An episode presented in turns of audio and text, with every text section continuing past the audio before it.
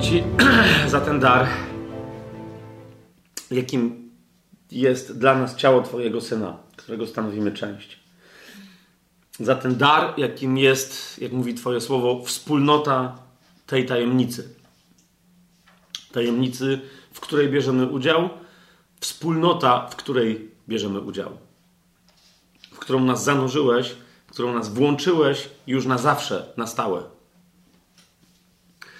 Ojcze, daj, aby dzisiaj to nasze studium kolejne w rozważaniu tajemnicy tajemnicy, o której mówi list Pawła do Efezjan.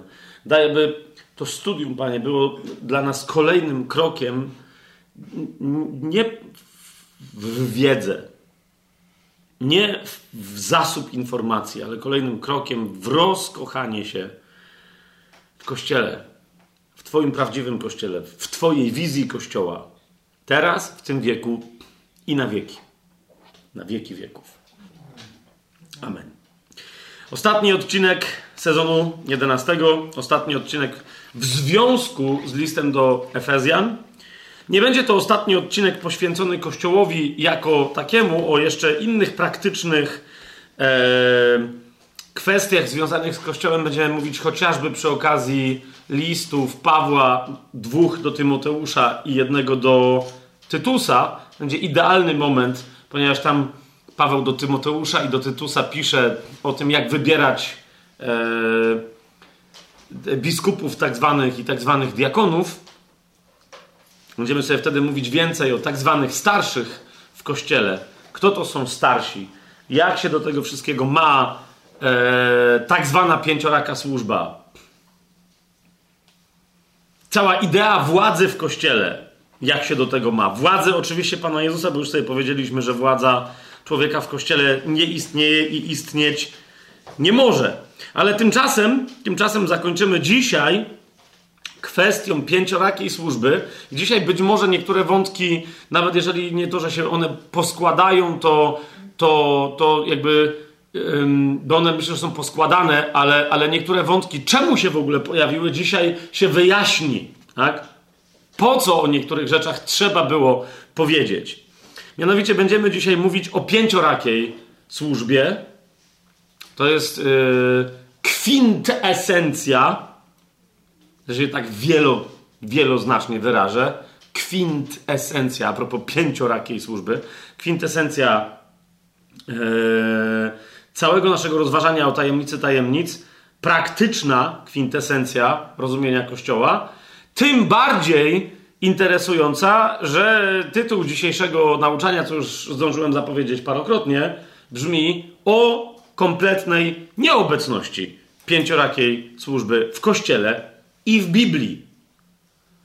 Bo jeszcze jak powiedziałem, to niektórzy się dopytywali, a, no, że ja rozumiem o co chodzi z tym tytułem, o kompletnej nieobecności pięciorakiej służby w kościele, że jej nie ma, a powinna być.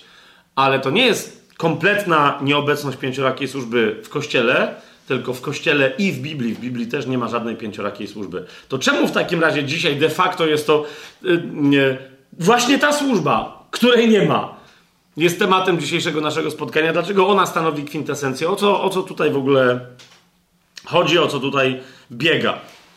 Zaczniemy, kochani, najpierw od z tego jednego wersetu, od którego cała, całe zagadnienie i starcie teologiczne i eklezjalne, bo też w sensie dyscypliny kościelnej, ono się od tego wszystkiego, od, od tego jednego wersetu zaczyna. To jest mianowicie list do Efezjan, czwarty rozdział, jedenasty werset. Czwarty rozdział, jedenasty werset.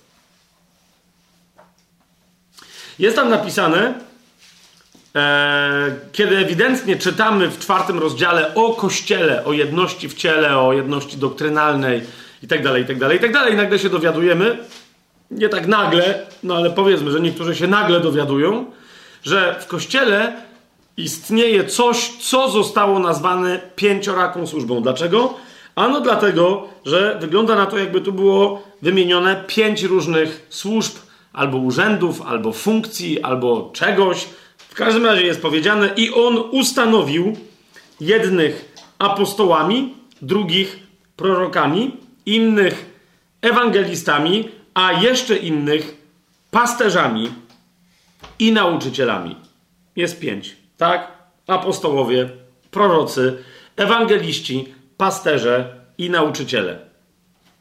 I teraz, kochani, zanim my się zajmiemy właściwą nieobecnością pięciorakiej służby, co ona oznacza i czego ona nie oznacza w Biblii i w Kościele, najpierw chcę się zająć atakiem na całość pięciorakiej służby i poszczególne jej komponenty, zwłaszcza ze względu na jeden jej komponent, z którym mamy do czynienia od czasu w zasadzie Lutra, który to czytając Biblię stwierdził, czy my nie powinniśmy jednak poszukać formuły, formy konstrukcji, struktury organizacji dla Kościoła, która by była bardziej biblijna, a nie tylko powtarzać coś, co, odziedzi, co odziedziczyliśmy po Kościele rzymskokatolickim.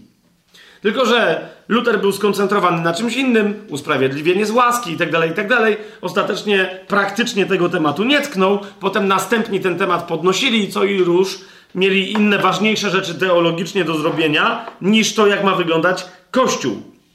Niemniej temat był podnoszony w zasadzie od czasów e, Lutra, Kalwina i Zwinglego e, i co i róż niektórzy mówili, nie mamy czasu się tym zajmować, a inni mówili, nie ma sensu się tym zajmować. Ta struktura jest dobra. Jaka ta struktura? No ta struktura, która zasadniczo jest strukturą pastorską, czyli strukturą księżowską. Ok? Strukturą klerykalną, czyli że istnieje pewna hierarchia ważniejszych i mniej ważnych duchownych. Ok?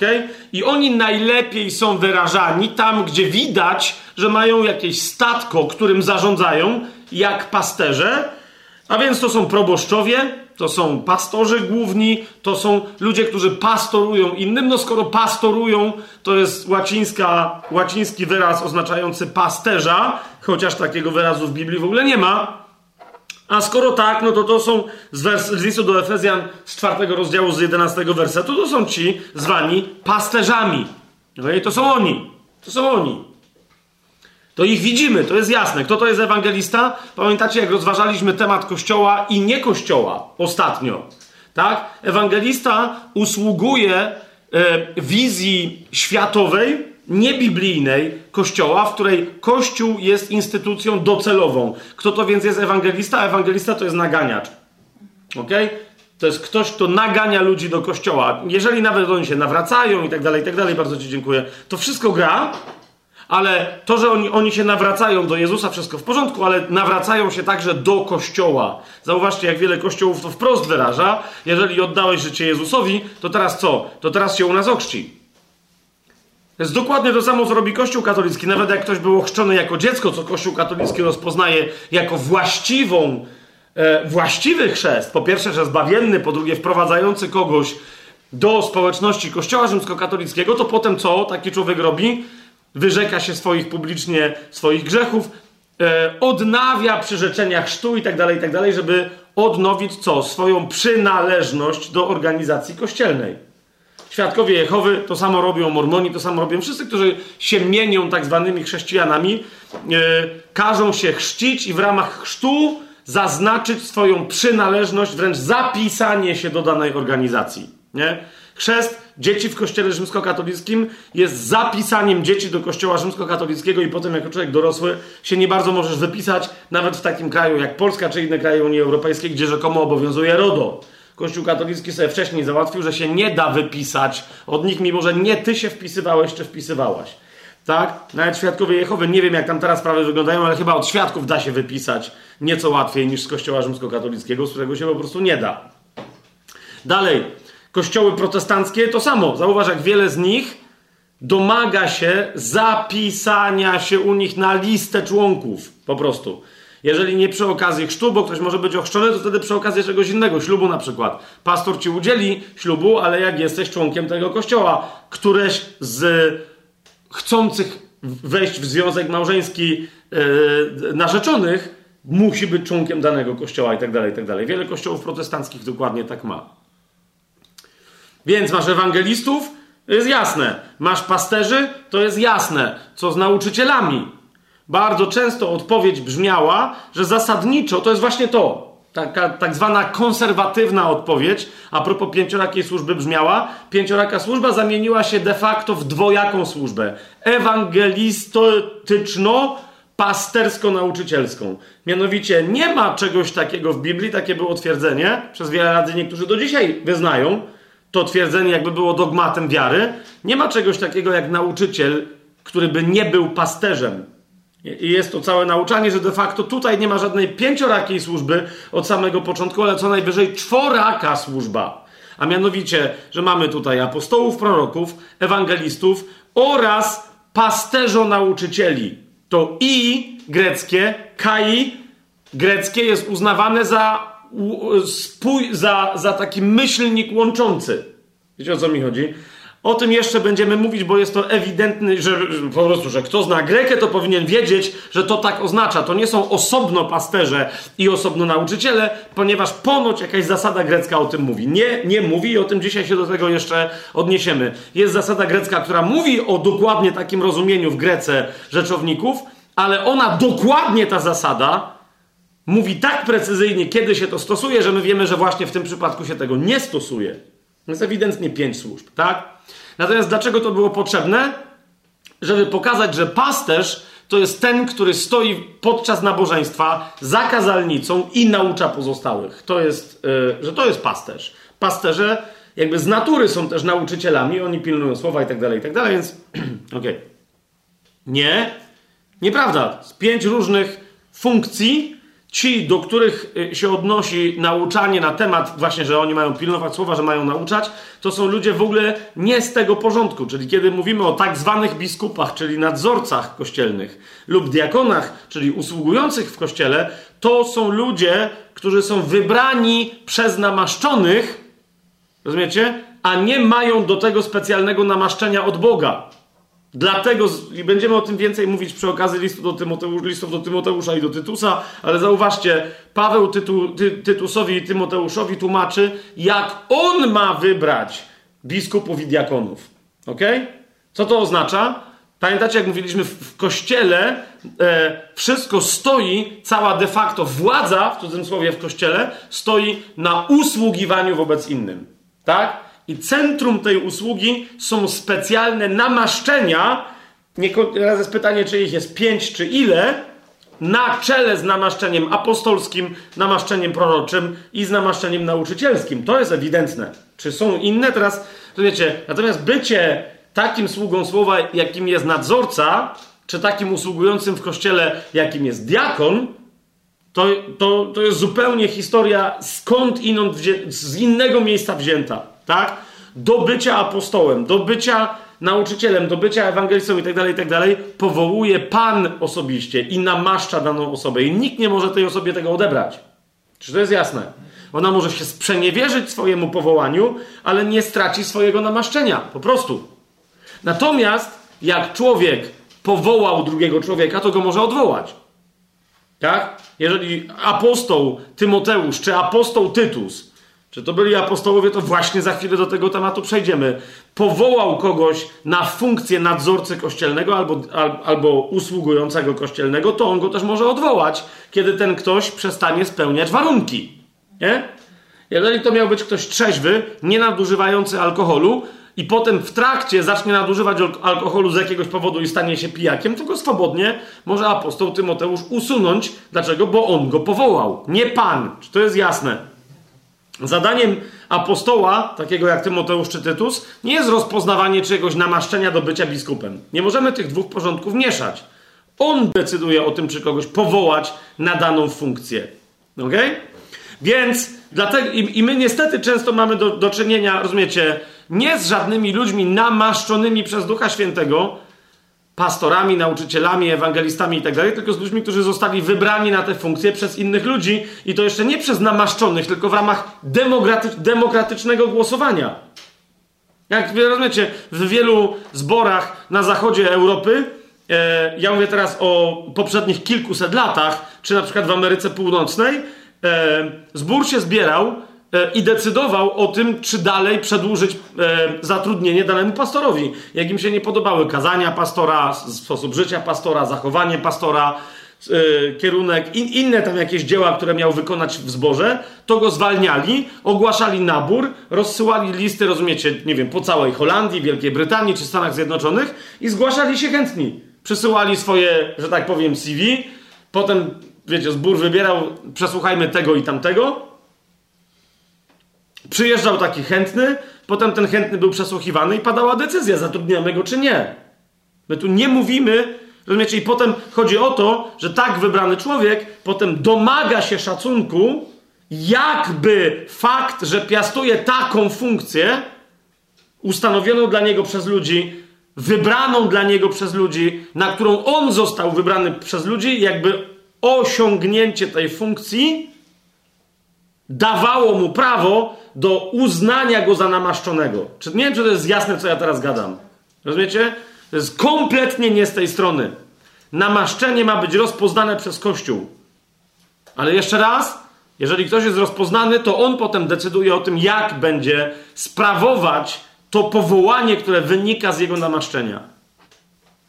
No w każdym razie, w każdym razie, e, ta konserwatywna krytyka związana z pięcioraką służbą, że już nie ma pięciorakiej służby, po pierwsze nie widziała za bardzo w jedenastym wersecie pięciorakiej służby, tylko jak powiedziałem czworaką, czyli zazwyczaj nauczyciele byli łączeni ideologicznie i teologicznie z pasterzami, że to jest jedna i ta sama funkcja, ale tu uważajcie, Oczywiście najważniejszy problem był z czym? No z tym czymś, co się najczęściej pojawia w Biblii, co stanowi wyjątkowość i czego, choćby się kto nie wiem jak spiął, nie widać w Kościele, mianowicie z apostołami i z prorokami.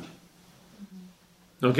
Bo wiecie o co mi chodzi? Można pokazać, no to jest raczej ewangelista, Billy Graham, e, proszę bardzo, tak? To jest raczej pasterz, no bo ma zbór, czyli jest pastorem jak zdarzy mu się dobrze nauczać, no to pewnie jest też pastorem, nauczycielem. Mamy, tych ludzi mamy, nie? Od jakiegoś czasu Kościół jest przebudzony i jeszcze odróżnia, po tym jak pojawiły się takie postaci i przebudzenie namaszczenia i funkcji nauczycielskiej, po tym jak się pojawił na przykład taki Derek Prince, który nie był za bardzo, wiecie, jakimś e, ewangelistą, ewidentnie, ani żadnym pastorem per se, Natomiast ewidentnie był nauczycielem i wszyscy stwierdzili, okej, okay, no dobra, no to może są osobni nauczyciele.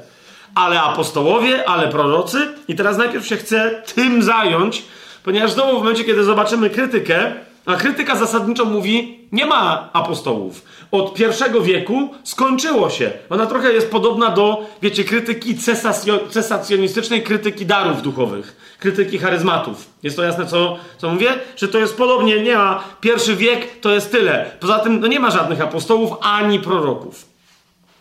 I teraz to nie jest y, jedynie argument, pierwszy argument jest cesacjonistyczny, tak? Ale to nie jest nie, jedyny argument. Teraz chcę, żebyśmy się tej argumentacji przyjrzeli, bo kiedy się jej przyjrzymy, dlaczego rzekomo apostołów i proroków nie ma i nie może być w kościele po pierwszym wieku, jak się tej krytyce przyjrzymy, to być może na tej podstawie będzie nam łatwiej dostrzec obecną w kościele pięcioraką służbę, której nie ma, jaka tu służba jest, a jakiej nie ma, a kiedy to dostrzeżemy, będzie nam łatwiej zredefiniować, nawet dla tych, którzy wierzą w pięcioraką służbę jako jedyny sposób konstrukcji bukłaka Bożego. Będzie nam łatwiej to zredefiniować albo w ogóle zdefiniować. Otóż, kochani, w podejściu konserwatywnym pierwszy argument i dla tak zwanym konserwatywnym jak mówię konserwatywnym, bo, bo dla, na przykład dla mnie słowo konserwatywny brzmi raczej pozytywnie, pod warunkiem, bo co znaczy być konserwatywnym? To znaczy konserwować coś. No i teraz jest tylko pytanie, co ty konserwujesz, tak? Czy konserwujesz właściwe, ortodoksyjne, na przykład w chrześcijaństwie, rozumienie czegoś, podejście do Słowa Bożego i tak dalej, i tak dalej, tak? Czy wymyślasz jakieś durne koncepcje? Więc jeżeli, jeżeli jesteś konserwatystą, czyli trzymasz się Słowa Bożego, tak? I nie idziesz za taką czy inną nauką, nie szukasz nowinek i tak dalej, nie potrzebujesz tego po prostu, bo, bo trzymasz się objawienia, trzymasz się objawionej prawdy Słowa Bożego, to wszystko gra. Natomiast my tu mówimy o postawie konserwatywnej która konserwuje zastany porządek, a więc de facto tradycje ludzkie. Nie? W pewnym momencie ja takie odnoszę wrażenie, właśnie ze względu na to, że rewolucja Lutra nie objęła struktury kościelnej ani dyscypliny kościelnej. Rozumiecie, kolejne pokolenia miały kościoły z księżmi, którzy już mogli się żenić, nie byli zobowiązani, nie chodzili w dziwnych sukienkach i tak dalej, i nie nazywali się księżmi, tylko pastorami, ale już mieli ileś pokoleń i oni jakby zaczęli bronić na, biorąc sobie, co tam im potrzebne było z Biblii, zaczęli bronić tego zastanego porządku, niekoniecznie mając jakiekolwiek uzasadnienie w Biblii. Czy to jest jasne? I teraz ta konserwatywna postawa często sprowadza się do jednego argumentu. Ponieważ ten argument rozwaliliśmy, to my się nawet nie będziemy na tym za bardzo skupiać. Ale jak ten argument brzmi? Otóż niektórzy mówią, żeby ktoś był prorokiem czy apostołem, to jest bardzo ważny argument dla nas na dzisiaj, kiedy my dojdziemy w momencie do wniosku, że no okej, okay, okej, okay, apostołowie i prorocy jednak istnieją. Powinni grać bardzo ważną, pierwszoplanową wręcz rolę w kościele. Służebnie, bo służebnie, ale jednak. Więc to jest bardzo ważny argument. Właśnie ludzi, którzy uważają, że ze względu na te, ten argument nie ma i nie może być apostołów i proroków w kościele. Jaki to jest argument? To jest argument z drugiego listu do Koryntian, z 12 rozdziału, z 12 wersetu. I to jest de facto argument cesacjonistyczny. Otóż Paweł w 12 rozdziale drugiego listu do Koryntian, w 12 wersecie Zaraz, kiedy mówi o apostolstwie, w jedenastym wersecie, yy, ja bowiem przez was powinienem być polecany, ponieważ nie byłem w domyśle wobec was mniejszy niż ci wielcy apostołowie, chociaż sam z siebie jestem niczym. I teraz Paweł wyjaśnia, dlaczego niby, wyjaśnia Koryntianom, nie był mniejszy niż ci wielcy apostołowie. Mówi tak, ponieważ, tutaj jest ten wyraz grecki przetłumaczony jako jednak e, niektórzy tłumaczą jako prawdziwie bowiem, w każdym razie, tak?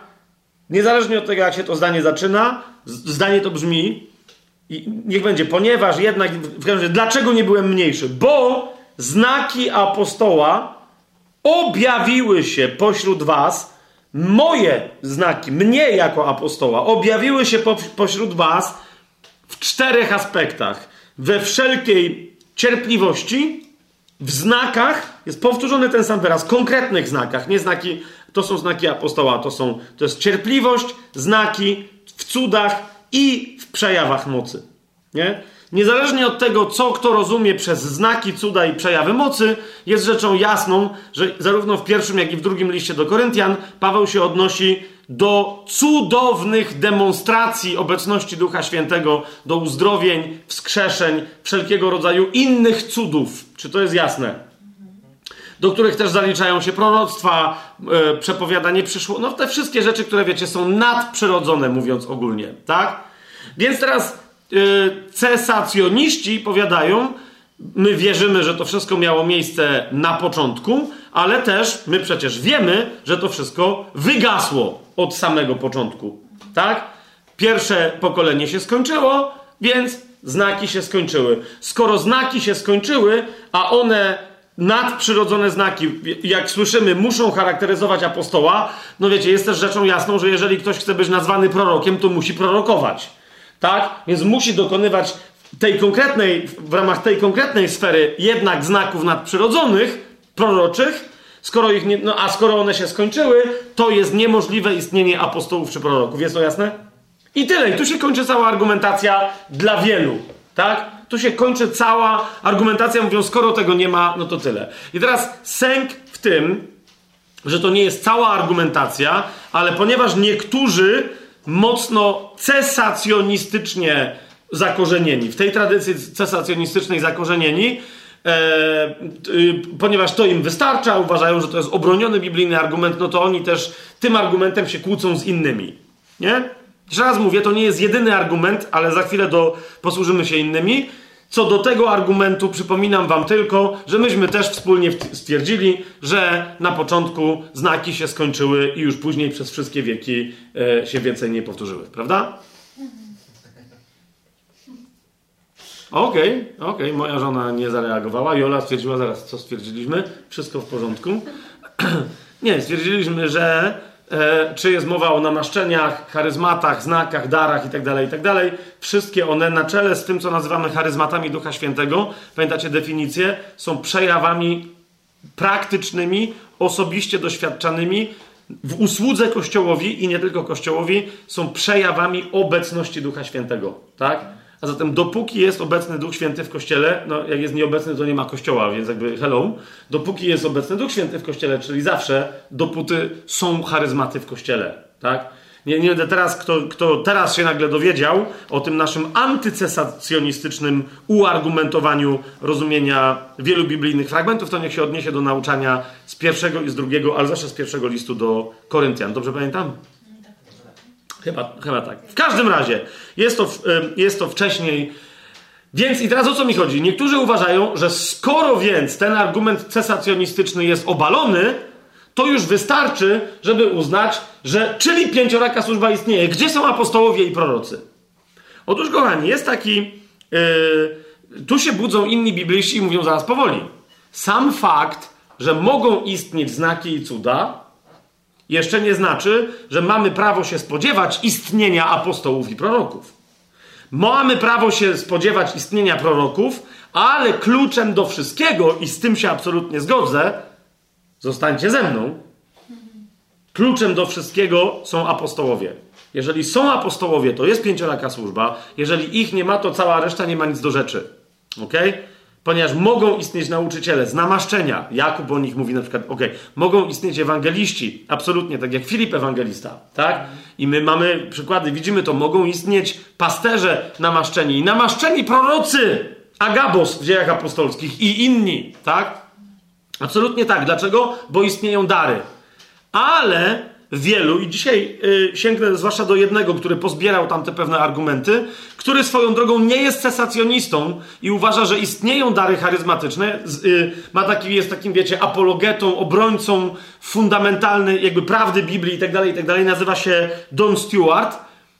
Ciekawe, że on jest procharyzmatyczny, biblijnie, antycesacjonistyczny nie jest za bardzo rozpędzony i co do poszczególnych znaków on tam zawsze to wszystko rozważa, ale między innymi nie ma ni niczego przeciwko obecności daru języków w kościele, na modlitwie indywidualnej, ale nawet kościelnej itd., tak itd. Tak ale co ciekawe, mówi jestem pro, jestem procharyzmatyczny, y, jestem antycesacjonistyczny, ale jestem anty gdy chodzi o, o pięcioraką służbę. Po pierwsze, on uważa, że jeżeli już, to nawet na początku nie było pięć, ale były cztery służby, więc dlatego będziemy się musieli do tego bardzo poważnie odnieść. Plus, powiada, apostołów nie tylko charakteryzowały znaki, cuda i przejawy mocy, ale jeszcze parę innych rzeczy. Nie? I odnosi się do tych paru innych rzeczy i mówi, te inne rzeczy powodują, że apostołami mogli być i tu uważajcie teraz na to, bo to jest y, y, prawda, którą wyznaje wiele osób. Apostołami mogli być tylko ludzie pierwszego wieku. Ok? Którzy wypełniali pewne tam warunki, i jak się tym warunkom przyjrzymy, to de facto, i to jest wiara masy biblistów, przekonanie masy egzegetów, interpretatorów Biblii, znawców Słowa Bożego itd., tak itd. Tak Chociaż jeszcze raz, według mnie raczej wynikające z tego, że chcą utrzymać status quo pewnej dyscypliny kościelnej i struktury kościelnej, niż naprawdę to wynika z Biblii, tak? Ale jakie jest to przekonanie, że tak naprawdę apostołami można nazywać? I to są ci, o których chodzi, kiedy yy, Słowu Bożemu i Duchowi Świętemu, kiedy mówi apostołowie. To jest dwunastu apostołów, których wybrał Jezus, plus Paweł. I to jest wszystko. Okay? Paweł stanowi wyjątek. To jest dwunastu apostołów, których wybrał Paweł, Pan Jezus i Paweł.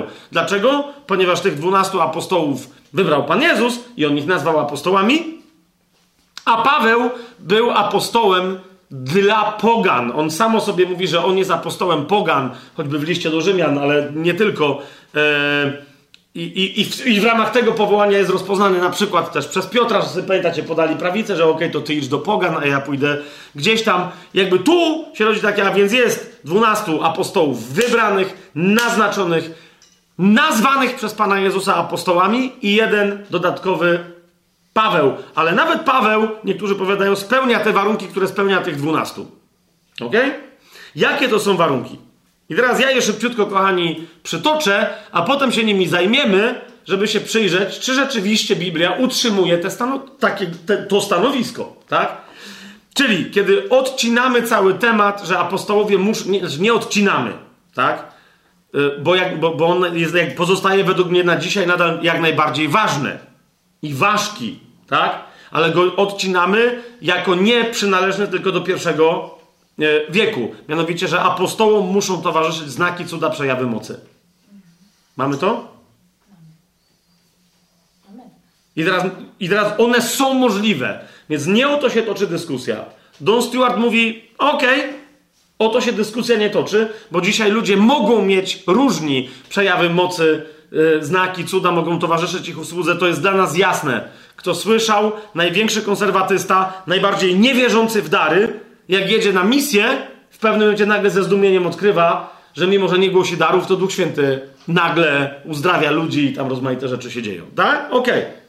Więc jakie są następne argumenty? Otóż, poza tym pierwszym, argument numer dwa mówi, że apostołowie i prorocy są wskazani jako fundament Kościoła, ale w sensie historycznym. A więc oni muszą być na początku. A potem Kościół się buduje, bo Kościół jest budowlą duchową. Oni tu się oczywiście odwołują do yy, yy, listu do Efezjan.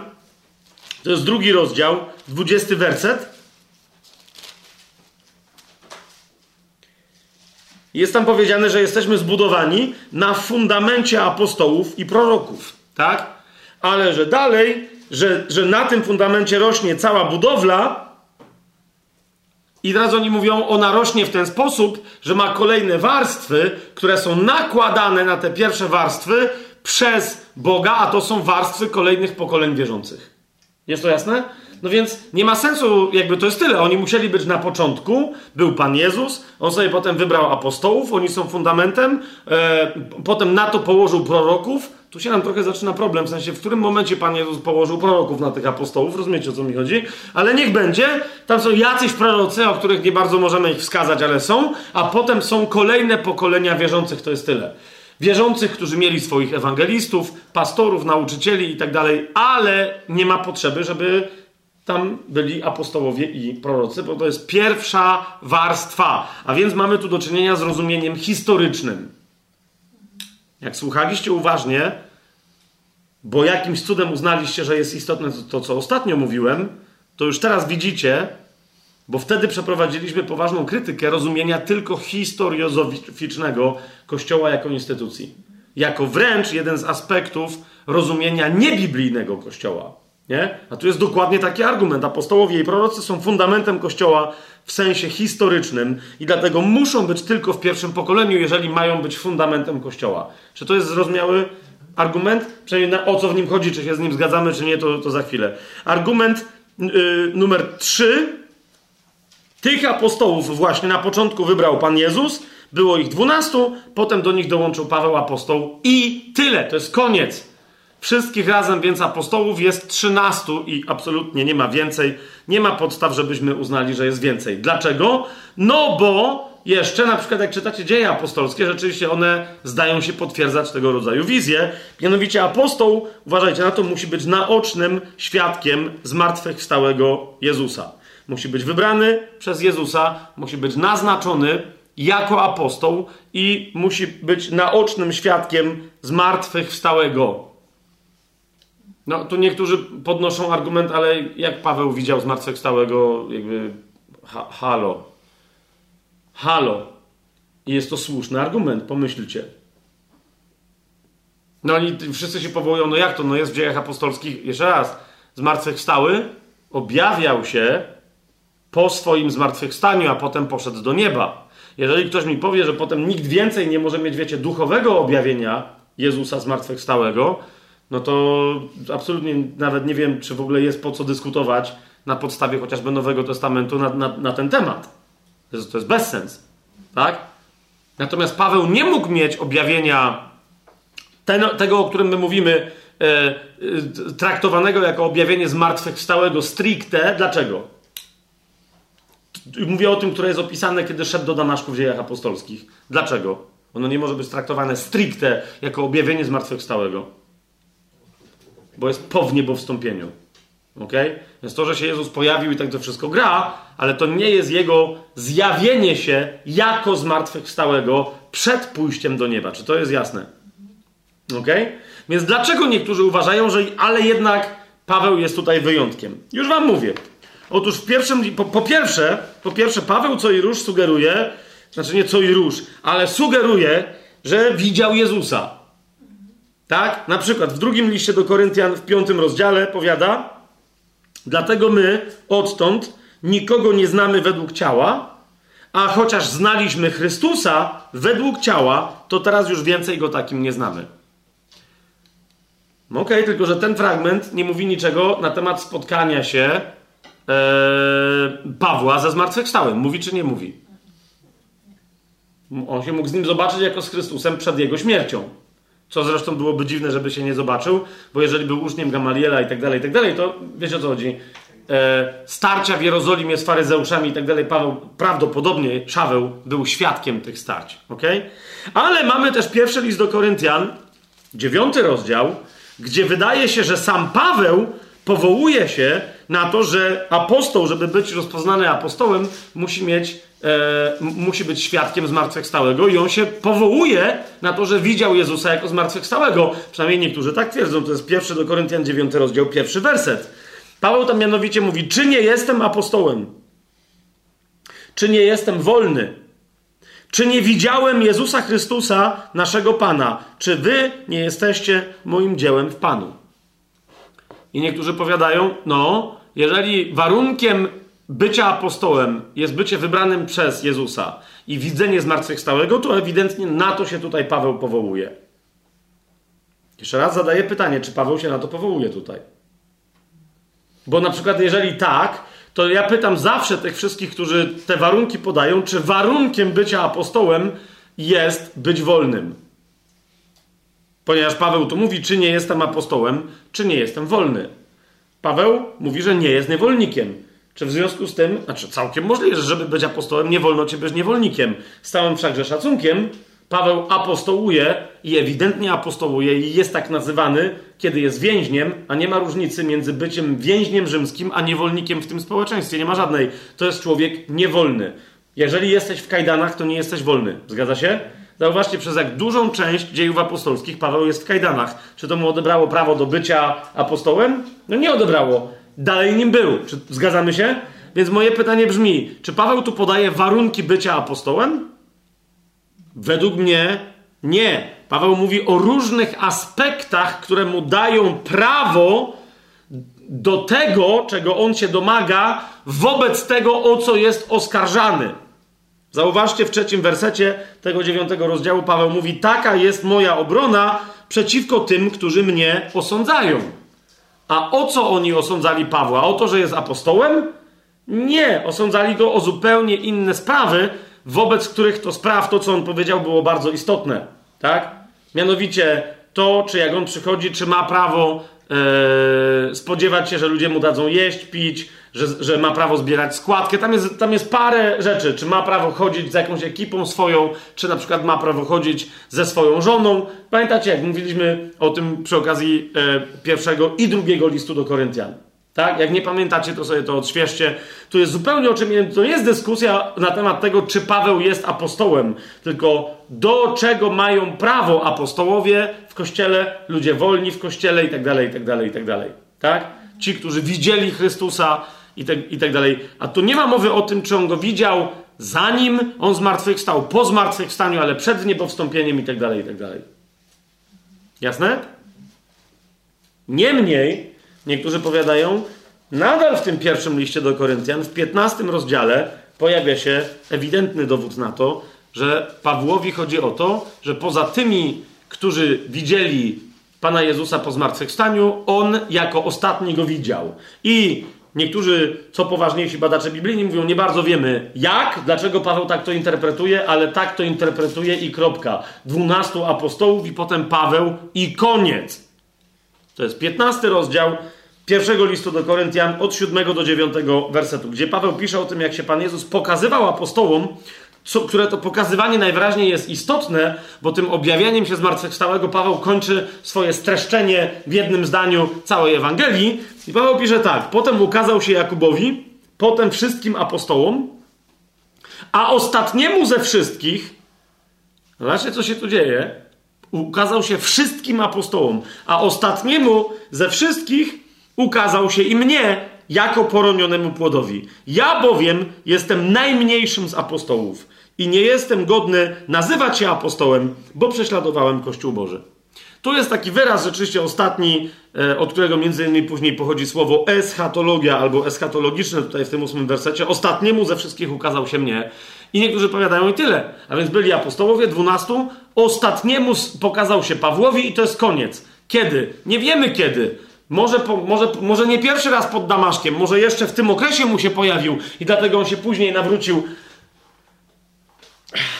Do tego fragmentu jeszcze wrócimy, ale nie wiem, czy czujecie, że coś tu nie gra. Że coś tu nie gra, no nie? Bo jeżeli on, on, się pojawił Pawłowi jeszcze zanim poszedł do nieba, to czemu Paweł go potem, Szaweł go nie rozpoznaje i mówi, kim jesteś, panie? Pod Damaszkiem. Co się tam, co się dzieje, tak? Jeżeli on mu się pojawi, po raz pierwszy pojawił pod Damaszkiem, kiedy on mówi, kim jesteś, znaczy, że mu się nigdy wcześniej nie objawiał yy, i on go nie zna w żaden sposób, ale to znaczy, że mu się objawia po raz pierwszy po swoim pójściu do nieba, a więc to się nie liczy do tego tutaj. Musimy, musielibyśmy mieć uzasadnienie, czemu Paweł to zalicza. Teraz moje pytanie brzmi, czy Paweł w ogóle to zalicza? Co on tu do czego zalicza?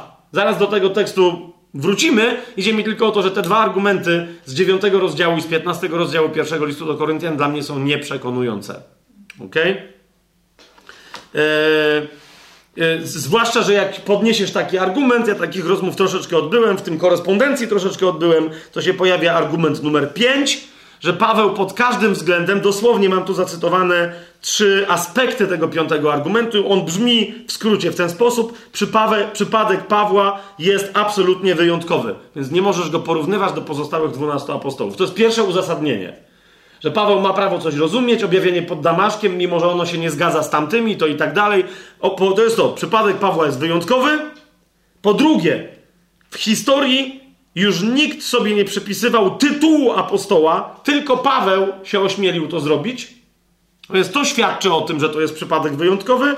Po trzecie, nikt, kto jest przy zdrowych zmysłach, nie śmiałby sam sobie nadawać takiego tytułu i takiego autorytetu, a więc władzy, Nikt by nie śmiał nawet dzisiaj, w najbardziej oszalałych czasach, bo Kościół to natychmiast rozpozna. Więc jeżeli Paweł się ośmielił nadać sobie taki, taki tytuł i przypisywać sobie taki autorytet i władzę, to musiało wynikać z absolutnie wyjątkowego objawienia. Słyszycie? Fajnie, ja nie widzę w tym za bardzo podstawy biblijnej. Ja się z tym wszystkim zgadzam, ale od razu tak na wstępie zaznaczę, że to wszystko fantastycznie brzmi, dopóki nie zaczniesz czytać historii Kościoła i nagle zobaczysz, że masa ludzi w Kościele była nazywana apostołami, bo Kościół ich dokładnie tak rozpoznawał. Co więcej, oni byli otoczeni innymi ludźmi, których sami nazywali również apostołami. Weźcie chociażby, poczytajcie o, o Hernhut, o, o, o hrabim Cincendorfie, Mikołaju i o całej tam ekipie. Rozumiecie, po pierwsze, on był rozpoznawany jako apostoł, był nazywany apostołem. On miał wokół siebie zgromadzoną w pewnym momencie Radę Apostolską i ta Rada Apostolska nie tylko była radą, ale w pewnym momencie ci ludzie zaczęli się rozjeżdżać jako apostołowie. Swoją drogą, by the way, ich było dwunastu, ale potem byli uzupełniani i rozumiecie, ludzi w ramach samego ruchu braci morawskich pod hrabim Cincendorfem nazywanych apostołami, ja osobiście tak czy inaczej nazywanych i rozpoznanych jako apostołów naliczyłem przynajmniej 20, prawie 20, tam chyba 19. Więc to nie jest tak, że nikt w historii nie był tak nazywany, albo że ktoś tam, wiecie, Zinzendorf się bardzo opierał, żeby go tak nie nazywać, po czym sam tak nazwał Wesleya, Johna. I tak go nazywał w, w korespondencji i tak dalej, i tak o nim mówił. Wielu dokładnie tak nazywało yy, Whitefielda i jeszcze paru innych wprost apostołami, że jeżeli ktoś, nawet jeżeli to było bardzo takie skromne i takie, wiecie, ogarnięte i takie dobrze nie przesadzajmy, ale jeżeli gdzieś mielibyśmy zobaczyć apostołów, no to to jest ten gość, albo to jest tamten i tak dalej, i tak dalej. Więc to nie jest, to nie jest prawda. Po drugie, kochani, jeżeli dla kogoś bycie apostołem oznacza jakiś niebotyczny wymiar autorytetu i władzy nad innymi ludźmi, Bo to jest dokładnie to jest taki argument. Argument, który jeszcze raz ja, ja podaję za Donem Stewartem, wyważonym. Tak? Ale jeżeli ktoś ma taki argument, że bycie apostołem dawałoby komuś jakąś niebotyczną władzę nad innymi ludźmi w kościele, to to jest kompletne nierozumienie, kim jest apostoł od samego początku. Co sobie ostatnio wyjaśnialiśmy, tak? To właśnie apostołowie mówią, że nie chcą nikim rządzić. To, to właśnie apostołowie demonstrują, że nikim nie rządzą. Zawsze mówią, podają zasadę, że trzeba słuchać raczej Boga aniżeli ludzi, włącznie z nimi. I jeżeli ktoś się od nich domaga, żeby o czymś decydowali, nawet w takich kwestiach, zwłaszcza w takich kwestiach jak pieniądze, jedzenie, pamiętacie sprawę wdów helleńskich i żydowskich i tak dalej, i tak dalej, mówią, nie, nie, wyznaczcie sobie innych zawodników od tego, którzy będą lepsi od nas pod tym względem. I pierwotny kościół wyznacza siedmiu usługujących tak zwanych diakonów. Tak? Więc dla mnie ten, tutaj te argumenty są dalej nieprzekonujące, że Paweł, cała historia Kościoła pokazuje, że, że te argumenty nie działają. Po prostu nie działają. Przyjrzyjmy się im zatem, kochani, po kolei. Argument pierwszy już odparliśmy i to nie teraz, nie, nie musimy go odpierać. Skoro istnieje Duch Święty, to istnieje Kościół. Skoro istnieje Kościół, który jest zanurzeniem w Duchu Świętym, to Duch Święty w tym kościele się przejawia. Skoro Duch Święty się przejawia, to istnieją charyzmaty, a zatem mamy prawo się spodziewać znaków, cudów i przejawów mocy. Amen? Okej. Okay. Podstawa ta do tego, żeby się pojawili, żeby zawsze byli i żeby teraz się pojawiali apostołowie, istnieje. Punkt drugi. Ok? Punkt drugi, ja tu pomieszałem yy, kolejność. Co z, tym, co z tymi dwunastoma apostołami? To są aposto apostołowie, to są tylko zawodnicy, których wybrał Pan Jezus. To jest tych dwunastu zawodników. Czyżby? Czyżby? Chcę wam coś pokazać, kochani. Słowo apostoł, dzisiaj siedziałem, moja żona mnie widziała i liczyłem na palcach. Nie mam liczydła. Słowo apostoł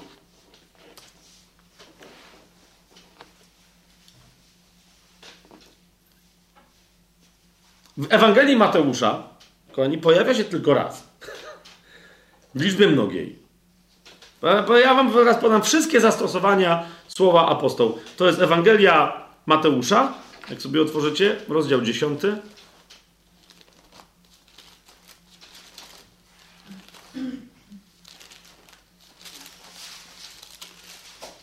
Werset drugi.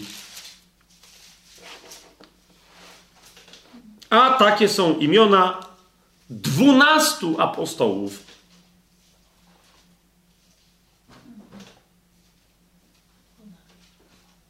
Takie są imiona dwunastu apostołów. Sformułowanie apostołowie w liczbie mnogiej nie ma w liczbie pojedynczej słowa apostoł w Ewangelii Mateusza. Cały ten wyraz pojawia się tylko raz w Ewangelii Mateusza. Przyznacie, że to dosyć dziwne, jak na sytuację, w której Pan Jezus w kółko funkcjonuje z tymi swoimi apostołami.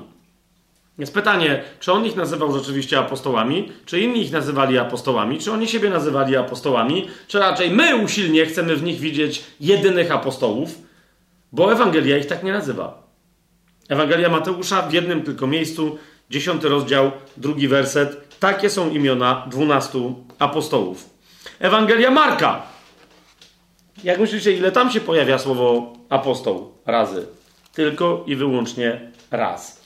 Kolejna Ewangelia, w której słowo apostoł pojawia się raz. To jest szósty rozdział, kochani, Ewangelii Marka. Trzydziesty werset, dosyć to znamienne, jest powiedziane, a apostołowie zebrali się u Jezusa i opowiedzieli mu wszystko, co czynili i czego nauczali. A apostołowie zebrali się u Jezusa i opowiedzieli mu wszystko, co czynili i czego nauczali. Po czym? Potem, jak i, po tym, jak ich rozesłał. Ok? Co jest opisane wcześniej w szóstym rozdziale. Nie ma ani jednego więcej zastosowania. Apostołowie zebrali się u Jezusa i opowiedzieli mu wszystko, co czynili, czego nauczali. Dlaczego to jest, to jest istotne? Zaraz do tego przejdziemy, czemu to jest istotne. Ok? Ponieważ powiedziałbym, że Marek w ogóle by się nie posłużył słowem apostoł, gdyby nie fakt kontekstu, w którym momencie on mówi, że apostołowie zebrali się u Jezusa. Ile razy, jak sądzicie, w Ewangelii Jana pojawia się słowo apostoł? Czyli w Ewangelii Mateusza raz, w Ewangelii Marka raz. Czemu pominąłem Ewangelię Łukasza? Ponieważ Łukasz pisze swoją Ewangelię razem z dziejami apostolskimi. Dzieje apostolskie mówią znacznie więcej o apostołach. Jego rozumienie apostołów jest nieco inne. Więc u niego się pojawia w Ewangelii troszkę więcej razy, ale nie tyle, co w dziejach apostolskich. Na razie jednak to, na razie Łukasza pomijamy, bo to jest specyficzny e, ewangelista, który nam wyjaśni, czemu nie ma apostołów w pozostałych Ewangeliach. W każdym razie, kochani, w Ewangelii Jana, teraz przeżyjecie zdziwienie, w liczbie mnogiej słowo apostołowie się nie pojawia w ogóle. Okay? A w liczbie pojedynczej pojawia się w tak dzikim kontekście, że większość tłumaczy w ogóle tego słowa nie tłumaczy jako apostoł, żeby nie robić zamieszania. Mianowicie to jest Ewangelia Jana, 13 rozdział, 16 werset. Amen, amen. Powiadam wam, sługa nie jest większy od swojego pana, ani apostoł nie jest większy od tego, którego posłał. Tak dokładnie brzmi ten werset, a nie posłaniec. Chyba, że apostoł to jest posłaniec jakiegoś rodzaju, to wtedy zacznijmy tłumaczyć wszystkich w taki czy inny sposób posłanymi jako apostołów. Hmm? Zaraz dojdziemy do tych fragmentów, gdzie apostołowie właśnie z tego powodu zostali przed naszymi oczami ukryci, ale tu dokładnie wyraz, który się pojawia i dlatego jeszcze raz bądźmy konsekwentni. 16 werset, zaprawdę, zaprawdę, powiadam wam, sługa nie jest większy od swojego Pana, ani apostoł nie jest większy od tego, który go posłał. Okay? Sługa nie jest większy od swojego Pana. Pytanie brzmi, o kim Jezus mówi? O swoich apostołach, których On posyła? Całkiem możliwe, ale jest jeszcze jedno możliwe rozumienie, na które dzisiaj też zwrócę Wam uwagę. Zatem, kochani, czemu tego typu sytuacja ma miejsce, że, że my mamy twardą argumentację, pierwsi apostołowie to jest pierwszych dwunastu apostołów, a oni w zasadzie nie są nazywani apostołami w Ewangeliach. Ktoś powie, no bo Ewangelia Łukasza nadrabia. Tak, Ewangelia Łukasza nadrabia jedną rzecz, mianowicie wyjaśnienie, dlaczego tak jest a nie dlaczego oni i tylko oni mieliby być nazywani apostołami. Otóż, kochani, w Ewangelii Łukasza zaczynamy od szóstego rozdziału. Jest szósty rozdział, trzynasty werset. Nie? Niektórzy powiadają, Fabian, e, proszę ci zwrócić uwagę na to. Naprawdę, mieliśmy parę takich bardzo inspirujących rozmów i debat z ludźmi, którzy w tych apostołów powszechnie obecnych w kościele nie wierzą. Jak ja im mówię, słuchajcie, apostołów prawie nie ma w Ewangelii, jak oni mówią, może nie ma, ale Łukasz mówi wyraźnie, że tych dwunastu, których wybrał, Pan Jezus nazwał apostołami. I dlatego tylko oni mogą być nazywani apostołami. Szósty rozdział, trzynasty werset. A gdy nastał dzień, przywołał swoich uczniów i wybrał z nich dwunastu, których też nazwał apostołami. Zgadza się? Zgadza się? Fantastycznie. Teraz spójrzcie na to. W Ewangelii Łukasza w dziewiątym rozdziale, w pierwszym wersecie czytamy, a Jezus przywoławszy swoich dwunastu uczniów, dał im moc i władzę nad wszystkimi demonami i moc, aby uzdrawiali choroby. I rozesłał ich, żeby głosili Królestwo Boże i uzdrawiali chorych. Ok? Czy oni tu są nazwani apostołami? Nie, ale są nazwani dwunastoma uczniami. Jak się przyjrzycie na Ewangelię Mateusza, którą cytowaliśmy, pamiętacie? Dziesiąty rozdział, drugi werset. To zobaczcie, tam jest wyraźnie napisane, jeszcze raz tam sięgnę. Mateusza, dziesiąty rozdział, drugi werset. Od pierwszego wersetu czytając, przywoławszy swoich dwunastu uczniów, dał im moc i tak dalej, i tak dalej. W drugim wersecie, a takie są imiona tych dwunastu apostołów. To już widzicie, my jak mamy tłumaczenie, nie bardzo widzimy, jak po grecku e, są dodawane takie przedimki wskazujące bardzo mocno o, o tą określoną, wskazującą konkretną, określoną osobę, konkretną, określoną grupę ludzi.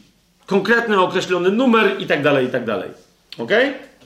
I teraz widzicie, Pan Jezus wybrał dwunastu, których nazwał apostołami, i o tym pisze Łukasz w szóstym rozdziale. ok? Ale jak się przyjrzycie konstrukcji gramatycznej tego zdania w szóstym rozdziale, w trzynastym wersecie, nie jest powiedziane, że tylko im on nadał taką nazwę, tak? Ale, że tych dwunastu Jezus nazwał swoimi apostołami. Nie? To była grupa jego uczniów, których nazwał swoimi apostołami. Taki jest ciąg logiczny tamtego zdania. I jak później się temu bliżej przyjrzymy, kochani, w innych y, Ewangeliach, ale dosłownie aż do końca Nowego Testamentu, aż do prawie że ostatniego rozdziału, do przedostatniego rozdziału w Biblii, czyli w, księgi, w Księdze Objawienia. Co zobaczymy? Zobaczymy ludzi zwanych apostołami baranka. ok? Apostołami, których on sobie naznaczył, których on sobie wybrał. Do czego? Aby byli dwunastoma. Aby byli dwunastoma. On wyznaczył grupę apostolską, która była lepiej znana pod nazwą dwunastu niż pod nazwą apostołów. Dlaczego? Być może dlatego, że Pan Jezus miał też innych apostołów, być może dlatego, że miał na myśli niekoniecznie swoich innych apostołów, ale miał na myśli wielu innych apostołów i dla odróżnienia tych dwunastu od pozostałych innych apostołów, tych nazwał dwunastoma. Nie tylko, że ich nazwał, ale czymś, co miało gwarantować jedność tej grupy, była liczba 12. Ok? Ich zawsze musiało być 12. Przyjrzyjmy się temu bliżej. W Ewangelii Łukasz i dlatego widzicie, na przykład Marek, na przykład Marek posługuje się, zauważyliście, tylko w jednym miejscu określeniem apostołowie. Tak? Ponieważ we wszystkich innych miejscach on tą grupę nazyw, nazywa dodeka. To jest wyraz, który cały czas się powtarza, czyli dwunastoma. Ok? Dwunastoma. Dlaczego on ich w tym miejscu, w tym jednym, jedynym miejscu nazwał apostołami? Ponieważ, kochani, Mateusz o tym nie pisze, Marek o tym nie pisze, ale Łukasz o tym pisze, że, było, że były dwa rozesłania apostolskie. Ok? I teraz Marek, który nie pisze o tym, że były dwa, ale wie, że były dwa, mówi o powrocie kogo? Tych, których Jezus nazwał swoimi apostołami. Bo to było pierwsze rozesłanie. Po dwóch, tak? Sześciu par, dwunastu apostołów Jezusa. Ale Łukasz pisze o tym, że było też rozesłanie apostolskie innego typu.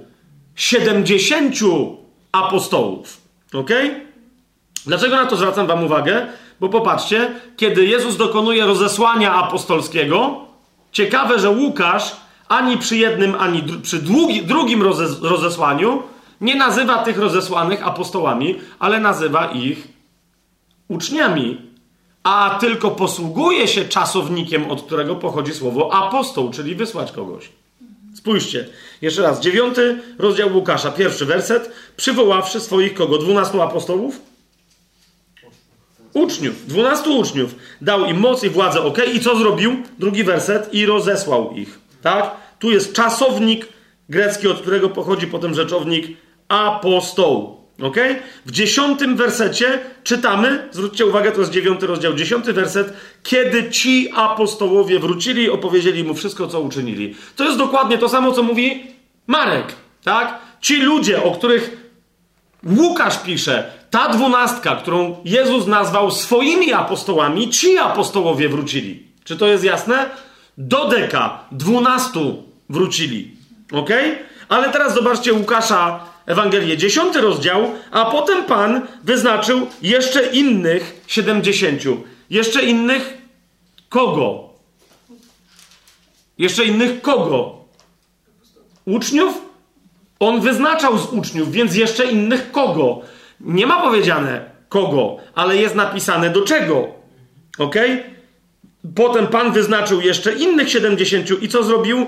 I rozesłał ich po dwóch przed sobą do każdego miejsca, a więc wyznaczył ich do takiego samego apostolskiego rozesłania. To jest ten sam czasownik tutaj. Co w dziewiątym rozdziale, w drugim wersecie.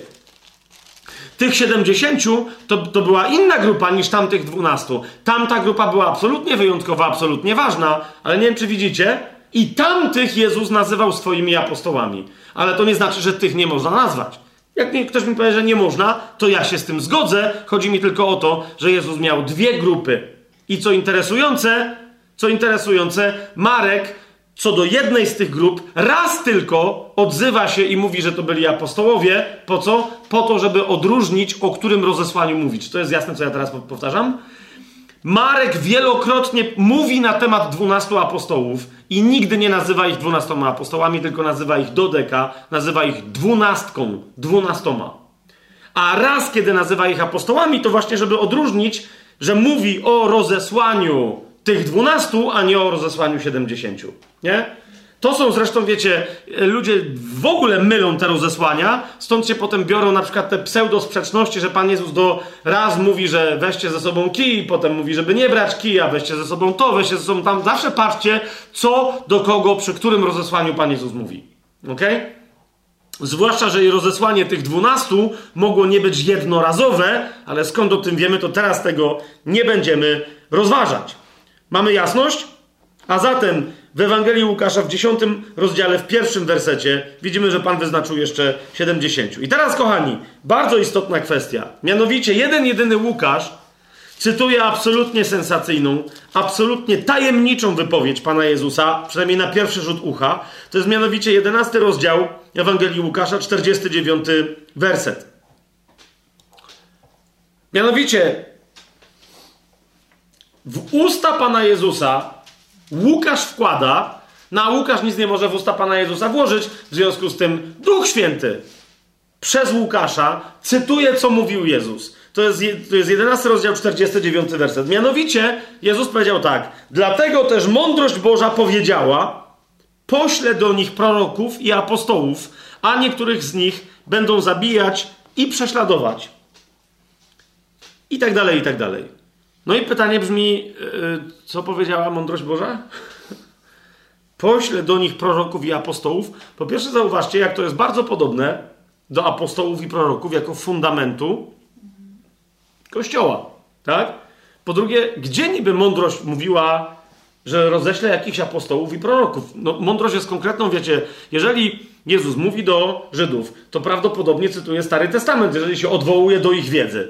No bo co ma innego cytować? Apostoła Pawła? Tak? Więc, a mądrość Boża nie jest taka jakąś powszechnie figurą występującą, więc gdzie ona niby, w jakich pismach starożytnych rozsyłała w ogóle kogokolwiek? Do czego Pan Jezus się odwołuje? No to teraz jest pytanie i jest odpowiedź. Ok? Otwórzmy sobie Księgę Przysłów. Zatem rozdział 9, ponieważ jeżeli gdzieś w różnych miejscach się pojawia ta mądrość, ale powiedzcie mi, czy nie widzicie odniesienia nieco do tego, bo Pan Jezus ewidentnie nie cytuje dosłownie, ale odwołuje się do jakiegoś fragmentu Biblii, w ramach którego mówi o przyszłości. Taką tezę stawiam. Czyli, że jest jakieś słowo mądrości z przeszłości, w ramach którego ona rozsyła, ale Pan Jezus mówi, ja wam dopiero wytłumaczę, bo On jest mądrością, On dopiero roześle. A zatem, to jest Księga Przysłów, dziewiąty rozdział, od pierwszego do piątego wersetu. Mądrość, i teraz spójrzcie, co się dzieje. Przede wszystkim zbudowała sobie dom. Co jest domem Bożym? Dom i wyciosała siedem słupów. Oczywiście, że Kościół, te siedem, tych siedem słupów chociażby powinno o tym świadczyć. Dalej, zabiła swoje bydło, zmieszała wino i zastawiła stół. I teraz spójrzcie, trzeci werset. Rozesłała swoje służące. Ciekawe określenie na proroków i apostołów, co? Rozesłała swoje służące, woła na szczytach najwyższych miejsc miasta, ktokolwiek jest prostym, niech wstąpi.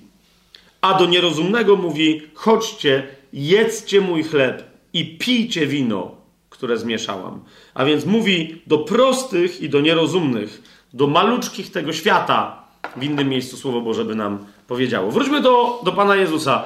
Według mnie, jeżeli on nie cytuje tego fragmentu, to jeszcze raz, mogę być niedouczony, ale to nie wiem, jaki fragment Pan Jezus cytuje, gdzie mądrość Boża miałaby kogokolwiek e, mówić, że pośle do nich proroków i apostołów i kogokolwiek rozsyłać. To jest dokładnie to. Okej? Okay? Teraz, ale ktoś powie, no dobrze, ale tam są służące, albo służący w najlepszym przypadku rozesłani, a nie prorocy i apostołowie. Ok? Mądrość tam rozsyła na, na ucztę weselną, bo, bo, bo zastawiła stół weselny, namieszała wina, zabiła zwierzęta. Więc, więc co się w ogóle dzieje? Spójrzcie dalej. W tej samej Ewangelii Łukasza, w 14 rozdziale, widzimy mądrość rozsyłającą swoje sługi. Mianowicie Pan Jezus dalej opowiada w 14 rozdziale od 16 wersetu taką przypowieść. Wtedy on powiedział: Pewien człowiek wydał wielką ucztę i zaprosił wielu. A kiedy nadszedł czas uczty, w Ewangelii Mateusza nieco inną wersję tej przypowieści przeczytamy i tam dosłownie przeczytamy o tych pobitych zwierzętach, o przygotowaniu uczty weselnej. W każdym razie tutaj chodzi o ucztę wesel weselną, tak? Kiedy nadszedł czas uczty, posłał swojego sługę jednego, żeby powiedział zaproszonym: chodźcie, bo już wszystko gotowe. A oni zaczęli się wszyscy jednomyślnie wymawiać. Pierwszy mu powiedział: Kupiłem pole i muszę iść je obejrzeć. Proszę cię, uważaj mnie za wytłumaczonego. Drugi powiedział: Kupiłem pięć par wołów i idę je wypróbować. Proszę cię, uważaj mnie za wytłumaczonego. A jeszcze inny powiedział: Pojąłem żonę i dlatego nie mogę przyjść. I gdy sługa wrócił, oznajmił to swojemu panu. Wtedy gospodarz rozgniewał się i powiedział do swojego sługi: Wyjdź szybko na ulicę i za łuki miasta i wprowadź tu ubogich, ułomnych, chromych i ślepych. I powiedział w domyśle później sługa: Panie, stało się jak rozkazałeś, a jeszcze jest miejsce. Wtedy pan powiedział do sługi: Wyjdź na drogi i między opłotki i przymuszaj do wejścia, aby mój dom się zapełnił. Mówię wam bowiem, że żaden z tych ludzi, którzy byli zaproszeni, nie skosztuje mojej uczty. Najpierw moje pierwsze pytanie. Bo Pan tu mówi o rozsyłaniu swoich sług. Mądrość wysyła sługi. Tu, I tu nagle opowiada przypowieść. To jest przypowieść, która się tyczy czegoś, co się już wydarzyło, czy też co się dopiero wydarzy? Tego, co się wydarzy. Tego, co się wydarzy. I to, co się wydarzy po tym, jak się dopełnią wszystkie czasy. A więc ten sługa wysłany musi być sługą wysłanym do wszystkich czasów. Czy się ze mną zgodzicie, czy nie? Gdyby ktoś co do tego miał wątpliwości, to zerknijmy jeszcze do Ewangelii Mateusza, która, jak mówię, ma nieco inną wersję, bo jest nieco inny kontekst, nieco inny myśl tam, nieco inna myśl tam do wyrażenia. W każdym razie w Ewangelii Mateusza, 22 rozdział, od drugiego wersetu czytamy takie podobieństwo. Pan Jezus mówi: Królestwo Niebieskie podobne jest do króla, który wyprawił wesele swojemu synowi. No to tu już mamy, nie mamy żadnych wątpliwości, wiemy, co to jest za uczta. Tak? I posłał swoje sługi, tu już mamy liczbę mnogą, aby wezwali zaproszonych na wesele, ale oni nie chcieli przyjść. Ponownie posłał inne sługi, mówiąc: Powiedzcie zaproszonym, oto przygotowałem moją ucztę. Przypomnijcie sobie cytat z księgi Przysłów: Zabiłem moje woły i tuczne zwierzęta, i wszystko jest gotowe. Chodźcie na wesele. Lecz oni zlekceważyli to i odeszli, jeden na swoje pole, inny do swojego kupiectwa, a inni schwytali liczba mnoga jego sługi, znieważyli ich i zabili. Co zrobili z nimi? Znieważyli ich i zabili. Gdy król to usłyszał, rozgniewał się, posłał swoje wojska i tak dalej, i tak dalej. Ósmy werset potem powiedział swoim sługom jeszcze kolejnym, wesele wprawdzie jest gotowe, lecz zaproszeni nie byli godni. Idźcie więc na rozstaje dróg i zaproście na wesele wszystkich, których spotkacie. To jest dokładnie to, co robi mądrość. Wtedy słudzy ci wyszli na drogi i zgromadzili wszystkich, których spotkali, złych i dobrych, i sala weselna napełniła się gośćmi. I ponieważ to są inne akcenty, to dalej ta historia się rozwija. Nie będziemy jej kontynuować, ale wróćmy do Ewangelii Łukasza, do 11 rozdziału, bardzo Was proszę. Jeszcze raz go przeczytajmy, zobaczcie, co Pan Jezus mówi. Czyli jeszcze raz, to jest uczta weselna. Jakie to jest wesele? To jest wesele baranka. Amen? Na to wesele są zaproszeni kto? Wszyscy ludzie dobrzy i źli, którzy nie będą sami siebie usprawiedliwiać. Taka jest myśl Pana Jezusa. Ale, a więc nie ci, którzy się usprawiedliwiają przy pomocy prawa religijnego, ale ci, którzy zostali zaproszeni przez Pana i on ich usprawiedliwi. Dlatego między innymi w Ewangelii Mateusza chodzi o to ubranie. Gdzie podziałeś swoje ubranie?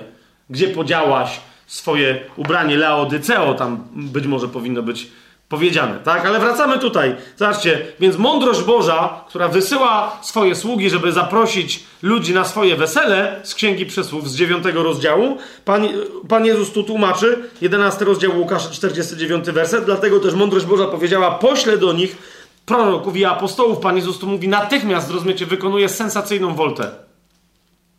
Mianowicie mówi to, co czytacie w księdze e, przysłów, to do, po co woła mądrość, to co jest mądrością Bożą, to jest przyjście do mnie, gdzie w kościele. I podstawą tego rozpoznania, tego objawienia, tego głoszenia, wychodzenia w każdym pokoleniu, aż do końca, żeby w każdym pokoleniu zaprosić wszystkich na ucztę weselną baranka, podstawą tego działania jest działanie proroków i apostołów.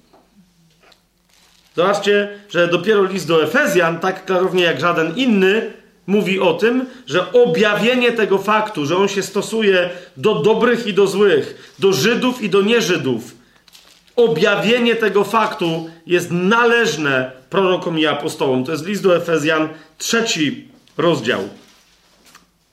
Czwarty werset i piąty. Dlatego czytając to, możecie zrozumieć moje poznanie tajemnicy Chrystusa, która w innych wiekach nie była znana synom ludzkim, tak jak teraz została objawiona Jego świętym apostołom i prorokom przez Ducha. Komu ona została objawiona? Jego prorokom i apostołom. Tu niektórzy mówią, no, została objawiona tym na początku, ale później już nie. Jeszcze raz, jeżeli ktoś zna Grekę, niech się dobrze przyjrzy, jak tu jest zastosowany ten aoryst w, yy, i objawienie, że tak powiem, tej tajemnicy w trybie pasywnym. Ona, według mnie powinno to być przetłumaczone, że nie została jednorazowo objawiona, bo jest tryb pasywny, czyli że ta tajemnica jest objawiona, tak? Ale nie została objawiona, czyli została w przeszłości objawiona, ale więc ja bym raczej przetłumaczył to zdanie, która w minionych wiekach nie była znana synom ludzkim, a teraz jest objawiana Jego świętym apostołom i prorokom przez ducha. Ok? Jest objawiana Jego świętym apostołom i prorokom, prorokom przez ducha. Teraz w Ewangelii Łukasza w 22 e, rozdziale kolejny raz nam się pojawiają apostołowie. To jest 14 e, werset. Zauważcie, e, e, mm, że nawet Łukasz, kiedy mówi o apostołach, odróżnia dwunastu od niedwunastu. Proszę was, żebyście to zapamiętali raz na zawsze. ok? Zaraz sobie więcej powiemy, czemu tych dwunastu, ale po prostu dwunastu apostołów nie oznacza, że tylko oni są apostołami. ok? To oznacza, że to, są spe, że to jest specjalny rodzaj apostołów i zaraz wyjaśnię ze względu na co specjalny, a nie, że oni jedni jedyni są apostołami. A więc 12, 22 rozdział, 14 werset. Łukasz mówi, gdy nadeszła pora, usiadł za stołem, a z nim tych dwunastu apostołów. I znowu Łukasz, 24 rozdział. I w tym 24 e, rozdziale mamy wersety 2. Mamy co prawda werset 10, to już jest po zmartwychwstaniu Pana Jezusa, i nie mamy dwunastu apostołów, to jest bardzo istotne. Tak? No bo Judasz zdradził. I się zabił. Więc w 24 rozdziale, w 10 wersecie mamy powiedziane, że były to Maria Magdalena i Joanna, Maria, Jakub, matka Jakuba i inne z nimi, które opowiedziały to apostołom. Ale zauważcie, w wersecie 9 Łukasz zaznacza, którym apostołom. Czyli wróciwszy do grobu, oznajmiły to wszystko jedenastu i wszystkim pozostałym. No i to jest ten wyjątkowy moment, kiedy dwunastu się zamieniło w jedenastu, mieli wyrwę, którą za chwilę musieli zacząć uzupełniać, o czym nawiasem mówiąc dokładnie pisze w szczegółach Łukasz i tylko Łukasz. Wyjaśnia historię uzupełnienia dwunastki z powrotem w dwunastkę. Ale wtedy była jedenastka, więc tu, rozumiesz, rozumiecie, to jest całe zdanie. One oznajmiły to wszystko jedenastu i wszystkim pozostałym. Były to Maria Magdalena, Joanna, Maria Jakubowa i inne z nimi. One to opowiedziały to apostołom, którym tym jedenastu... Ale teraz zauważcie, nie wiadomo, czy chodzi o tych jedenastu, czy innych Łukasz też tu traktuje jako apostołów. Bo on mówi jedenastu i wszystkim pozostałym, a potem mówi, one opowiedziały to apostołom a nie tylko 11 apostołom. Widzicie to? Nadal to może oznaczać, że chodzi mu tylko o 11 apostołów, ale może mu o nich nie chodzić. Kochani, przyjrzyjmy się nieco bliżej. Jeżeli to Was nieco bardziej będzie interesować, to sami to przebadajcie, ale jak w Ewangelii Mateusza wyraz apostołowie pojawia się raz, tak, kochani, wyraz dodeka, czyli dwunastu albo dwunastka apostolska, pojawia się dziewięć razy w Ewangelii, yy, w Ewangelii yy, Mateusza. Jak jest mowa o nich jako o całej grupie, to oni są nazywani dodeka, a nie są nazywani apostołami. W Ewangelii Marka, która, baczcie na to, jest krótsza, znacznie, znacznie krótsza, o wiele rozdziałów od, od Ewangelii Mateusza, w Ewangelii Marka, w której też tylko raz apostołowie, czy tych dwunastu są nazywani apostołami, dwunastką, czyli dodeka, są nazywani aż dziesięć razy. Ok? W Ewangelii Łukasza znowu dodeka w odniesieniu do dwunastu apostołów e, pojawia się aż dziewięć razy i w Ewangelii Jana, w której jak pamiętacie ani razu dwunastka nie jest nazywana apostołami, w odniesieniu do apostołów w Ewangelii Jana aż cztery razy Jan mówi o tej grupie, której nigdy nie nazywa apostołami, aż cztery razy nazywa ich dwunastką. Dlatego, że to była nazwa własna tej grupy. Dodeka, dwunastka. Nie będę, wszystkich zastosowań jest, jest, rozumiecie, 60 parę, jeżeli nie 70 parę, nie pamiętam teraz. Jest mnóstwo, ale podam wam tylko parę przykładów, żebyście zobaczyli, że naprawdę to była w zasadzie ich nazwa własna. W Ewangelii Mateusza w 26 rozdziale, e, w 14 wersecie czytamy: Wtedy jeden z dwunastki, lub też jeden z dwunastu, zwany Judaszem Iskariotą, poszedł do naczelnych kapłanów.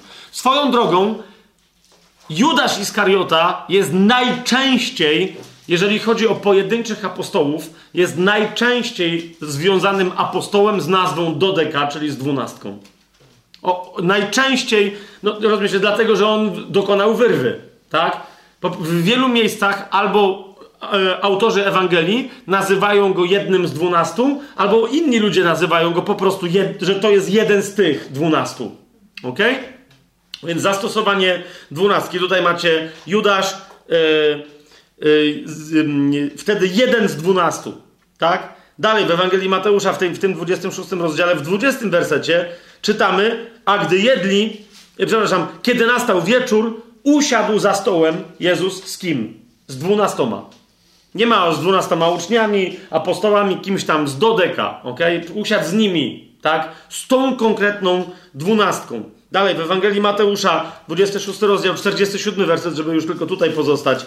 A gdy on jeszcze mówił, nadszedł Judasz, jeden z dwunastu, a z nim liczny tłum. Wiecie, to imię Juda jest, bo on nie miał takiego wyjątkowego imienia. On jest nazywany Judaszem, żebyśmy my wiedzieli, że to jest ten gość, tak? A to był Juda. Z, to, to był Juda z Kariotu. Była taka miejscowość, która się nazywała e, Kariot po prostu. A więc to był Juda. I teraz wiecie, Judów tam było jak, jak Jakubów, no nie? E, żeby nie powiedzieć brzydko, że jak psów po prostu. Co, co trzeci to był Juda, no nie? Więc... E, po, dla, dlatego w Biblii e, też nie mamy jednego Jezusa, tak? Mamy całą księgę, którą, rozumiecie, która od Jezusa jest wzięta, jest księga Jezusa w Biblii, to jest księga Jozułego. No tylko on, to jest to, to imię po hebrajsku. On dla odróżnienia Jezusa nazywamy Jezusem, a Jozułego, Jozułego Jozułem, tak? Ale to jest to samo imię, więc tutaj my Judasza nazywamy, natomiast oni musieli e, wszyscy odróżniać, który to był Juda. No bo też jeden z apostołów to był też inny Juda, rozumiecie, który nie był z Kariotu, nie był, nie był Iskariotą, czyli nie był z Kariotu, a też był jednym z dwunastu, tak? To jest jeden z tych Judów, który był jednym z dwunastu. Ale jeszcze w odróżnieniu od innych pozostałych, których ktoś by mógł znać, to jest Juda, jeden z dwunastu, ten, ten jeden, który stał się zdrajcą. Jasne? Ale nie chodzi nam o Judasza, tylko chodzi nam o dwunastkę. W Ewangelii Marka, zobaczcie, e, trzeci rozdział, czternasty werset, on jest w pewnym sensie definiujący. Dlaczego? E, Carlo Maria Martini, e, katolicki kardynał, biskup, jezuita i tak dalej, i tak dalej, on tam ma swoje, nieważne, ale, ale to jest jeden z jego tematów, dwunastka. E, on masę e, prac naukowych nawet i tak dalej poświęcił dokładnie tematowi dwunastki, zwłaszcza w Ewangelii Marka. I on ciekawą rzecz kiedyś powiedział, mianowicie, że ten trzeci rozdział, czternasty werset, gdy chodzi o dodeka, o dwunastkę, jest wersetem definiującym. Nie?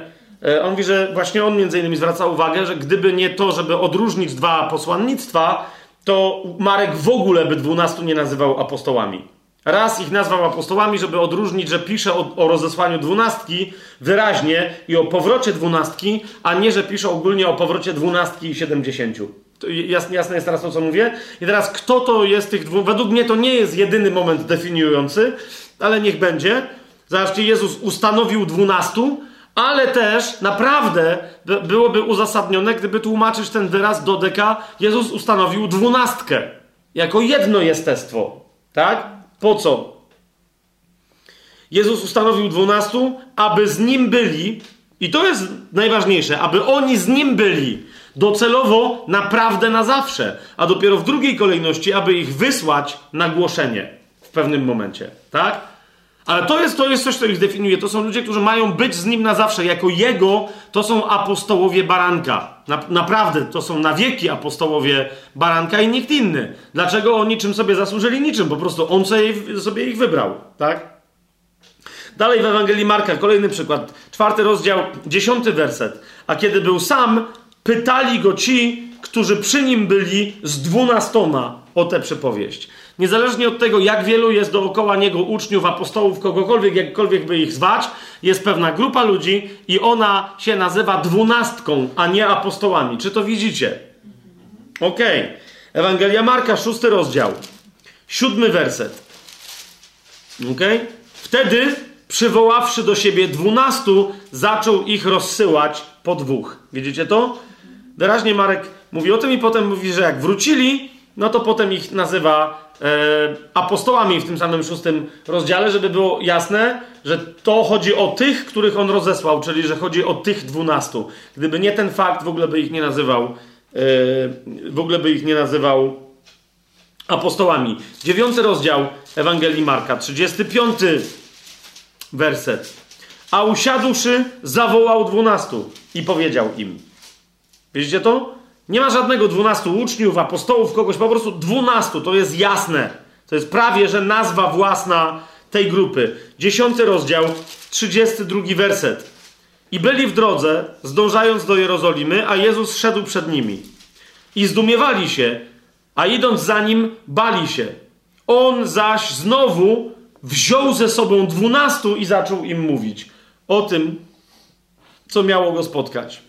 Jedenasty rozdział, jedenasty werset. I wjechał Jezus do Jerozolimy, wszedł do świątyni, a gdy obejrzał wszystko i nadszedł już wieczór, wyszedł z dwunastoma do Betanii. Ok? To, to jest istotne, że ta grupa z nim była, albo że tej grupy z nim nie było i tak dalej. Ewangelia Łukasza, spójrzcie, bo to jest ten sam, ten zawodnik wprowadza rozróżnienie między dwunastoma a siedemdziesięcioma, ale nadal u niego dwunastka, dodeka, funkcjonuje także jako prawie nazwa własna. Ósmy rozdział, pierwszy werset. Następnie chodził po miastach i po wioskach, głosząc i opowiadając Ewangelię Królestwa Bożego, a było z nim dwunastu. Tak? Teraz zauważcie, kto jeszcze z nim był? Łukasz mówi, i kilka kobiet, które są z imienia i nazwiska prawie że wymienione gdyby były nazwiska wtedy, ale dwunastu jest nazwanych dwunastką, a nie dwunastoma uczniami, apostołami itd., itd., itd. Jasność? Dalej, 22 rozdział Ewangelii Łukasza, bo ja tylko podaję przykłady. Jeżeli ktoś z Was jest zainteresowany, naprawdę niech sobie przestudiuje temat wyrazu dodeka, czyli 12. Do czego się ten wyraz odnosi, jak często on się po prostu w ogóle w całym Nowym Testamencie odnosi tylko i wyłącznie do tej konkretnej dwunastki. Ok? Ewangelia Łukasza, 22 rozdział, trzeci werset. Wtedy szatan wszedł w Judasza, zwanego Iskariotą, który był z grona dwunastu. Do, dokładnie to jest powiedziane, który był jednym z tej liczby dwanaście. Nie? A można byłoby też przetłumaczyć, który był jednym z tej liczby określanej dwunastką. Nie? Chodzi oczywiście o grono, o tą grupę, no nie? A, ale widzicie, która jest, jest, stanowi konkretną liczbę i stąd ma konkretną nazwę. Dalej w Ewangelii Jana, której, jak już yy, yy, mówiłem, yy, w ogóle Jan nie nazywa apostołów apostołami, a w tym jednym miejscu, gdzie się posługuje słowem apostoł, jest pytanie, czy chodzi o, o, o kogo chodzi, do tego jeszcze wrócimy. E, mówi natomiast o dwunastce, co więcej, e, Jezus do tej liczby konkretnie się odwołuje. Najpierw to jest szósty, to jest końcówka szóstego rozdziału. Szósty rozdział. Wiecie, ja nie chcę teraz e, kombinować, żeby tu niektórzy nie zaczęli uprawiać jakiejś numerologii czy kabały teologiczno-biblijnej itd., tak itd. Tak Ale jednak dla Jana, ewangelisty, liczba 666, 666 jest istotna. To jest liczba, którą on podaje jako, jako znacząca liczba oznaczająca zasadę człowieka w Księdze Objawienia. Kto ma mądrość, tu, tu, tu ona się objawia. Kto, kto czyta, niech zrozumie, to, to jest liczba 666 i to jest liczba człowieka.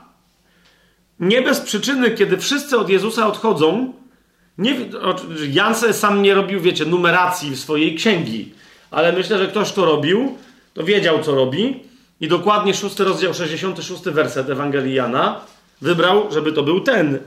A od tego czasu wielu jego uczniów zawróciło i więcej z nim nie chodziło. Nie? Szósty rozdział, 66 werset. Niemniej, kochani, zaraz po tym wersecie pojawia się liczba bardzo mocno związana z liczbą wybranego przez Boga człowieka. A więc, jeżeli macie liczbę człowieka, który się buntuje przeciwko Bogu, jeżeli macie liczbę człowieka, który chce być, będąc człowiekiem uznanym za Boga, żeby nie słuchać Boga, to jest liczba 666. To jest zasada człowieka, który chce sam siebie ubóstwić, który chce sam sobie wypracować usprawiedliwienie, począwszy od usprawiedliwienia, a skończywszy na nieśmiertelności. Oczywiście to wszystko jest niemożliwe. To jest liczba 666. Szósty rozdział, 66 werset mówi o odejściu uczniów od Jezusa i od tej pory, zaraz do końca tego rozdziału, prawie że w trzech wersetach pod rząd, no tutaj są cztery wersety, ale nie, nie jest to istotne, a, a nawet pięć, ale chodzi mi o to, że trzykrotnie pojawia się liczba 12 w odniesieniu do, do liczby człowieka, który jest wybrany przez Boga i mu się to podoba. Ta liczba to jest 12. Ta liczba zawsze w Biblii oznacza człowieka, który jest wybrany przez Boga i ten człowiek zgadza się z tym wyborem i na bazie tego wyboru żyje. Ok? Tym człowiekiem zwłaszcza jest zbiorczo Izrael i jest zbiorczo Kościół. Ok? Dlatego 12 jest takie istotne, ale zauważcie, co się tutaj dzieje. Po pierwsze, szósty rozdział, 67 werset. Wtedy Jezus powiedział do kogo? Ni stąd, ni zowąd. W Ewangelii Jana nie ma żadnych opowieści, wiecie, o, o, o naznaczeniu dwunastki, jakie oni tam mieli imiona, co się dzieje. Nie ma czegoś takiego. I nagle ni stąd, ni zowąd Jan, który po prostu wie, że wszyscy już znają Ewangelię Mateusza, Marka i Łukasza, więc wie, on wie, że wszyscy wiedzą, kto to jest dwunastu. Bez żadnego ostrzeżenia mówi, Jezus nagle zwrócił się do kogo? Do dwunastu. Do jakich do dwunastu? No do tych dwunastu. No, no, nie wiecie do jakich dwunastu? Jezus powiedział do dwunastu, czy i wy chcecie odejść? I teraz zobaczcie wersety 70 i 71. Jezus im odpowiedział, czy ja nie wybrałem was dwunastu? A jeden z was jest diabłem. To jest, to jest dokładnie to. to, jest, to, to rozumiecie, to, to 12 i 1 pojedynczy zawsze będzie przeciwko pojedynczemu zbiorczemu. Ten jeden, który ulegnie liczbie 666, nigdy nie będzie częścią dwunastki, a dwunastka, nawet tak, jeżeli ten jeden w dwunastce będzie chciał zrobić wyrwę, i tak się uzupełni nie tym jednym, który, który jest diabłem. Okay? A to mówił o Judaszu Iskariocie, synu Szymona, bo on miał go zdradzić, będąc jednym z dwunastu. U Jana, rozumiecie, operacja słowem, liczbami i tak dalej, to jest odlot, co się tu wyprawia. Nawet nie chcę w to teraz wchodzić, ale widzicie tą grę tutaj, nie? Widzicie tą grę liczbami. nagle, ni, ni stąd, ni zowąd, w Ewangelii, cała Ewangelia na się pojawia czterokrotnie, trzy razy, dokładnie w kontekście albo bycia wiernym Jezusowi, albo zdradzenia Go. Macie tu uczniów, którzy od Niego odeszli i macie dwunastkę, która z Nim została. Z tej dwunastki wciąż jest jeden, który jest diabłem i który zaraz ma zdradzić, mimo że jest częścią dwunastki, nie? To jest końcówka szóstego rozdziału. Sensacja. Jeszcze w dwudziestym yy, jeszcze w dwudziestym rozdziale Ewangelii Jana w 24 wersecie, żeby nie było, że tylko Judasz jest nazywany jednym z dwunastu, mamy przykład innego apostoła, mianowicie Tomasza, który też jest, rozumiecie, to zauważcie, nikt nie nazywa Judasza Iskariotę apostołem. No i niektórzy mówią, no bo on był zdrajcą. No ale Tomasz nie był. Jest nazywany z jakiegoś dzikiego powodu niewiernym Tomaszem, który po prostu tylko domagał się czegoś, co było całkiem sprawiedliwe, i dlatego Pan Jezus mu to dał, pokazał mu siebie. On chciał być naocznym świadkiem, miał prawo być naocznym świadkiem, wszystko się zgadza, tak? Ale, ale Tomasz też, więc on był apostołem Pana Jezusa, ale nie jest nazywany apostołem. Jest nazywany, zobaczcie, 20 rozdział, 24 werset. Tomasz, jeden z dwunastu, zwany Didymos. Nie był z nimi, gdy przyszedł Jezus, więc nie był z całą resztą jedenastu. Ok? Więc my już wiemy, że wtedy, kiedy kobiety przybiegły, skoro było 11, to, to on akurat przy tym był. Później go nie było, jak się Jezus pojawił, tak? Na bazie tego typu fragmentów możemy wiedzieć, kiedy kto był. Naprawdę możemy znacznie więcej wiedzieć niż na pierwszy rzut oka widzimy. A zatem, a zatem mamy, to są przykłady aż do Ewangelii Jana, jak często apostołowie są nazywani dwunastoma, a jak prawie w ogóle nie są nazywani apostołami. Okej? Okay? Teraz, kochani, historia dwunastki, tej dwunastki, tej konkretnej dwunastki ciągnie się dalej. Ok? Spójrzcie, Łukasz, który jest yy, ewangelistą, ale potem pisze dzieje apostolskie, na początku pierwszego rozdziału dziejów apostolskich, właśnie tak de facto dzieje apostolskie rozpoczyna. Spójrzcie. Pierwszy rozdział, drugi werset. Pierwszy i drugi werset może być. Pierwszą księgę napisałem Teofilu o wszystkim, co Jezus zaczął czynić i nauczać, aż do dnia, w którym został wzięty w górę, uważajcie na to, po tym jak przez Ducha Świętego udzielił poleceń apostołom, których wybrał. Tak? Niektórzy mówią, no nie ma tutaj żadnej dwunastki. Y, no nie ma, ponieważ pojawia się określenie bo później będziemy, dokładnie w tej księdze pojawiają się inni apostołowie niż tych dwunastu. Ok? Więc, więc tu według mnie pojawia się drugie definiujące określenie. Ta pierwsza dwunastka to są apostołowie, których wybrał Jezus. Ok? Ale teraz powiecie, no, no dobra, no ale to jest jedenastka, bo przecież jeden z nich odpadł, czyli Judasz Iskariota. I teraz popatrzcie, co się wyprawia. Jest wyraźnie powiedziane, że to, co zrobił Jezus, to nie chodziło konkretnie o wybór tych konkretnych dwunastu facetów, ale on dokonał wyboru dwunastki apostołów. Jeżeli więc jeden zdradził, musi być dwunastka uzupełniona. Rozumiecie? A więc, a więc apostołów, których wybrał Jezus, wszystko gra, ale oni potem mówią: Jezus wybrał dwunastkę jakby ta dwunastka hierarchicznie, w sensie ważności, jest ważniejsza od tego, którzy to są, których Jezus wybrał. Nie? Więc to są nadal, bo tu się pojawi, wiecie kto?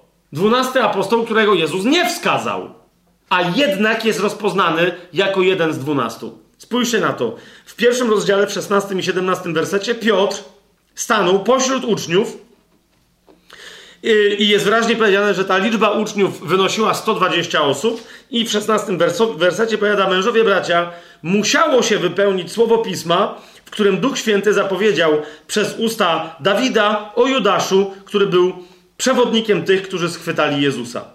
Zaliczał się on bowiem do nas i miał udział w tym posługiwaniu. Więc on mówi wyraźnie, zaliczał się do nas, czyli do dwunastki, do, albo do uczniów. Nadal je, bo niektórzy mówią, nie, nie, tu jest Sami potem rozsądźcie, co mówi Szymon Piotr. Ale w 21 i 22 wersecie mówi: Jest bowiem napisane w księdze Psalmów: Niech jego dom będzie pusty, niech nikt w nim nie mieszka, oraz jego biskupstwo. Okej. Okay. Ogarnijmy serdecznym milczeniem to tłumaczenie tutaj, bo, bo zwłaszcza w Księdze Psalmów ktoś pisał o biskupstwie. Niech będzie. Jego obowiązek nadzorczy niech przejmie ktoś inny. Teraz jaki obowiązek nadzorczy? Nad czym? Kogo? Wszyscy uczniowie tutaj takie mieli, więc prawdopodobnie, jeszcze raz powtarzam, Piotr mówi o dwunastce. I w 22, 21 wersecie i 22 Piotr mówi tak: Trzeba więc, aby jeden z tych mężczyzn, którzy z nami byli przez cały czas, kiedy Pan Jezus przebywał wśród nas, począwszy od chrztu Jana, aż do dnia, w którym został wzięty od nas w górę, stał się wraz z nami świadkiem Jego zmartwychwstania. To jest bardzo istotne. Rzeczywiście tu mamy dowód na to, że tych dwunastu pierwszych to są wyjątkowi świadkowie zmartwychwstania. I dzieje apostolskie regularnie, aż dopóki nie pojawia się usługa Pawła z Barnabą, mówią o tym, że tylko apostołowie świadczyli o zmartwychwstaniu. Czyli może nie, że tylko, ale tylko ich wskazuje na świadczących z mocą o zmartwychwstaniu Jezusa. Zwróćcie uwagę. Nie będziemy teraz tego tematu przechodzić. Więc jest rzeczywiście tak, że tych dwunastu, oni są wyjątkowymi świadkami yy, zmartwychwstania. No wiemy, że Pan Jezus z pierwszej yy, z pierwszego listu do Koryntian z 15 rozdziału, my wiemy, że Pan Jezus pojawił się i 500 braciom naraz, tak? Niemniej wiemy nadal, że nie było wśród nich Pawła. Tak? Więc niezależnie od tego, co my tu roztrząsamy, miejcie to w pamięci, że tam nie było Pawła. Ok?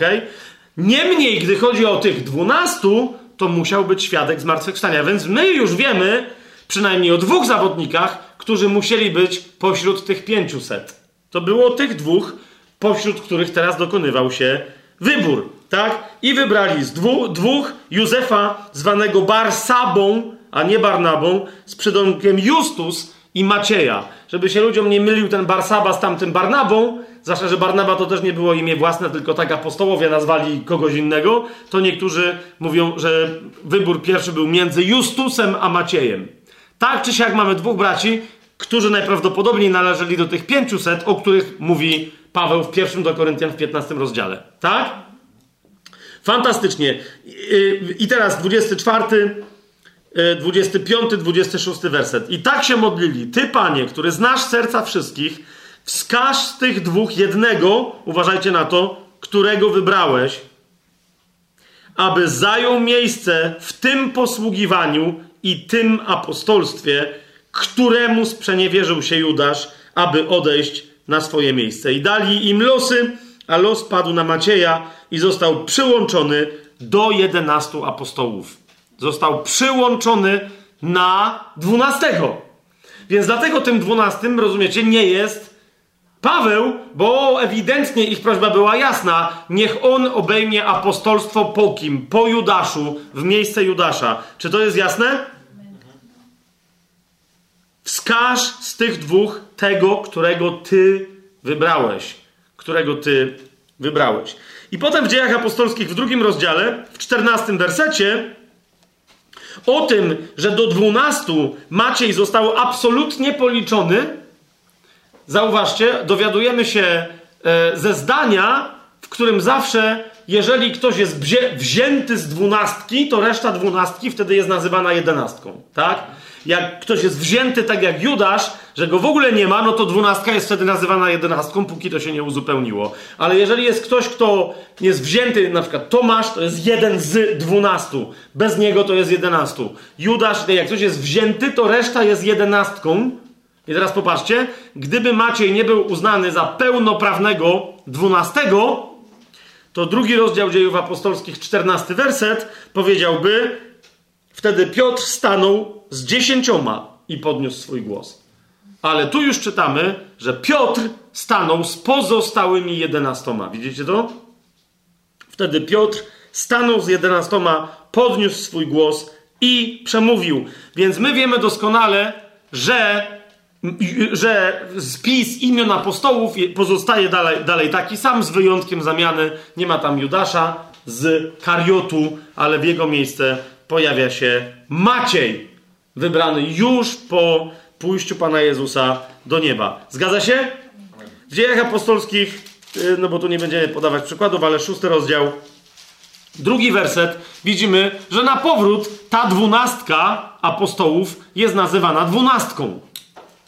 Ok? Szósty rozdział, drugi werset. Wtedy dwunastu, zwoławszy całe mnóstwo uczniów, powiedziało: Nie jest rzeczą słuszną, żebyśmy porzucili Słowo Boże, a obsługiwali stoły. Ok? Bo do nich wszyscy się zwracali, żeby tam rozsądzali wszystkie kwestie. Jeszcze raz, jak oni się to nazywają? Dwunastoma albo dwunastką. Dodeka. I teraz, na co chcę Wam, kochani, zwrócić uwagę? Przejdźmy do pierwszego listu do Koryntian. Do 15 rozdziału. Łatwo jest pewne rzeczy czytać, ale jak e, sobie roztrząśliśmy wszystko tak jak teraz, to powiedzcie mi, czy dalej widzicie tam coś, co ludzie atakujący pięcioraką służbę, a zwłaszcza możliwość obecności innych apostołów niż tych dwunastu, na bazie 15 rozdziału pierwszego listu do Koryntian, powiedzcie mi, czy dalej tak to widzicie. Spójrzcie, pierwszy list do Koryntian, 15 rozdział. Czytamy od powiedzmy, że czwartego wersetu. Ok? Pan Jezus został pogrzebany, zmartwychwstał trzeciego dnia zgodnie z pismem, tak? I teraz patrzcie, co się dzieje. I ukazał się Kefasowi, a potem komu? Co czytacie? Ale macie UBG? Które w tym wypadku ma sensacyjnie genialne, doskonałe tłumaczenie. Ukazał się dwunastu? Jak macie tam napisane? Tym, tym. tym dwunastu. Oni wcześniej są dokładnie tak samo nazywani. Jest, tam, jest, tam jest specjalny przygłos, który stanowi przed nim jak z określenie, żeby nie było, że jakimkolwiek dwunastu, tym dwunastu, którzy są nazwani apostołami tutaj. Są nazwani apostołami? Nie. A więc ukazał się Kefasowi i tym dwunastu. Którym dwunastu? Tym dwunastu, z których jednym był Kefas. Czy to jest jasne? Patrzcie dalej. Potem ukazał się więcej niż pięciuset braciom naraz, z których większość żyje aż dotąd, chociaż niektórzy już pomarli. Potem ukazał się Jakubowi, a potem wszystkim apostołom. Tara! A ostatniemu ze wszystkich ukazał się i mnie.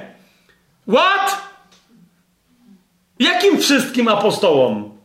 Może raczej innym niż tym dwunastu, może razem z tymi dwunastoma, ale nie wiem, czy widzicie, że ewidentnie Paweł rozróżnia dwunastu apostołów wybranych przez Jezusa na czele z Kefasem od kogo? Od wszystkich innych apostołów. Niektórzy wręcz, czytając to zdanie, mówią, z tego wygląda, jakby tych wszystkich apostołów było więcej niż pięciuset. Jakby wszystkim apostołom oznacza tym dwunastu, tamtym pięciuset. Według mnie to zdanie tak, tego nie oznacza. Znaczy, że nie ma jasnej gramatyki co do tego. Ale jedno jest pewne, że tych pierwszych dwunastu to nie są ci ostatni. To jest, są celowo dwie różne grupy. Na początku tym dwunastu, a potem wszystkim apostołom. Czy to widzicie? Jest coś zupełnie innego. I teraz, czy ci inni apostołowie musieli spełniać warunki tego na przykład, że Jezus ich osobiście wybrał, że oni po, początkowo byli jedynymi świadkami Jego zmartwychwstania itd., tak itd.? Tak nie! Ci inni nie musieli ich spełniać. Nigdzie Biblia o tym nie mówi, a byli innymi apostołami. Czy to jest jasne? Teraz, kochani, ale nie o to bo teraz za to co, to inni apostołowie nie byli świadkami zmartwychwstałego? Nie wiem, bo mamy ludzi, którzy głoszą Ewangelię i nie przedstawiają się jako świadkowie zmartwychwstałego, a nadal głoszą Ewangelię skutecznie.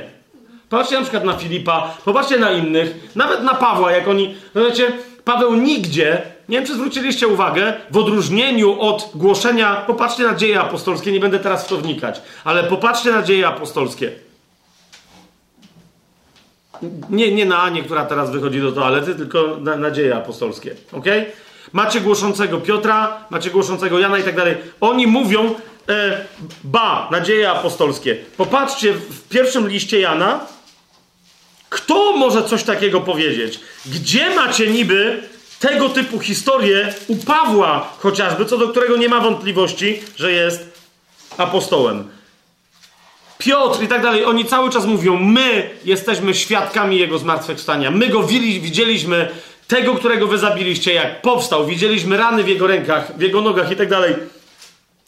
Y, szczytem, jak dla mnie, głoszenia tego zmartwychwstałego w ten sposób jest Jan w pierwszym swoim liście, w pierwszym rozdziale, który mówi tak, od pierwszego wersetu: To, co widzieliśmy na własne oczy, na co patrzyliśmy i czego dotykały nasze ręce, o słowie życia, bo życie zostało objawione i my je widzieliśmy i świadczymy o nim i zwiastujemy wam to życie wieczne, które było u Ojca, a które nam zostało objawione.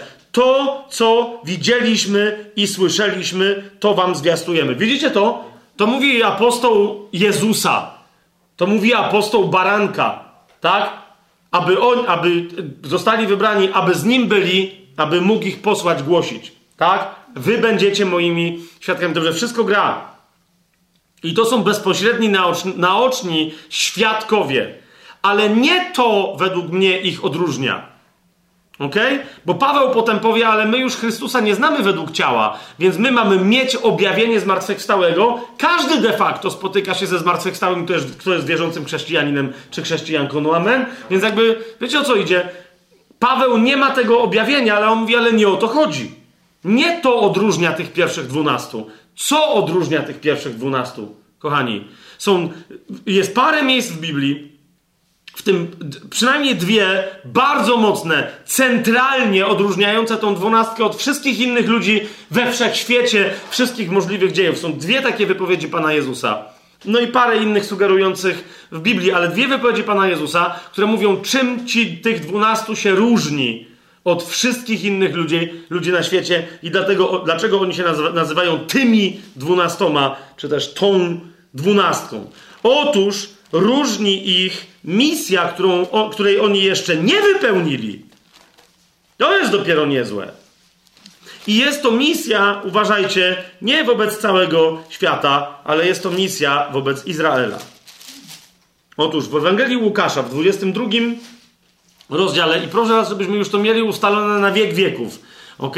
Mówię to do, do, ludzi tutaj zebranych, ale też mówię do tych wszystkich, którzy tego słuchają, studiują sobie gdzieś tam w domu, słuchając z YouTube'a czy jeszcze z czegokolwiek innego. Dwunastu apostołów, dwunastka, dodeka, tak, ze względu na co? Ze względu na przyszłość, która się jeszcze nie wypełniła. Ewangelia Łukasza, 22 rozdział, 28 werset do 30, e, do 30 wersetu. Pan Jezus z tymi konkretnymi zawodnikami, jak się dobrze przejrzycie, e, w 14 wersecie 22 rozdziału, gdy nadeszła pora, usiadł za stołem, a z nim kto usiadł? 12 apostołów. Zgadza się? Gorąco pragnąłem zjeść tę paskę z wami, zanim będę cierpiał, Pan Jezus mówi. U Łukasza, nieważne ile jeszcze osób mogło uczestniczyć w tej pasce, przy samym stole tej paschy było 12 i on tylko do nich mówi. Czy to jest jasne? I on teraz w 28 wersecie dalej do tych 12 co mówi? A wy jesteście tymi, którzy wytrwali przy mnie w moich próbach i ja przekazuję wam królestwo, jak mnie przekazał mój ojciec. Abyście jedli i pili za moim stołem w moim królestwie, uważajcie proszę na to, i zasiadali na tronach, sądząc 12 pokoleń Izraela powołanie tych dwunastu apostołów, wybranych przez. Dlatego oni muszą być Żydami. Rozumiecie? My też wiemy w związku z tym, że Maciej był Żydem, z całą pewnością. Oni muszą być Żydami. Kto inny miałby sądzić Izraela, jeżeli nie wzięci z tych pokoleń? Ja bym się nie zdziwił, jakby koniec końców się okazało, że każdy z nich, kapujecie, był wybrany z innego pokolenia, które następnie będzie sądzić. Ale. Ale. Ale dla, bo niektórzy są tego wręcz pewni, kiedy studiują liczbę 144 tysięcy wybranych z 12 pokoleń Izraela. Ja, ja tam aż takiej pewności połączeń nie znajduję. Nie zmienia to jednak faktu, że bym się nie zdziwił. To jest jasne, co powiedziałem? Świetnie. Zobaczmy jeszcze razem Ewangelię Mateusza, 19 rozdział,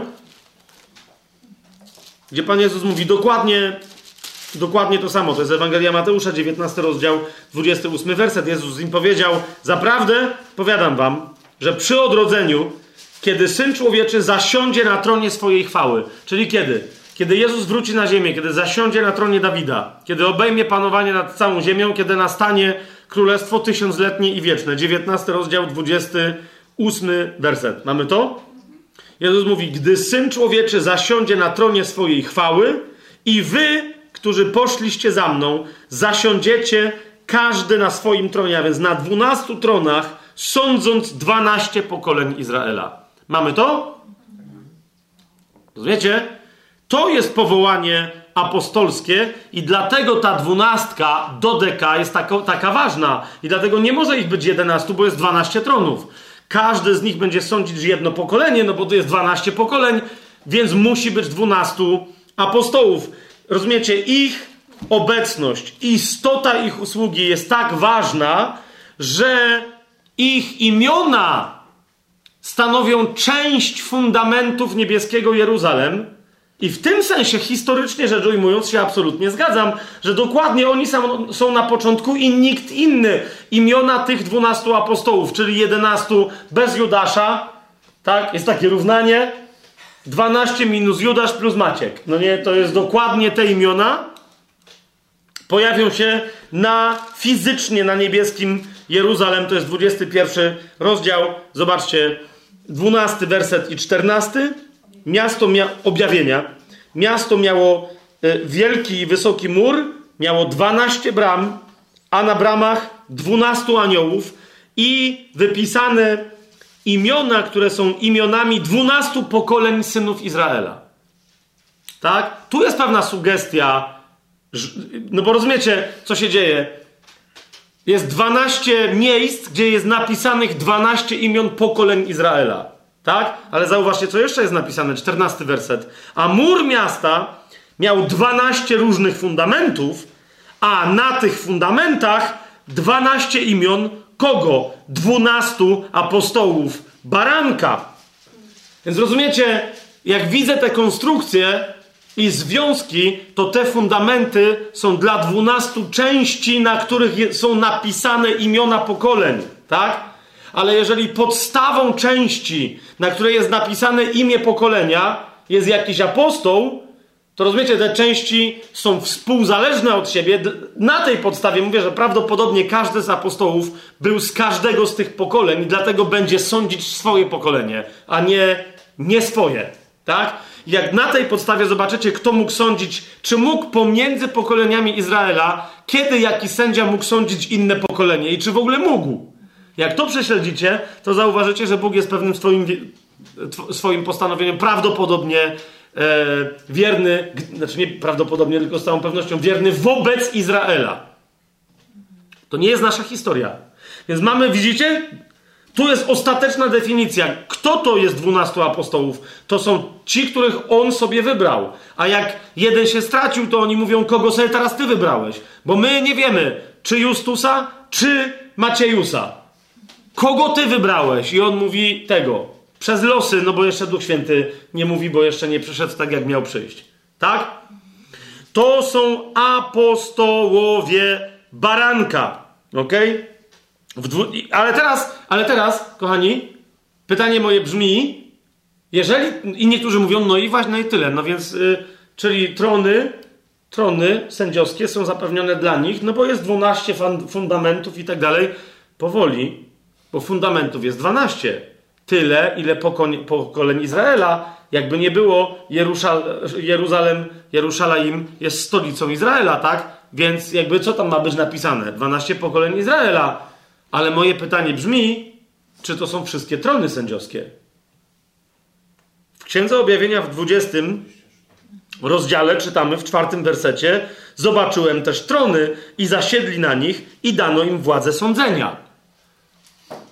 Ja sądzę osobiście, że tych tronów jest więcej i widzę, że Marcin też wie, że jest więcej, Ania też wie i nawet wiedzą, gdzie pokazać powoli. Tu ta liczba nie jest wymieniona, tak? Ale myślę, że tyle samo sędziów, co się należy Izraelowi, należy się całej reszcie świata. Przynajmniej tyle samo, żeby było porównań. Malutki narodzik, który ma dwa. Nie jest mniej ważny niż reszta świata. Ale żeby nie było, żeby się nie wywyższał, no to reszta świata nie jest ważniejsza niż ten jeden narodzik. Więc te trony, tu widzicie, są trony sędziowskie. My wiemy, że 12 tronów jest do sądzenia 12 pokoleń Izraela. Ale ile jest wszystkich tych tronów? Kochani, Księga Objawienia mówi nam, zobaczcie wcześniej, w czwartym rozdziale, na przykład w czwartym wersecie, mówi, a wokoło tronu były, ale 24 trony, a nie 12. No 12 już my wiemy, tak? Jest do sądzenia Izraela. A pozostałych 12 do czego? I na tych tronach zasiada 24 starszych. I to jest dokładnie ten. Niektórzy tłumaczą starców! Bo my nie wiemy, co to, są, co, co, to jest. Czy to są aniołowie, bo tam są istoty, tam są różne takie dziwne historie. Te istoty, co wszędzie mają oczy i w ogóle śpiewają wieloma głosami. To, a, a ci to są starcy? Nie. To jest dokładnie taki sam wyraz, jak w innych miejscach jest powiedziane o starszych w kościele, o starszych kościoła. Rozumiecie? Są jacyś starsi, którzy będą starszymi też w niebie. Lub też na ziemi, bo te trony mogą stąpić na ziemię albo gdziekolwiek, gdzie stąpi Nowe Jeruzalem. Czy rozumiecie, o czym ja teraz mówię? Doskonale. Więc mamy tu dalej, dziesiąty werset. Jest, są 24 trony, na nich, na nich 24 starszych. I dalej czytamy: Upadło 24 starszych przed zasiadającym na jednym swoim tronie i oddało pokłon żyjącemu na wieki wieków i rzuciło, a nawet rzucało swoje korony przed tronem, mówiąc: Panie, jesteś godzien. A więc to są ludzie, którzy współkrólują z Jezusem. Więc to są ci sami, co w 20 rozdziale. Współkapłanujący, współkrólujący z Chrystusem. Amen? No ale niektórzy mówią, ale to, to w ogóle nie są ludzie, to się nie tyczy apostołów, to jest w ogóle bez związku. No jak to jest bez związku, skoro w piątym rozdziale oni wyraźnie tłumaczą, kim są. To, że śpiewają barankowi, to halleluja, ale oni tłumaczą, jako kto śpiewają, tak? Jest piąty rozdział od ósmego wersetu i 20, 24 starszych upadło przed barankiem. Każdy z nich miał harfę i złote czasze pełne wonności, którymi są modlitwy świętych. A więc oni reprezentują, skoro mają czasze z modlitwami świętych, reprezentują co? Cały Kościół. A cały Kościół to są dwie części ludzkości. Pamiętacie te wszystkie rzeczy, o których mówiliśmy? Bo krzyż je wszystkie zjednoczył. Izrael i reszta świata. To jest 24 starszych. 12 apostołowie baranka. Pozostałych 12, kto w takim razie do nich dołączy? I śpiewali nową pieśń, dziewiąty werset. Godzien jesteś wziąć księgę i otworzyć jej pieczęci, ponieważ zostałeś zabity, uważajcie na to, i odkupiłeś nas dla Boga przez swoją krew. Skąd? Z każdego plemienia, języka, ludu i narodu. I uczyniłeś nas dla naszego Boga królami i kapłanami, i będziemy królować na ziemi. Na wieki. Oczywiście w domyśle. Więc kto to jest? Te, dwa, tych 24, te 24 trony i tych 24 starców reprezentuje, i teraz celowo mówię reprezentuje, a nie symbolizuje. Czy słyszycie różnicę? Reprezentuje kogo? Wszystkich odkupionych z Izraela i z reszty świata, z pogan. Amen? Odkupiłeś, jeszcze raz zobaczcie, z każdego plemienia, języka, ludu i narodu. My wiemy, bo jest specjalne zapewnienie o dwunastu tronach dla dwunastu apostołów baranka. Według mnie wiemy o trzynastym tronie. Naprawdę to jest tron Pawła. Ale cała reszta? Nie wiem. Piotrze, może nie jednemu apostołowi Peter. Może wiesz jak, nie? A może ty, Agnieszko? Albo Magdaleno. O, dla ciebie to by musiał być tam specjalny tron. Marcin, wiesz o co mi chodzi? Teraz nie idzie mi o to, że teraz, wiecie, w nagrodę się tam siedzi, kogo pan wybrał, ale jeżeli kogoś z nas, no to hej, to rozważajmy to. Rozważajmy to, żeby żyć życiem, które będzie wypełnieniem tego powołania. Czy mamy jasność? Widzicie to? Ewidentnie są jacyś inni apostołowie, nie tylko tych dwunastu, są 24 trony i wiemy dla kogo. Teraz ktoś powie, no dobrze, ale to musieliby być w Biblii jacyś inni apostołowie, a przecież innych apostołów nie ma. Ja mówię, że od 13 rozdziału dziejów apostolskich są na zdrowie. Od 13 rozdziału dziejów apostolskich są, ale niektórzy powiadają, absolutnie nie ma. Jest tam dwóch misjonarzy i my dzisiaj znamy misjonarzy i ci misjonarze są wysłani, to jest 13 rozdział dziejów apostolskich, w kościele w Antiochii byli, no właśnie, była pięcioraka służba. byli pewni prorocy, byli pewni nauczyciele. Baczcie na to, co teraz mówię, bo nazwiemy sobie inaczej pięcioraką służbę już niedługo. Jeszcze dzisiaj. Jeszcze, może o poranku, ale dziś, ale to będzie, to będzie ten żydowski dzień. Będzie ten dzień się zaczyna wieczorem i kończy się wieczorem.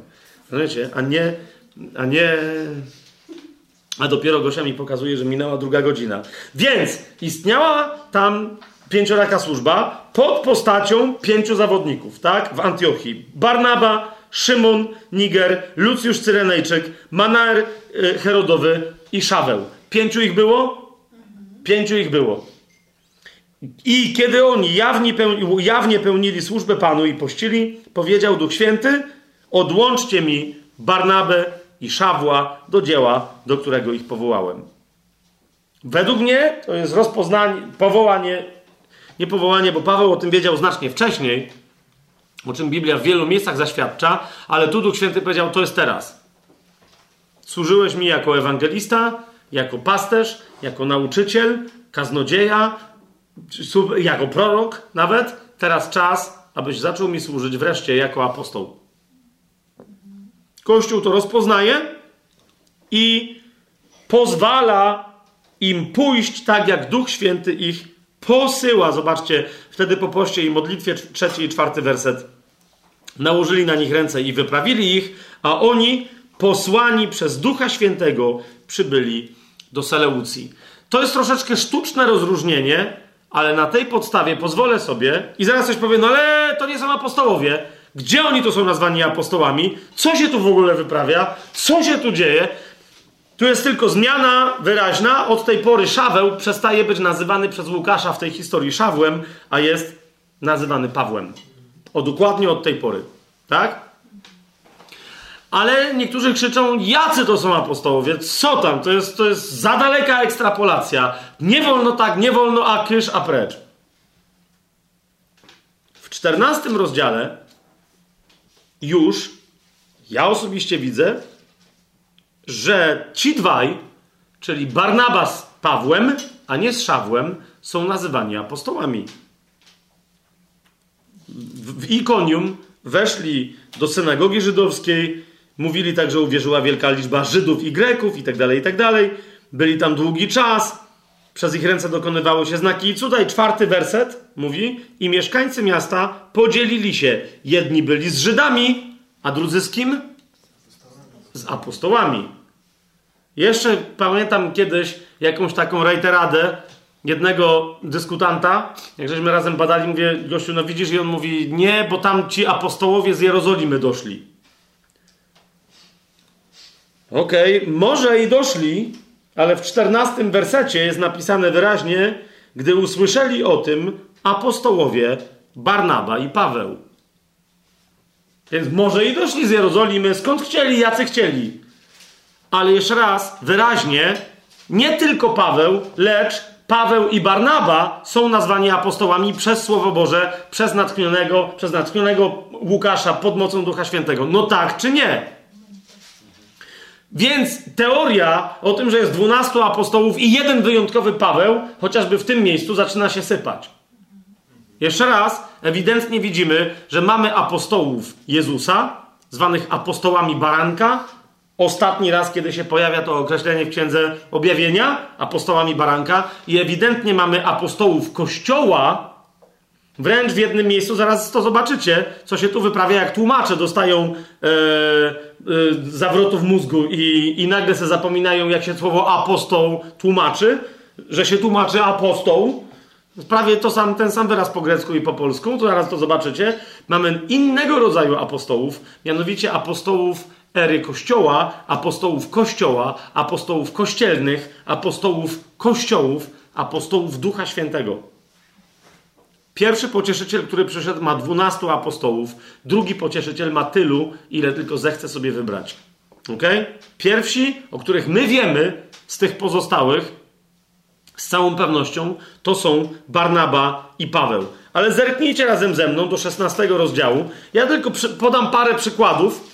Są takie studia robione, znaczy pojedyncze studium, w ramach którego różnym ludziom różne rzeczy wychodzą, bo łatwo jest prześledzić wyraz apostoł przy pomocy konkordancji.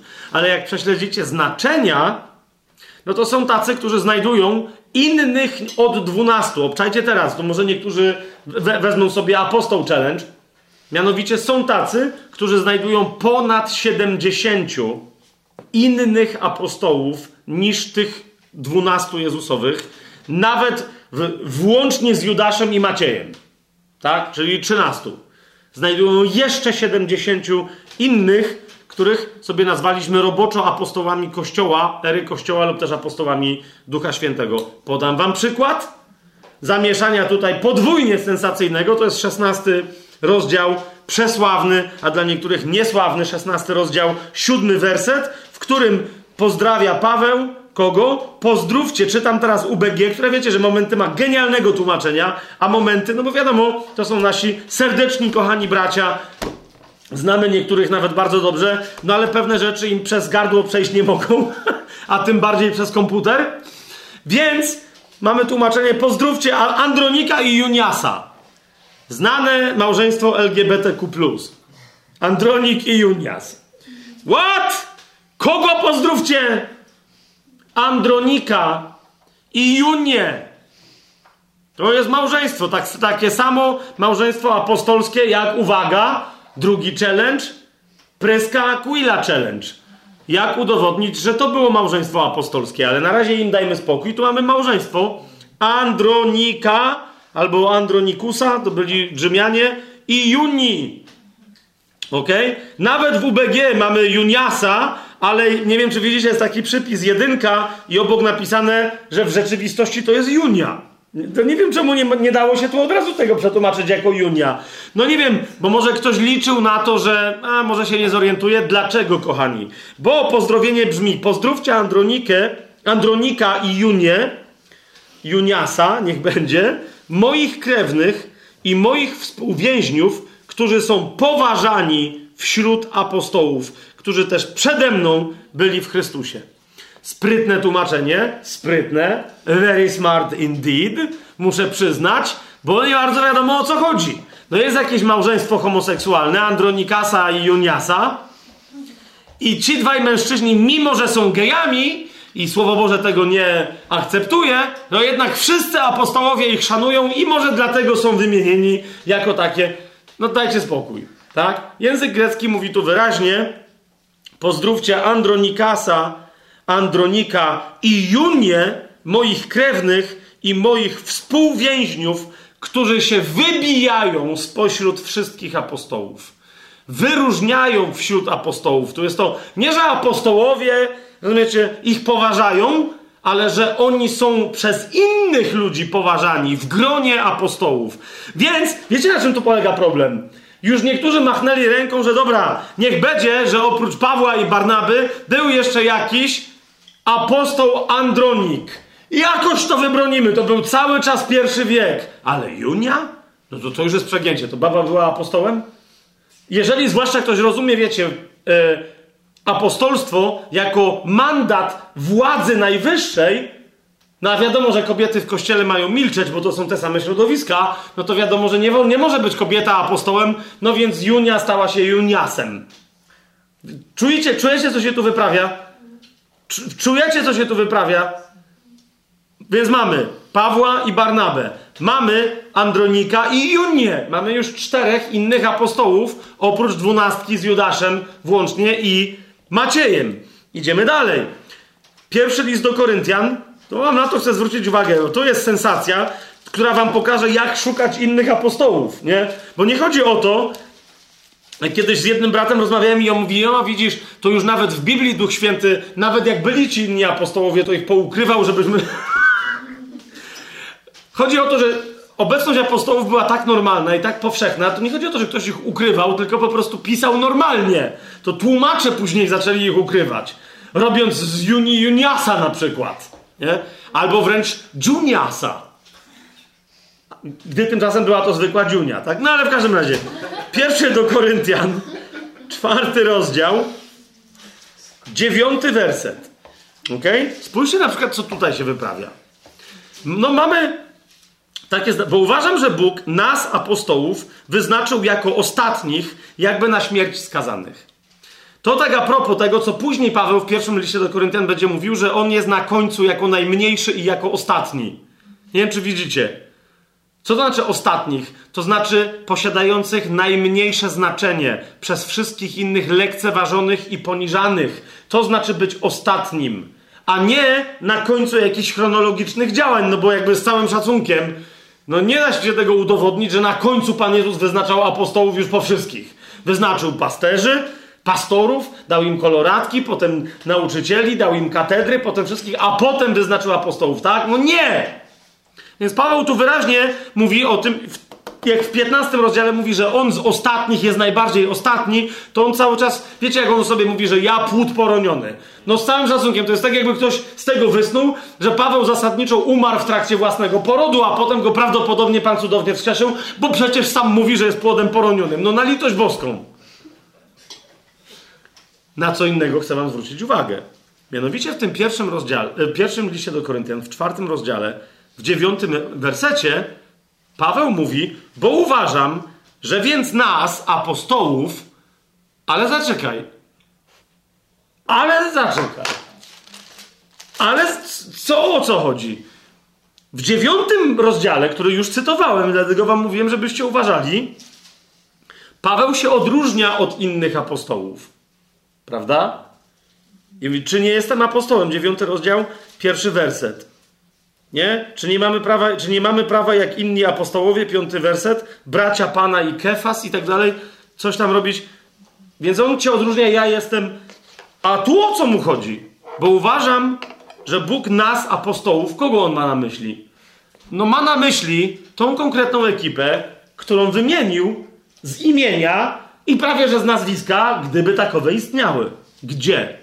Otóż, kochani, myśl Paweł kontynuuje tutaj, którą rozpoczął grubo wcześniej, ale którą podbija, uważajcie na to, w trzecim rozdziale, w dwudziestym drugim wersecie.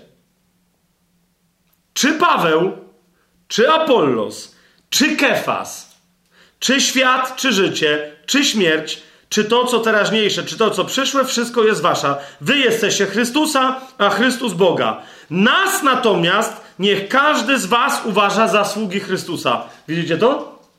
Nas, czyli kogo? Pawła, czy to Pawła, czy to Apollosa, czy Kefasa.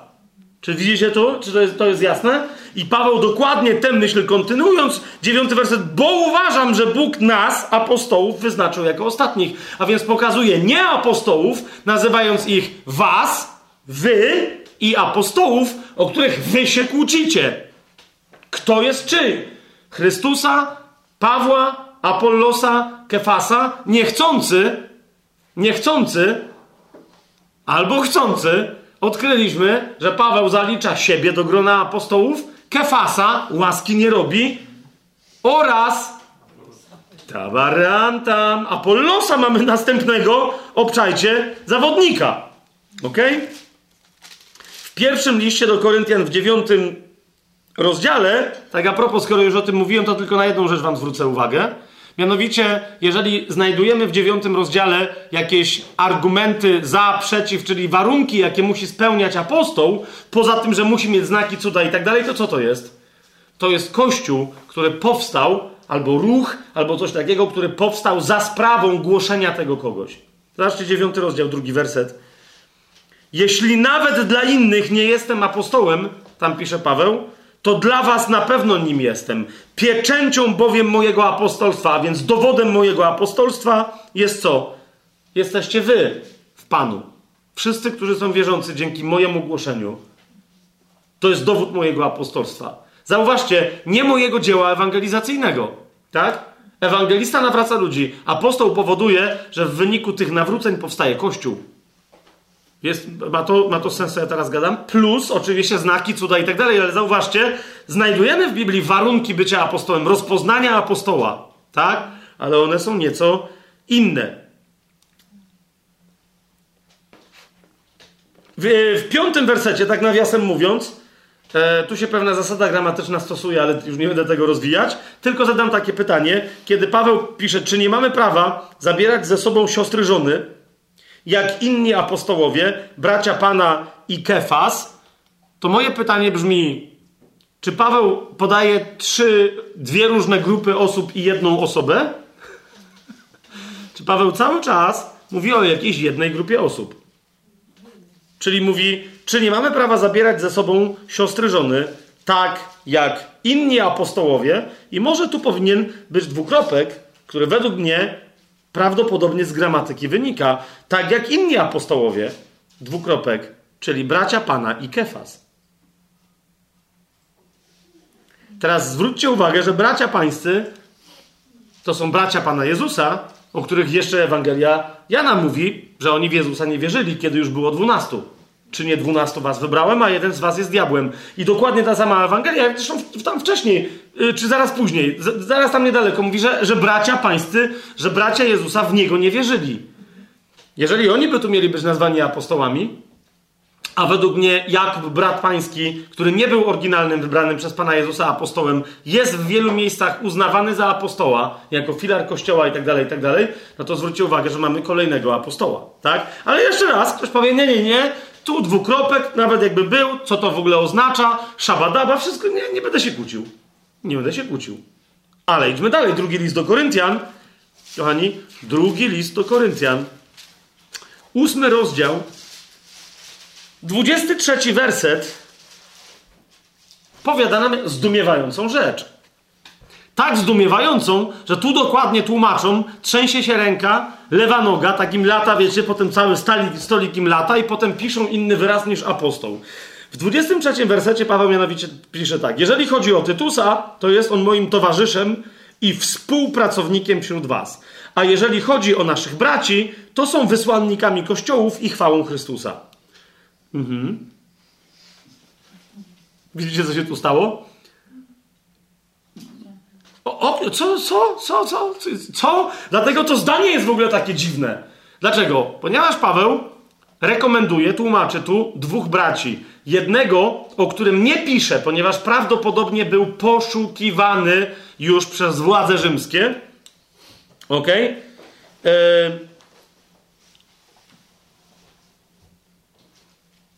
18 werset, widzicie? Posłaliśmy razem z nim brata, którego sława w Ewangelii rozchodzi się po wszystkich kościołach. Widzicie to? A my nie mamy tu napisane, kto to jest. Nie? I potem wiemy, że jest jeszcze Tytus. I teraz na podsumowanie Paweł mówi tak. Gdy chodzi, no skoro jego sława się rozchodzi w Ewangelii, to już wtedy jak go zobaczycie, to będziecie wiedzieli, że to on. Że to o nim napisałem. Tak? Ale Tytusa możecie nie znać. I teraz uważajcie, o to chodzi Pawłowi, że już pisze, czyli wysyłam wam tego i tego. I teraz, gdy chodzi o Tytusa, to wystarczy wam wiedzieć, to jest znaczenie 23 wersetu. Że jest moim towarzyszem i współpracownikiem wśród was. Jeżeli natomiast chodzi o nich dwóch, to są oni apostołami kościołów, chlubą Chrystusa. Widzicie to? Więc masz konkretnie jakiegoś bezimiennego. Teraz jest pytanie, czy bezimienny. Zdaje się, że przy okazji drugiego do Koryntian mieliśmy sobie zdradzić, kto to jest, i zdaje się, że chyba tego nie zrobiłem. Czy zrobiłem? Nie pamiętam. Jak nie, no to ej, napomnijcie brata i, i kiedyś będziemy musieli zrobić QA, co obiecałem wyjaśnić w ramach regularnego sezonu i na co jeszcze nie wpadliśmy do tej pory. Jak ktoś słucha, tego to weźcie zbierzcie, ile było takich pytań, na które obiecałem, że odpowiemy i nie odpowiedzieliśmy. Zrobimy jeden zbiorczy, ekstra bonusowy odcinek 13-13 e, na przykład, no nie? Dobra, może wcześniej. Więc kto to... Nieważne, ale chodzi mi o co, jak się zorientujemy, kto to najprawdopodobniej jest, to mamy dwóch ekstra apostołów, mianowicie Tytusa i jeszcze kogoś. Tutaj. Mamy Tytusa przedstawionego jako apostoła. Czy to widzicie? Drugi do Koryntian, jedenasty rozdział. Piąty werset, ale to jest tylko tyle. Paweł tu jeszcze raz się odwołuje do wielkich apostołów. Chodzi tu tylko o to, że prawdopodobnie tak byli nazywani ci, wiecie, apostołowie baranka, tych pierwszych dwunastu. Nie? Są różne nazwy na, na tą dwunastkę. Dwunastoma byli nazywani dwunastoma apostołami, apostołami baranka, tymi, których on wybrał, albo wielkimi apostołami, ale to nie znaczy, że nie byli inni. Nie istnieli inni, mniejsi apostołowie. Ok? W 12 rozdziale, yy, w 11 wersecie cały czas, zauważcie, Paweł ich nazywa wielkim, nie tylko tutaj, w liście do Galacjan też i tak dalej, nazywa ich wielkimi apostołami, nie? On mówi, że w niczym nie, nie byłem mniejszy niż ci wielcy apostołowie, do których ja się nie zaliczam, ale w niczym nie byłem mniejszy. Dalej, żeby tylko takie, wiecie, żeby wam nie popsuć zabawy poszukiwania własnych 70 różnych apostołów w Biblii. Następnego zawodnika wam wskażę, wprost nazwany z imienia, z nazwiska, z adresu, normalnie z wszystkiego, jako apostoł. To jest list do Filipian, drugi rozdział, 25 werset. Kto to jest? Epafrodyt. Powitajcie w gronie znanych nam apostołów kolejnego.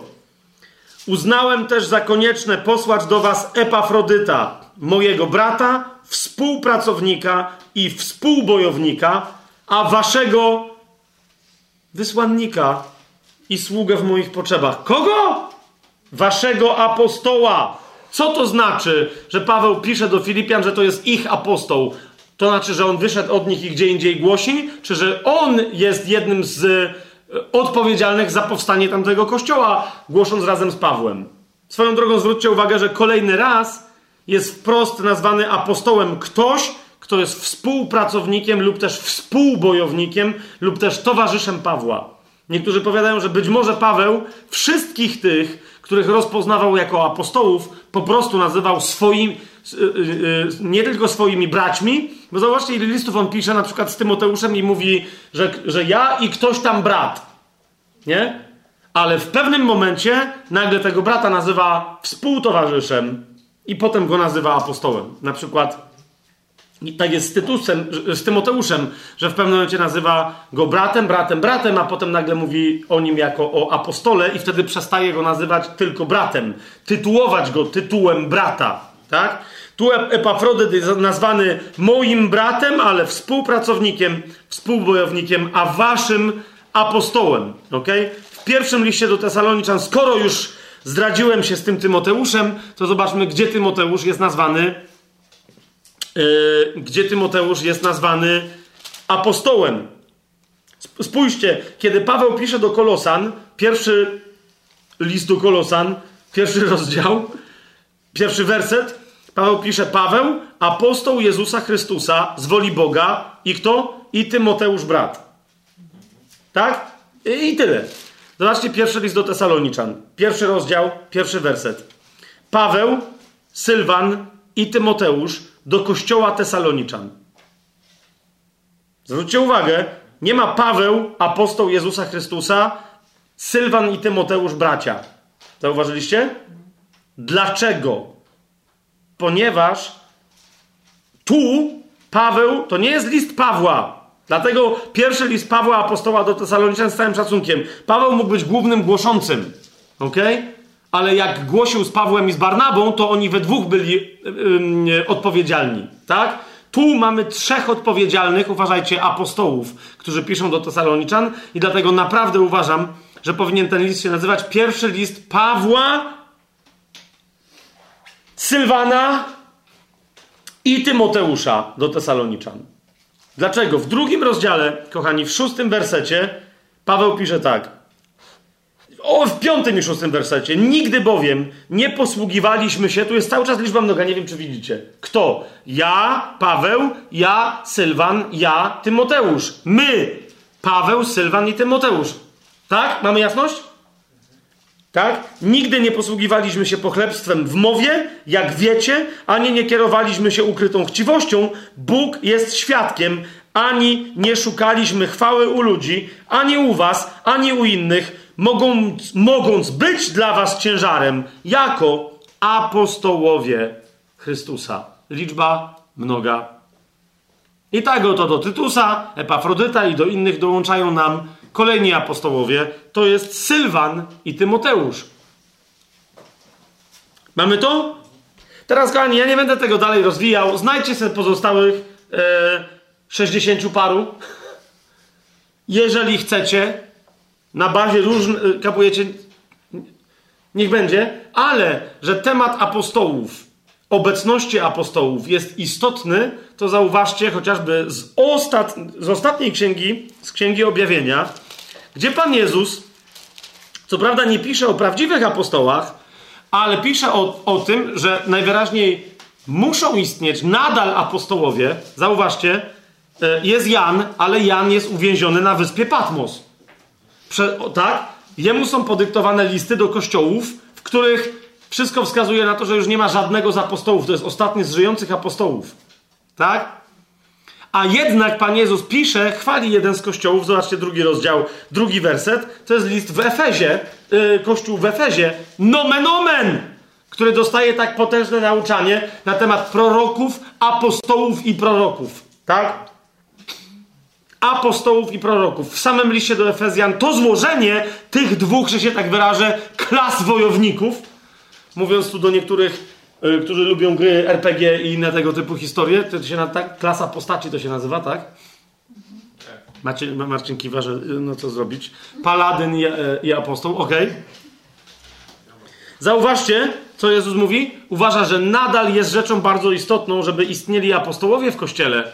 Że to jest fundament, do tego stopnia to jest istotne, że opłaca się jakimś szaleńcom podszywać pod, pod apostołów, aby spróbować przejąć władzę w kościele. Popatrzcie, w drugim rozdziale, w drugim wersecie, zaraz na początku listu do anioła kościoła w Efezie, Pan Jezus mówi: Znam Twoje uczynki, Twoją pracę i Twoją cierpliwość, i że nie możesz znieść złych i uważajcie na to, że poddałeś próbie tych, którzy sami siebie nazywają apostołami, a nimi nie są, i stwierdziłeś, że są kłamcami. Niektórzy mówią, to jest dowód na to, że nie powinno być. Rozumiesz? Wiecie o co mi chodzi? Co to jest za, za nonsens? Gdyby Kościół w Efezie wiedział, że już nie powinno być innych apostołów, to by ich nie poddawał próbie. Skoro ich poddawał, to ich poddał próbie, żeby sprawdzić, czy są prawdziwymi apostołami. Tak? A więc musieli przetestować rozmaite wątki. Na przykład, czy mają pieczęć swojego apostolstwa, jaką jest jakiś inny kościół. Dlaczego? Bo Efes na pewno nie był ich kościołem. Więc jesteście apostołami jakiego kościoła? Gdzie wy zakładaliście kościół? Bo tu zakładał Paweł. Tak? Nie tylko zresztą Paweł, ale o tym nie dzisiaj, jeżeli będziemy mówić o, o, tego typu historiach. Więc, więc co? Jak się modlicie, czemu nikt nie jest uzdrawiany? Nie ma przy was żadnych znaków, cudów, przejawów mocy. Co jest grane? Jakimi wy jesteście apostołami? Przetestowali wszystko, stwierdzili, nie jesteście żadnymi apostołami, a skoro nie, to wynocha. Okay? I Pan Jezus ich za to chwali. Swoją drogą, ten problem, kochani, był problem, no też przelecieliśmy do końca, ale Paweł już pisze do kogo? Do Koryntian. Okej? Okay? W, jedna, w y, drugim rozdziale do Koryntian, w, jedyna, w drugim liście do Koryntian, w jedenastym rozdziale e, Paweł pisze, że pojawiają się fałszywi apostołowie. Właśnie to jest to. Bo bycie apostołem było tak, rozumiecie, przez niektórych pożądane. Rzeczywiście byli otoczeni pewnego rodzaju szacunkiem apostołowie. Teraz na szczęście oni wszyscy byli pokorni i po prostu przychodzili, żeby służyć, a nie żeby rządzić ludźmi. Ale już najwyraźniej pojawiło się nauczanie, że okej, okay, no taka jest moja służba, że ja wami będę rządzić. Okej? Okay? I, do, i, i, I o tym problemie nie tylko Pan Jezus pisze na końcu pierwszego wieku, ale Paweł wcześniej do Koryntian, to jest 11 rozdział, 13 werset, Dora, 12 i 13 werset. On mówi tak, co zaś czynię, nadal będę czynić, aby pozbawić okazji tych, którzy jej szukają, aby w tym, z czego się chlubią, okazali się takimi jak my. O co chodzi? Pawłowi chodzi o fałszywych apostołów, którzy twierdzą, że są apostołami, a nimi nie są, a mówią, że on nie jest. Nie? Więc on mówi, przetestujcie ich. Dlaczego? 13 werset. Tacy bowiem są fałszywymi apostołami, podstępnymi pracownikami, którzy tylko przybierają postać apostołów Chrystusa. Widzicie to?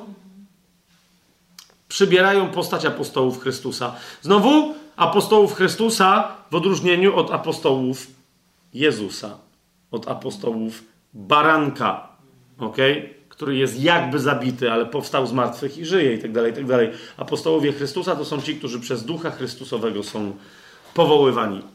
Jest to jasne? A zatem, kochani, wrócą, wracając i teraz jak już to sobie zobaczyliśmy, że Biblia mówi wyraźnie o tym, że są inni apostołowie i tak dalej, i tak dalej, i tak dalej. odpowiedź moja na tych wszystkich 5, 7, 10 argumentów, ile ich tam nie naliczyliście, jest następująca. I ją sobie aż zapisałem jednym zdaniem. Ciało Chrystusa jest nie tylko budowlą historyczną, która się więc rozwija przez wieki, ale jest żyjącym organizmem. Pamiętacie nauczanie z poprzedniego tygodnia? I jest przede wszystkim żyjącym organizmem, co oznacza, że w każdym pokoleniu jest tak samo ustrukturyzowane na czele z zasadą głowy. No bo rozumiecie, jeżeli ktoś mi mówi, że ciało Chrystus, e, że, że Kościół jest, jest organizacją historyczną i dlatego apostołowie są tylko na początku, z całym szacunkiem, to jeszcze bardziej na początku jest głowa, czyli Chrystus. To znaczy, że przez wszystkie następne pokolenia my żyjemy bez głowy? Nie, rozumiecie, no bo to jest, czyli możemy usunąć historyczny początek apostołów, a głowę nie usuwamy, to jakby co? No to bądźmy konsekwentni.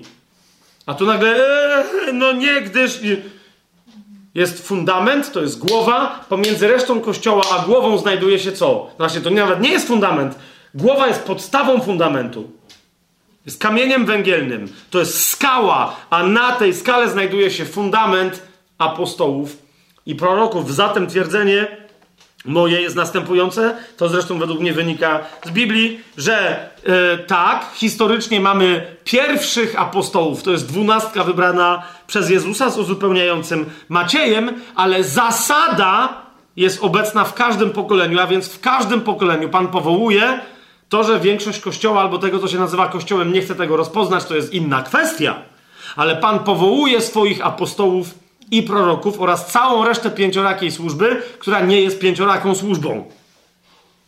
O czym za chwilę, ale powoli, bo widzicie, ile musimy, dlatego że tajemnego planu słuchają różni ludzie, i, i tu odpowiadamy na pytania, których nawet jeżeli wy nie macie, to musimy na nie odpowiedzieć. Tak?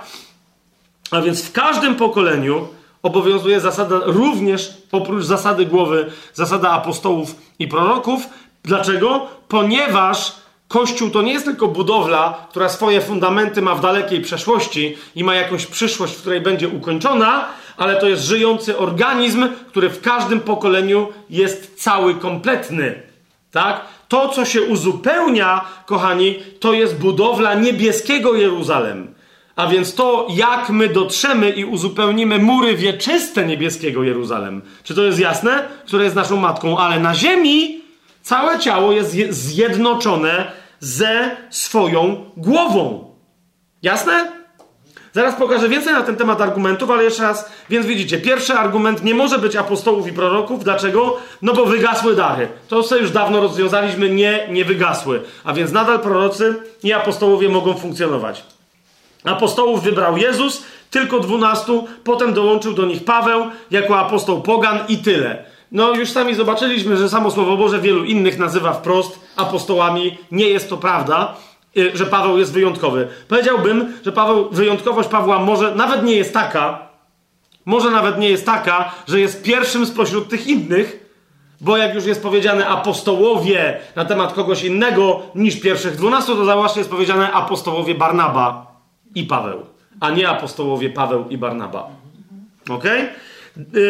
Dalej, apostołowie i prorocy są fundamentem Kościoła w sensie historycznym, a więc tylko w pierwszym pokoleniu. Gdyby tak było, popatrzcie jeszcze raz, list do Efezjan razem ze mną, gdyby tak było, to musielibyśmy usunąć nie tylko ich. Ok? To jest drugi rozdział, 20 werset. Jesteśmy zbudowani na fundamencie apostołów i proroków, gdzie kamieniem węgielnym jest sam Jezus Chrystus. To by znaczyło, zresztą wiecie, z tego powodu, że bo ludzie tak naprawdę podświadomie tak to odczytują. Jakby do, dopatrują, wiecie, ekstremum jest Kościół rzymskokatolicki, który w zasadzie nie potrzebuje Jezusa, no i dlatego ma go zamkniętego w tabernakulach, w których jest zamknięty ponoć fizycznie w więzieniach małych opłatków. Okay? Czemu? No bo, yy, bo ma swojego pełnoprawnego, pełną gębą rządzącego wikariusza jedynego, którym jest papież. Skoro on jest osobistym zastępcą Chrystusa na ziemi, to po co komu Chrystus? On przecież wszystko wie, on jest nieomylny, tylko i wyłącznie w sprawach moralności i wiary. No to wystarczy. Przecież Pan Jezus nie chce, żebyśmy głosowali na tych czy na innych w polityce, tak? Więc o co ci chodzi? Rozumiecie? Y, ja pamiętam jak kiedyś miałem taką debatę, bo został przetłumaczony, y, nawet nie wiem jak oryginalnie ten, ten, ten, ten musical się nazywał, wiem jak się nazywał, Jesus Christ Superstar. Ok? Bardzo sławny yy, ten jakiś musical. Ja go nie słuchałem, bo zawsze uważałem, że to jest jakieś głupie, że Jezus jest super gwiazdą, ok, super celebrytą, niech będzie. Ale potem ktoś tam to przetłumaczył, to potem się pojawiło po polsku jako takie jakieś dzieło teatralno-operetkowo-operowe, nie wiem jak to nazwać. Też tego nie słuchałem, ale ktoś mi potem powiedział, że jakaś tam jedna piosenka była przepiękna, w tym y, spektaklu, no i że trzeba to zaśpiewać w kościele. Jak to było zaśpiewane w kościele rzymskokatolickim, to ja to za, jako ksiądz jeszcze zabroniłem tego śpiewania tego scholi, że nie będą mi szatanistycznych piosenek w kościele śpiewać, a potem się okazało, że masa innych protestantów tą piosenkę śpiewa. Myślę, no jak słowo daje. Dlaczego im zabroniłem? Teraz ja nawet nie wiem, czy to rzeczywiście pochodzi z tego musicalu, czy po prostu któryś z tak zwanych animatorów e, muzycznych, czyli z tak zwanych liderów uwielbienia, czy po prostu tego nie wymyślił. Ale piosenka w każdym razie szła tak. Z, to było bardzo wysoko śpiewane, tam jakiś taki, wiecie, mężczyzna z długimi włosami, najlepiej, żeby to śpiewał. Eee, I tam była taka, tak, te, te, te, słowa, które do tej pory mi siedzą. Tam to szło mniej więcej tak. Zawsze chciałem zostać apostołem. Było to pragnienie w życiu mym, czy tam w sercu mym. Gdy odejdziesz, to napiszemy Ewangelię, aby coś tam imię Twoje znał cały świat. Jak to usłyszałem, stwierdziłem, okej, okay, koniec. Ko, ko, ko, koniec. Rozumiecie? Yy, możecie tego, to znaleźć w internecie, sprawdzić tam ten. Ja może to źle zaśpiewałem, może zafałszowałem, udając, że jestem piekarczykiem z TSA. W każdym razie to, to, jest piosenka apostoła? Zawsze chciałem zostać apostołem ja. Było to pragnienie w sercu mym. I ponieważ to było moje pragnienie, to ja je zrealizuję. Gdy odejdziesz, to napiszemy Ewangelię, aby imię Twoje znał cały świat. Co się. Co? No ale rozumiecie, to, to, to, jeżeli ktoś rozumie Kościół historycznie, to tak było. Był Jezus i umarł i poszedł. Kogo zostawił? Apostołów. No potem byli apostołowie, Poumierali, co i tyle. No i tyle, poszło. Cała reszta ma obowiązek, tylko znaczy, Kościół rzymskokatolicki pod tym względem przynajmniej nie uszukuje. Mają koncepcję tak zwanej sukcesji apostolskiej. Co to jest sukcesja apostolska? To znaczy, że apostołowie, jak już umierali, już wiedzieli, że już nikt nie będzie apostołem takim prawdziwym, ale kładli ręce na wybranych przez siebie ludzi i oni Dostawali, y, jak to się y, u protestantów charyzmatycznych nazywa? Y, nie, nie, to jest impartacji. Dostawali, przekazywali im tam swoje części apostolstwa. Ci dostawali, przyjmowali więcej, panie. Przepraszam za sarkazm, ale aż mnie trafia, bo to jest, rozumiecie, to jest, to jest teologia rzymskokatolicka. Zobaczcie, jak ona jest pogańska. I potem charyzmatycy, rozumiecie, jako charyzmatycy mamy tego typu rzeczy uprawiać. Czyli taki apostoł coś ma, on jest apostołem, kładzie ręce okay, na, na, na innego biskupa. Właśnie, to jest kto to jest? To jest biskup. Taka jest definicja biskupa w kościele rzymskokatolickim. To jest ktoś w stopniu wyższym niż diakon czy presbiter, o ile wyższy od pozostałych, o tyle, że na niego są włożone ręce, aby był następcą apostołów. Rozumiecie? Są położone ręce innych biskupów jest przekazane i teraz my ci przekazujemy biskupstwo i to jest to, ale co to jest? To się nazywa sukcesją apostolów. Teraz bardzo uprościłem pewne tam elementy tej teologii, ale to jest to. Znam historię e, bardzo zbliżonych, e, e, inaczej, bardzo przyjaźnie nastawionej jednej denominacji polskiej, zowiącej samą siebie protestancką, która ma biskupów, którzy to nie będę teraz mówić, o kogo chodzi i o co tam biega, ale jak głoszą starzy bandyci, kto ma wiedzieć, czy ten wie? Wysyłają swoich nowo wyświęconych biskupów, którzy nienawidzą papieża. Tak delikatnie, dyplomatycznie, żeby nie było, że nie są w ogóle już protestantami, ale którzy absolutnie czczą, nie powiem, którego z wielkich założycieli protestantyzmu, ale jak przychodzi to do czego, jak już dostają te święcenia, jadą do innego kraju, który już ma takie protestantstwo, protestanty, protestant, no właśnie, taki ma protestantyzm, że już to jest protestantstwo. I tam przechodzą po raz drugi święcenia za tajnym porozumieniem, w których uczestniczą inni biskupi tej denominacji protestanckiej oraz biskupi rzymskokatolicy, którzy mówią: OK, jesteście braćmi odłączonymi, ale przynajmniej rozpoznajecie te, teorię i praktykę sukcesji apostolskiej i wkładają na nich ręce. Więc kiedy przyjdzie kiedyś, tak mówią, do zjednoczenia całego kościoła na powrót przed przyjściem Pana Jezusa, to oni będą już mieli gotowych apostołów, o których inni poświadczą, czyli biskupi katolicy, że tak, oni mają sukcesję od tych pierwszych, bo myśmy im przekazywali. Czujecie, co się tu szykuje? Czujecie, co się tu szykuje? Więc, więc, jeżeli ktoś widzi Kościół jako instytucję tylko historyczną, to zobaczcie, co jest grane. To jest drugi rozdział listu do Efezjan, 20 werset. Jesteśmy zbudowani na fundamencie apostołów i proroków, gdzie kamieniem węgielnym jest sam Jezus Chrystus. Jeżeli chcesz spowodować, żeby fundament był historyczny, to, to, to skała, kamień węgielny jest jeszcze bardziej historyczna. Nie wiem, czy rozumiecie. Jeżeli umiejscawiasz apostołów i proroków w czasie, w przeszłości, to Jezus jest jeszcze bardziej w przeszłości niż oni. Kapujecie? I teraz, jeżeli Kościół jest tylko budowlą, no to, to dobra, ale jeżeli Kościół nie jest tylko budowlą, lecz jest organizmem, a my wiemy, że jest, i list do Efezjan o tym wyraźnie mówi, to wtedy nie jest tak, że ciału odpadła głowa 2000 lat temu i to ciało po. A 1900 lat temu odpadły mu dwa poważne systemy, czyli apostołowie i prorocy wewnętrzne, czyli układ nerwowy, i załóżmy, że według mnie, jeżeli porównać apostołów do ciała, to jest układ nerwowy. Gdzie nie ma apostołów, tam może i ciało żyje, ale się nie rusza. Nie ma żadnej reakcji, jest kompletny paraliż. ok?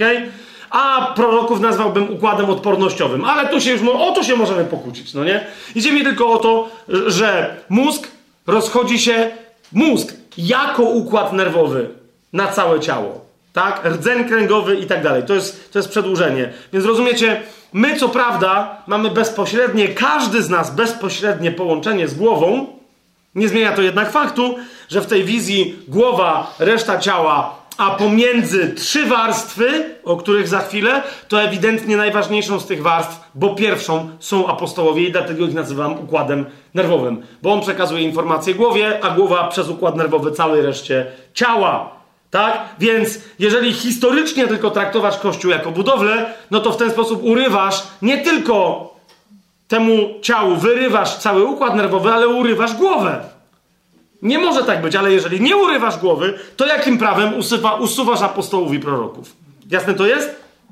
Przyjrzyjmy się temu teraz z nieco innej perspektywy. Pamiętacie, że słowo apostoł pojawia się w, Ewangelii Jana tylko raz. Pamiętacie, gdzie mówiłem, że się w Ewangelii Jana pojawia? 13, 16. Ewangelia Jana, 13 rozdział, 16 werset. Zaprawdę, zaprawdę powiadam wam, sługa nie jest większy od swojego pana, ani apostoł, liczba pojedyncza, nie jest większy od tego, który go posłał. Nie wiem, czy jakie jest porównanie tego czasownika z innymi, ale czasownik grecki, od którego pochodzi słowo apostoł, przez Pana Jezusa bardzo często jest wykorzystywany w Ewangelii Jana i posługuje się nim w odniesieniu do siebie. Jak mnie ojciec posłał. Pamiętacie? Z pamięci ciężko jest wyliczyć w ilu miejscach mówi, jak mnie ojciec posłał, ponieważ mnie ojciec posłał, mnie posłał ojciec i tak dalej, i tak dalej, i tak dalej. Otóż wydaje mi się, że nawet jeżeli Pan Jezus podawał zasadę ogólną, że nie jest większy apostoł od tego, kto go posłał, to mówił najpierw, bo on cały czas mówi, jak mnie ojciec coś zrobił, tak ja wam robię. Jak mnie ojciec ukochał, tak ja was ukochałem. Tak wy następnie miłujcie siebie, jak ja was ukochałem, bo ja was ukochałem tak, jak ojciec mnie ukochał, tak? Teraz widzicie, według mnie Jezus wysyła swoich apostołów tak, jak ojciec wysłał jego. Pierwszym apostołem widzialnym na świecie nie był żaden z dwunastki oryginalnej, ale był Jezus. Ok? I, I dlatego, jak mówimy o pozostałych następnych apostołach, o tym, że mądrość, czyli apostoł, wyśle następnie apostołów i proroków. Pamiętacie to, co żeśmy rozważali, jak on mówi, że mądrość powiedziała, że, że posyła apostołów i proroków i będą zabijani. I myśmy już u Pana Jezusa widzieli, że on wyraźnie mówi, że, ta, że to się będzie działo aż do momentu Jego przyjścia. Zauważcie, co? Wysyłanie apostołów i proroków na te, yy, na te opłotki, na te bezdroża, na, na skrzyżowania dróg, żeby zapraszać wszystkich, wręcz przymuszać do wejścia, dobrych i złych. Tak? List do Hebrajczyków rzeczywiście w trzecim rozdziale, w pierwszym wersecie tak nazywa Jezusa. W pojedynczej liczbie, a nie w mnogiej, apostołem jest nazywany Jezus i tylko Jezus. Dlatego, bracia święci, uczestnicy niebieskiego powołania, zwróćcie uwagę na apostoła i najwyższego kapłana naszego wyznania, Chrystusa Jezusa. To jest pierwsza rzecz. Być apostołem oznacza w najbardziej ekstremalnym sensie, rozumiecie, realizować naśladownictwo Jezusa. Więc jedna z cech rozpoznawczych apostoła to jest, że ten ktoś żyje takim życiem, w ramach którego może powiedzieć innym: naśladujcie mnie. Prorok, ewangelista, wiecie o co mi chodzi? Nauczyciel, pasterz nie może tak powiedzieć.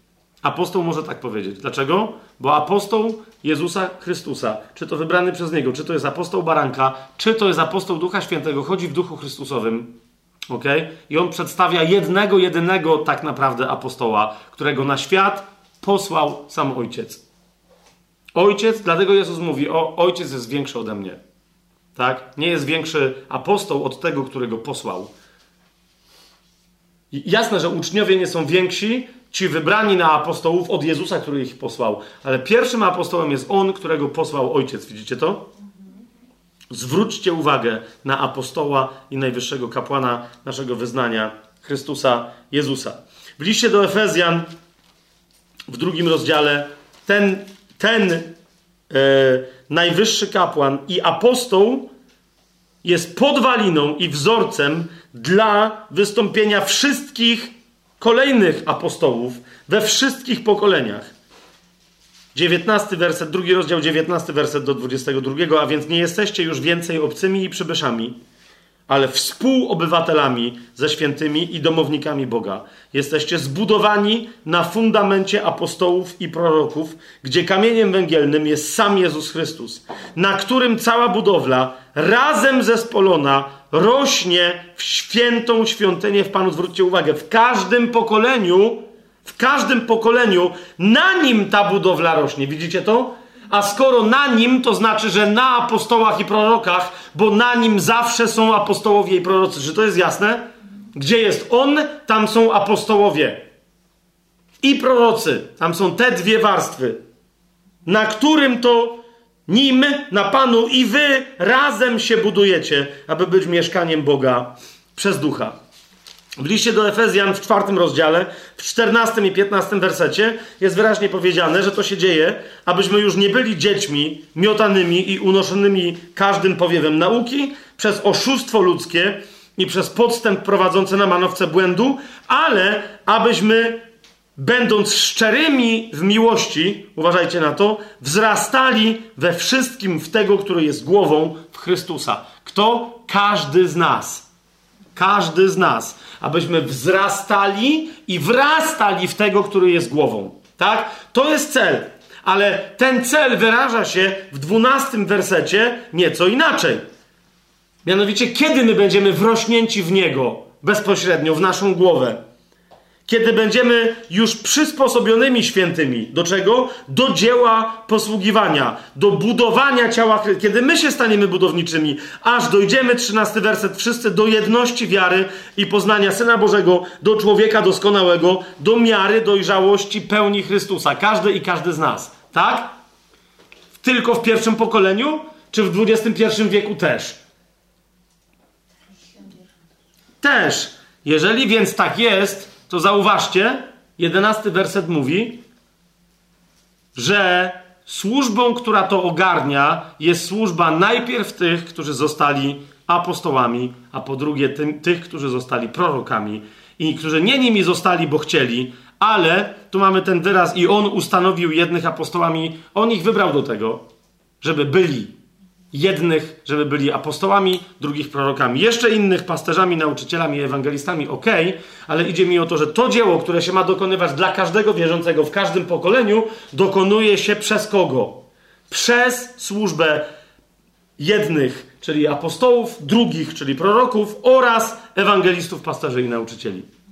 Taka jest myśl listu do Efezjan. Czy to widać? Czy to widać? Czy to się może nie dziać w jakimś pokoleniu? Jeżeli zabraknie ich, to zabraknie dojrzałości.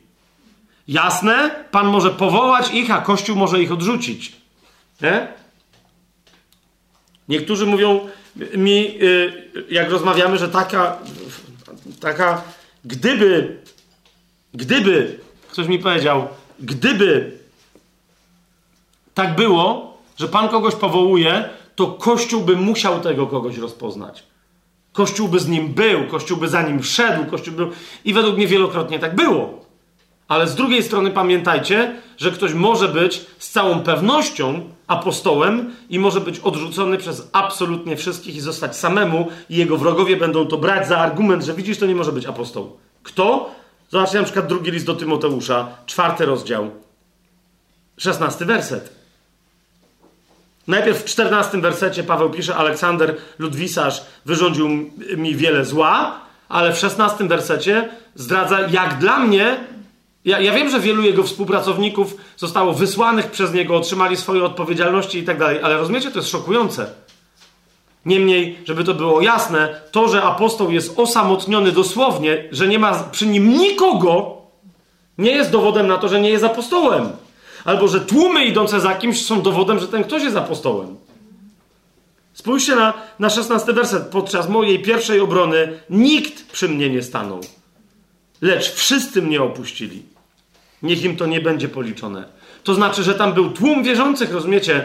Bo to nie jest tak, że Paweł ma pretensje do Tymoteusza, mówi, oj, cię nie, nie było przy mnie, bo Tymoteusza tam nie było. Wielu innych, którzy by stanęli przy Pawle, ich tam nie było, nie wiem, czy rozumiecie, ale byli wierzący, i dlatego Paweł mówi, niech im to nie będzie policzone, bo byli, ale nie stanęli przy mnie.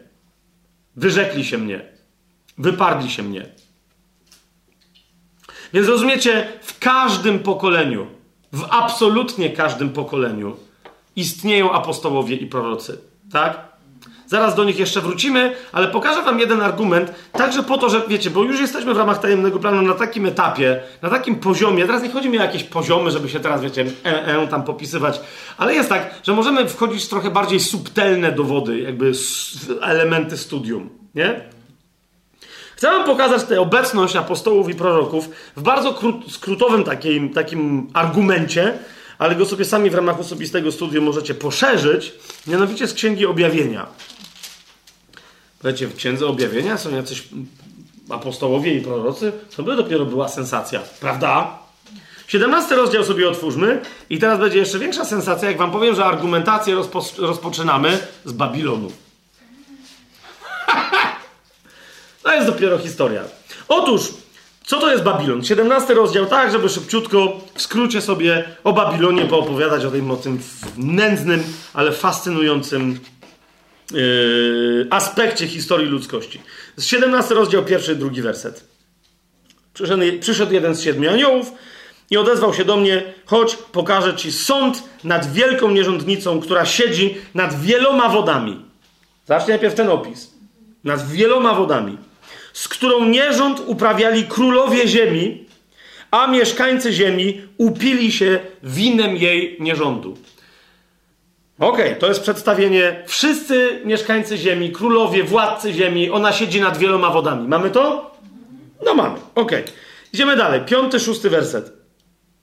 Na jej czole ma wypisane imię tajemnica, czyli to jest, wiecie już, albo się domyślacie, kontrtajemnica do tajemnicy tajemnic. Diabeł zawsze próbuje zrobić jakieś swoje dziadostwo. Jak Bóg istnieje jako trójca, to on robi swoją trójcę antychrystową. Bestię, drugą bestię i wizerunek bestii, który ożywa. Ma, trójcę? Ma, tak? Fałszywego ojca, fałszywego syna i fałszywego ducha świętego? Proszę cię bardzo. Ma, tak? Jest Kościół, jest misterion, tajemnica tajemnic, oblubienica Pana Jezusa. No to ten ma swoją oblubienicę, tak? Ta oblubienica Chrystusa wyjdzie za niego za mąż, ten swoją zamorduje jak psa. Wykończy ją do ostatniej kropli krwi, którą ona się sama uchlała. Ok? Ta oblubienica pańska ma swoją wieczerzę, ma chleb i wino, które są spożywaniem jego ciała i piciem jego krwi. Amen? Tu masz nażeranie się jedzeniem zabitych ludzi, oblubienicy pańskiej i picie ich krwi i wszystkich innych niewinnych na ziemi. I tak dalej, i tak dalej. Nie? To jest parodia kościoła. To jest bardzo istotne. To jest parodia kościoła. Karykatura groteskowa kościoła. I zresztą zobaczcie, jak jest, jak jest ona opisana. Matka nierządnic i obrzydliwości ziemi. Tu od razu was pytam, bo jeszcze tam pytanie nie było zasadne. Jak ona siedzi nad wszystkimi wodami, to czy ona zawsze, przez wszystkie wieki, siedziała nad wszystkimi wodami? Nie? Ale tu już pytanie jest zasadne. Jeżeli ona jest matką nierządnic i obrzydliwości tej ziemi, czy jest matką nierządnic i obrzydliwości ziemi pierwszego wieku? Nie? Okej, okay, okej. Okay. Czy też jest w ogóle matką wszelkiego religijnego e, usypienia? Tak? I zobaczyłem kobietę, bo to jest ona, pijaną krwią świętych i krwią męczenników Jezusa. No jeżeli tak, to w takim razie może ona nie istniała od początku i nie zawsze Babilon, no ale z drugiej strony wiecie od kiedy istnieje Babilon, tak? Ale w pewnym momencie ta nierządnica zaczęła się upijać krwią świętych. Świętych pierwszego wieku, to jest moje pytanie, kochani. Czy ona jest pijana krwią świętych pierwszego wieku? Czy też krwią świętych i krwią męczenników Jezusa. Zwróćcie uwagę. A gdy ją zobaczyłem, zdumiałem się bardzo. No, też bym się zdumiał. Zauważcie, że, że on się nawet nie zdumiał, jak zobaczył bestię, która miała rogi baranka i wyglądała jak baranek, a mówiła jak smok. To nawet wtedy za bardzo się nie zdumiał, Jan. Tu przeżył szok, jak bardzo ona jest podobna. Wiecie do kogo? Na pierwszy rzut oka niewprawnego. Ok?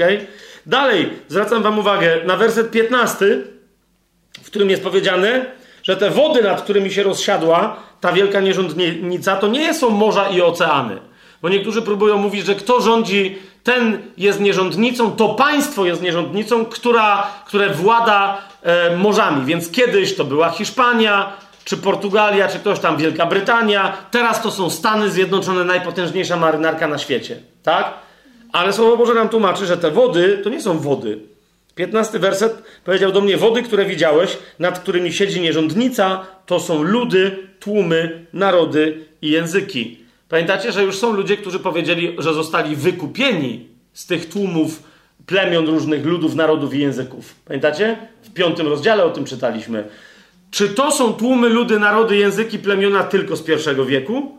Czy też to są ludzie, którzy zostali wyrwani z wszystkich możliwych plemion, narodów, języków wszelkiego wieku?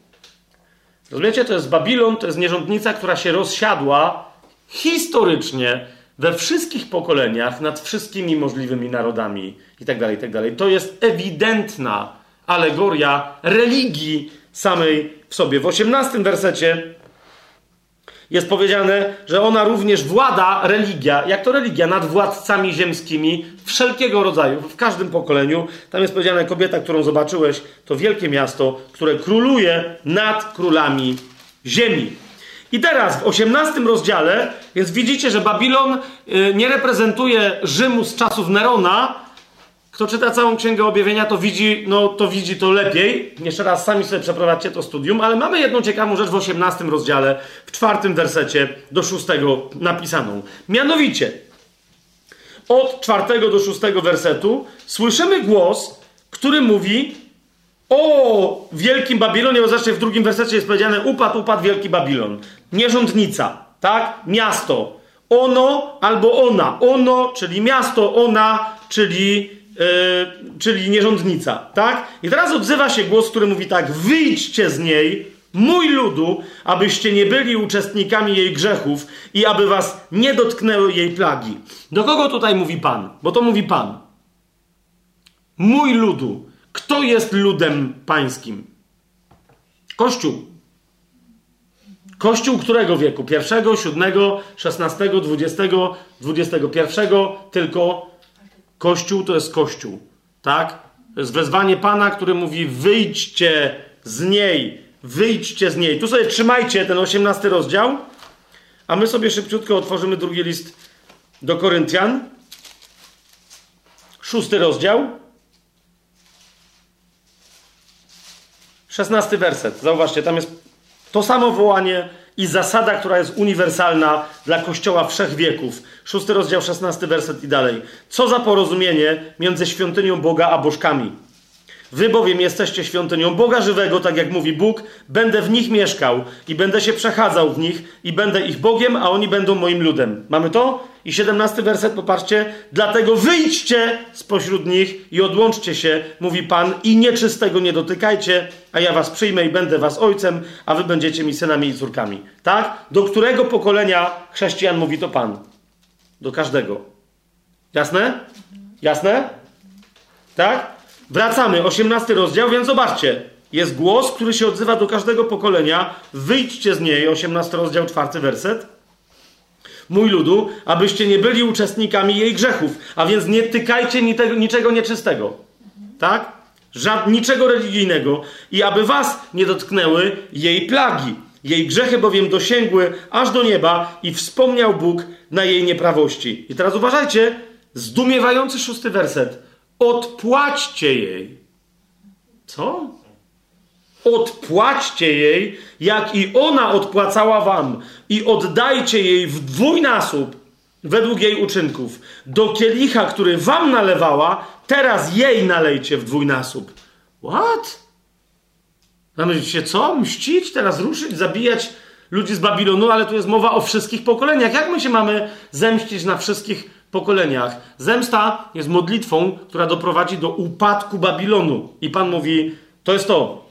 Wyjdźcie i odpłaćcie jej modlitwą. Ósmy werset.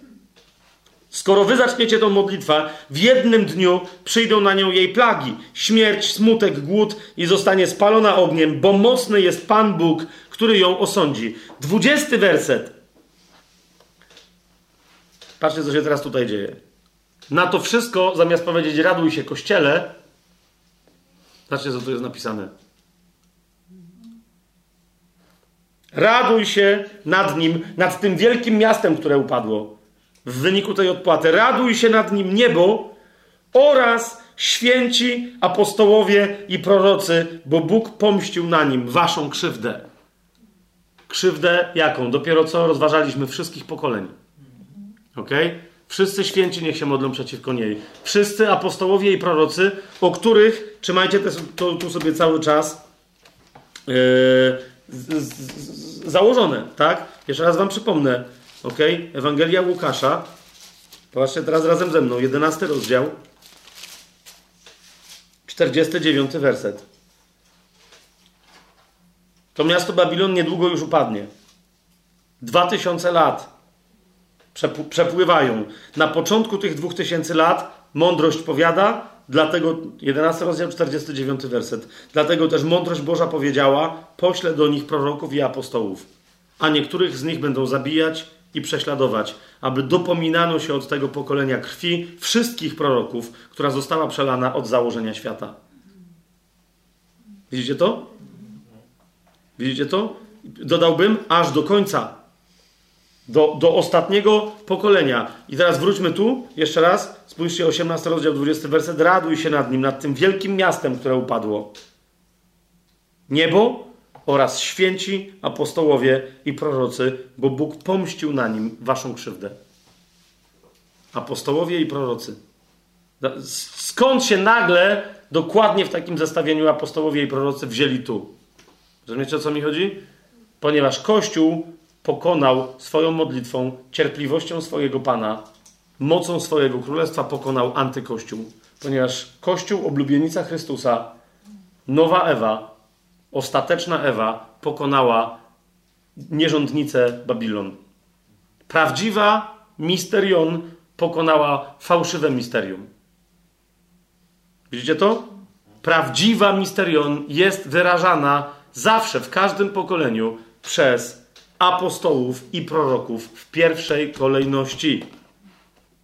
W 20, jakbyście mieli jeszcze wątpliwość, że Babilon jest odpowiedzialny za wszystkie pokolenia i za, odpłaccie im za to, za to, co ona wam robiła, tak? A co ona wam robiła? Zobaczcie, że, że tu chodzi o wszystkie pokolenia. Zobaczcie 23 i 24 werset. I światło lampy nie zabłyśnie już w tobie, Babilonie, i głosu oblubieńca i oblubienicy nie będzie już słychać w tobie, bo twoi kupcy byli możnowładcami ziemi, bo twoimi czarami zostały zwiedzione wszystkie narody ziemi. W nim też, w tym mieście, znaleziono krew proroków i świętych i wszystkich zabitych na ziemi. Rozumiecie o co chodzi? Nie jednego pokolenia, nie jednego wieku, nie jednej epoki historycznej, ale wszystkich, którzy byli zabici na ziemi na czele z prorokami i świętymi apostołami. Tak? Tak? Na jedną wam jeszcze rzecz zwrócę uwagę. Coś, czego my bardzo nie doceniamy. Bardzo mało się o tym mówi, e, ale na przykład analiza porównawcza języka według mnie pokazuje, jak dobrze Paweł znał apostoła Jana. Paweł od kogoś, on się z nim spotykał, on widać, że z Kefasem coś tam nie zażarło. Nie pyknęło i tyle, nie? Ale on mówi o tym, że się znali z Janem. Że sobie podali, jego zawsze wymienia, rozumiecie? I ja myślę, że może nie mieli dużo czasu, okay? żeby osobiście przebywać, bo, bo Paweł mówi, że nie przebywali ze sobą zbyt długo, ale to nie znaczy, że w ogóle nie przebywali, bo jego wyraźnie wymienia z imienia. Ale myślę, że później jak już Pawła nie było, Jan miał ogromną rewerencję do Pawła, może największą spośród wszystkich apostołów, ponieważ u Jana zaczynają się pojawiać całe pasusy, które pochodzą od Pawła. Nie? Zauważcie, nie wiem czy na to zwróciliście uwagę, 18 rozdział 20 werset, święci apostołowie i prorocy. Widzicie to? Gdzie widzieliście wcześniej tę frazę? List do Efezjan, nie 2,20. Otwórzmy sobie list do Efezjan. Trzeci rozdział, piąty werset. Ta tajemnica, i to jest, zauważcie przy okazji, misterion u Pawła. Misterion został objawiony komu? Jego świętym apostołom i prorokom. Widzicie to? To jest jedno, jedyne miejsce. Jedno, jedyne miejsce. Efezjan 3.5, gdzie, gdzie, gdzie, pada tego typu określenie, to jest Paweł. Tak? List do Efezjan jest napisany wiele, wiele lat przed Księgą Objawienia Jana. Tak? Jan ewidentnie zaczerpnął, to nie jest jedyny taki pasus, jedyne taka, e, wiecie, wyrażenie, związek jakiś frazeologiczny i tak dalej, którym Paweł, Jan się posługuje po Pawle. Sensacja.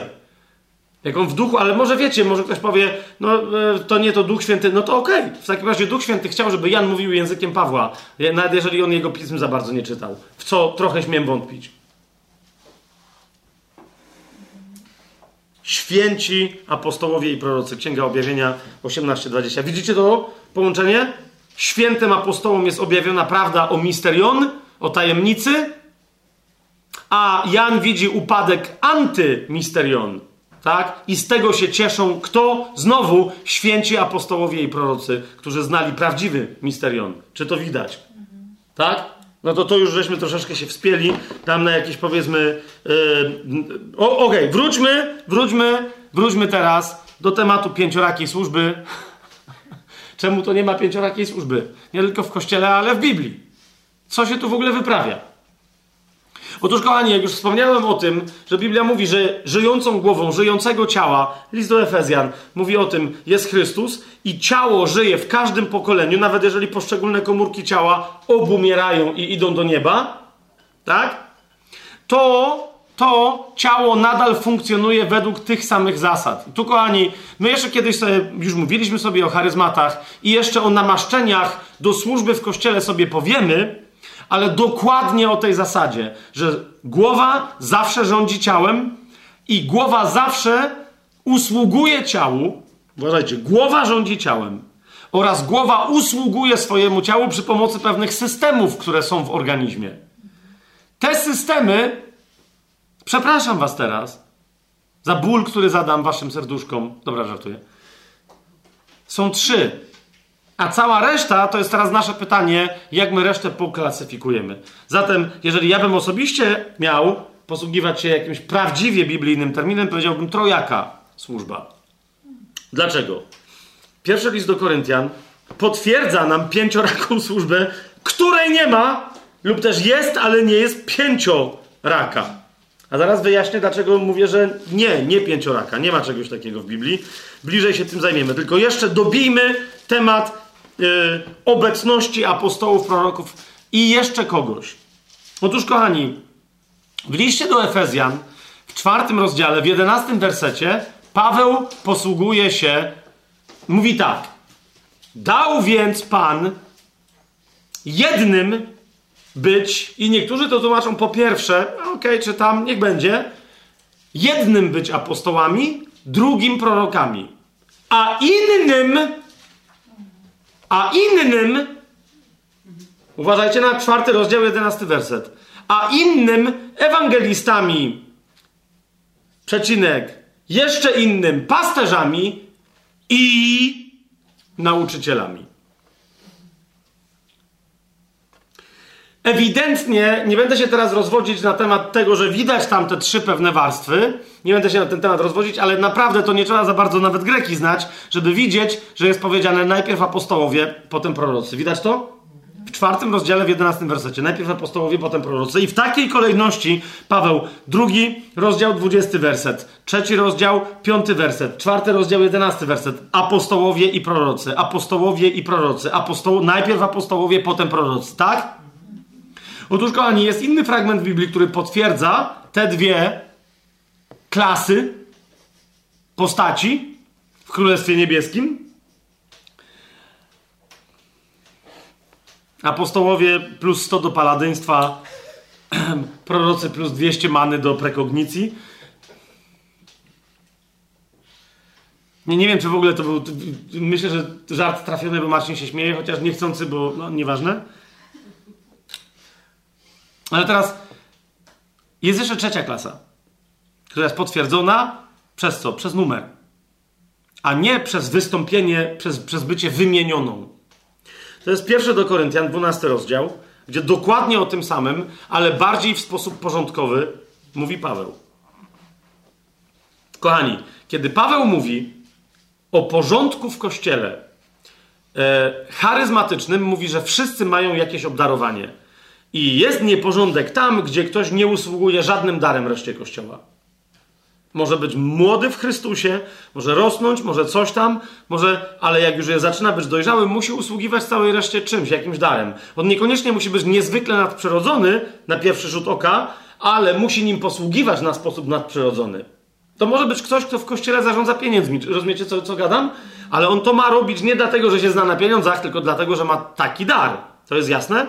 W dwunastym rozdziale, y, tak o tym Paweł, pierwszego listu do Koryntian, pisze, od czwartego wersetu mówi, że są różne dary, ten sam duch, różne usługi, ten sam Pan, różne działania, ale ten sam Bóg.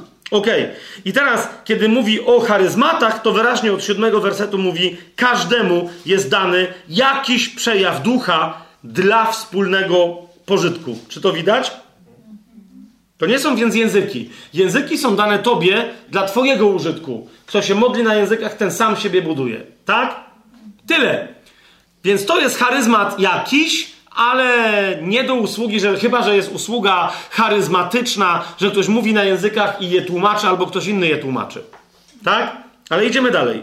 Je, I teraz, bo tu Paweł je wymienia. Jednemu zatem przez ducha jest dana mowa mądrości. To jest jedna z takich rzeczy, której my w kościele nie doceniamy. Bywa, że wiecie, doceniamy sławnych proroków, wychodzi prorok na scenę i mówi: To mówi Pan. I wszyscy, o, ale nie do was wszystkich, tylko do Ani. To mówi Pan. I teraz, i wiesz, wszyscy, o, czekają, no bo zazdroszczą Ani, wszyscy się nudzą, 200 osób na konferencji, 1000, ale liczą, zaraz może mi coś Pan powie. Przez, wie, wiecie o co chodzi. I to jest jedyna forma, którą doceniamy. Ale potem może się zdarzyć, że przejdziesz do Joli Rozumiesz? I mówisz, Jola, wiesz to ostatnio takie mam trochę utrapienia, coś tam, coś tam. I Jola na to próbuje ci coś powiedzieć, mówi rzeczy i ciebie nagle zaczyna coś w duchu dotykać. Wiesz o co mi idzie? Gdy mówisz, kurde, w sumie to jej tego nie powiedziałem, nie zadałem pytanie, a ona odpowiada mi na pytania i tak dalej. Rozumiesz? My musimy nauczyć się zacząć, zacząć się wreszcie uczyć chociażby, tak? A jak się zaczniemy to się nauczyć, rozpoznawać tego rodzaju dary. Mowa mądrości absolutnie. Rozumiecie? Są ludzie, którzy są mądrzy. Nauczyli się trochę psychologii, czegoś i tak dalej, i wiedzą, jak to stosować. Tu chodzi o co? O to, że ktoś stosuje mądrość, która brzmi jak mądrość życiowa, czy to jest jasne? ta, czasem nawet znajomość biblijna, ale ona wynika z poznania duchowego. Taki ktoś może nawet nie wiedzieć, on myśli, no tak sobie coś pobredziłem i, te, i a ta potem wyszła i mówi, wow, ale mi Jola pomogła i Jola mówi, ja wiem, no tak coś gadałam. Nie, nie, nie, nie. Bo również ci usługujący muszą na to zwrócić uwagę. Ok? Mowa mądrości, więc jednemu jest dana mowa mądrości, drugiemu mowa wiedzy, coś innego, to jest, to jest słowo poznania przez tego samego ducha, innemu wiara w tym samym duchu jako dar, a nie to, co my wszyscy mamy i tak dalej, i tak dalej. To jest mowa o tym, że każdy ma usługiwać, każdy ma dostęp do rzeczywistości nadprzyrodzonej i każdy ma możliwość w sposób nadprzyrodzony z rzeczywistości nadprzyrodzonej sprowadzać nadprzyrodzone doświadczenie dla kogoś, komu usługujemy w kościele. Czy to jest jasne, co teraz powiedziałem? To jest to. A że ta nadprzyrodzoność może wyglądać całkiem normalnie i naturalnie, no siedziały dwie baby i gadały, to rozumiesz, to, to nic, nie ma nic do rzeczy. Patrz w duchu na to, co się dzieje. Tak? Jest, I tu mamy listę, niektórzy to mieszają, mówią, że w 12 rozdziale listu do pierwszego do Koryntian są dwie różne listy darów charyzmatycznych. Ej, zwróćcie uwagę, co on tutaj mówi. Czwarty werset, są różne dary.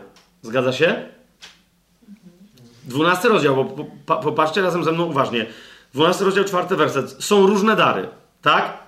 No i Paweł je tu wymienia. Ale za chwilę co mówi? Są różne usługi, ale ten sam Pan. Pan wyznacza do usług. Gdzie? W swoim kościele. Dary rozdaje każdemu. A to, żeby usługiwać jego ciału, nie jest już dane każdemu. Ok? Je jeszcze raz, żeby jedni drugim usługiwać, każdy z nas ma taki dar charyzmatyczny. Czy to jest jasne, co ja teraz mówię? Tak? Nawzajem sobie usługujcie, ale żeby usługiwać całemu ciału albo całym członkom ciała, od tego są te dwie rzeczy, które tu Pan, y, a są zwłaszcza usługi, albo posługi, o, albo posługi i działania. Ale zwłaszcza posługi. Dlaczego? Bo do nich wybiera Pan. Głowa przy pomocy posług obsługuje całe ciało. Czy to ma sens, co teraz powiedziałem? Halo? Tak? Teraz mam następne do Was pytanie. Jeszcze raz, żebyśmy już mieli pewność we wszystkich rozmowach, a jeżeli akurat jesteś słuchaczem czy słuchaczką, kto, kto, który wierzył w tylko historyczne rozumienie Kościoła, powiedz mi, czy ta część tutaj, cała reszta 12 rozdziału, tyczyła się tylko pierwszego Kościoła, czy tyczyła się Kościoła wszystkich wieków? Jedenasty werset. To wszystko sprawia jeden i ten sam duch, udzielając każdemu z osobna tak, jak chce. Jak bowiem ciało jest jedno, a członków ma wiele i wszystkie członki są jednego ciała, chociaż jest ich wiele, to są jednym ciałem, tak i Chrystus. Jest moje pytanie, czy to jest prawda, która się tyczyła tylko pierwszego wieku, czy wszystkich wieków?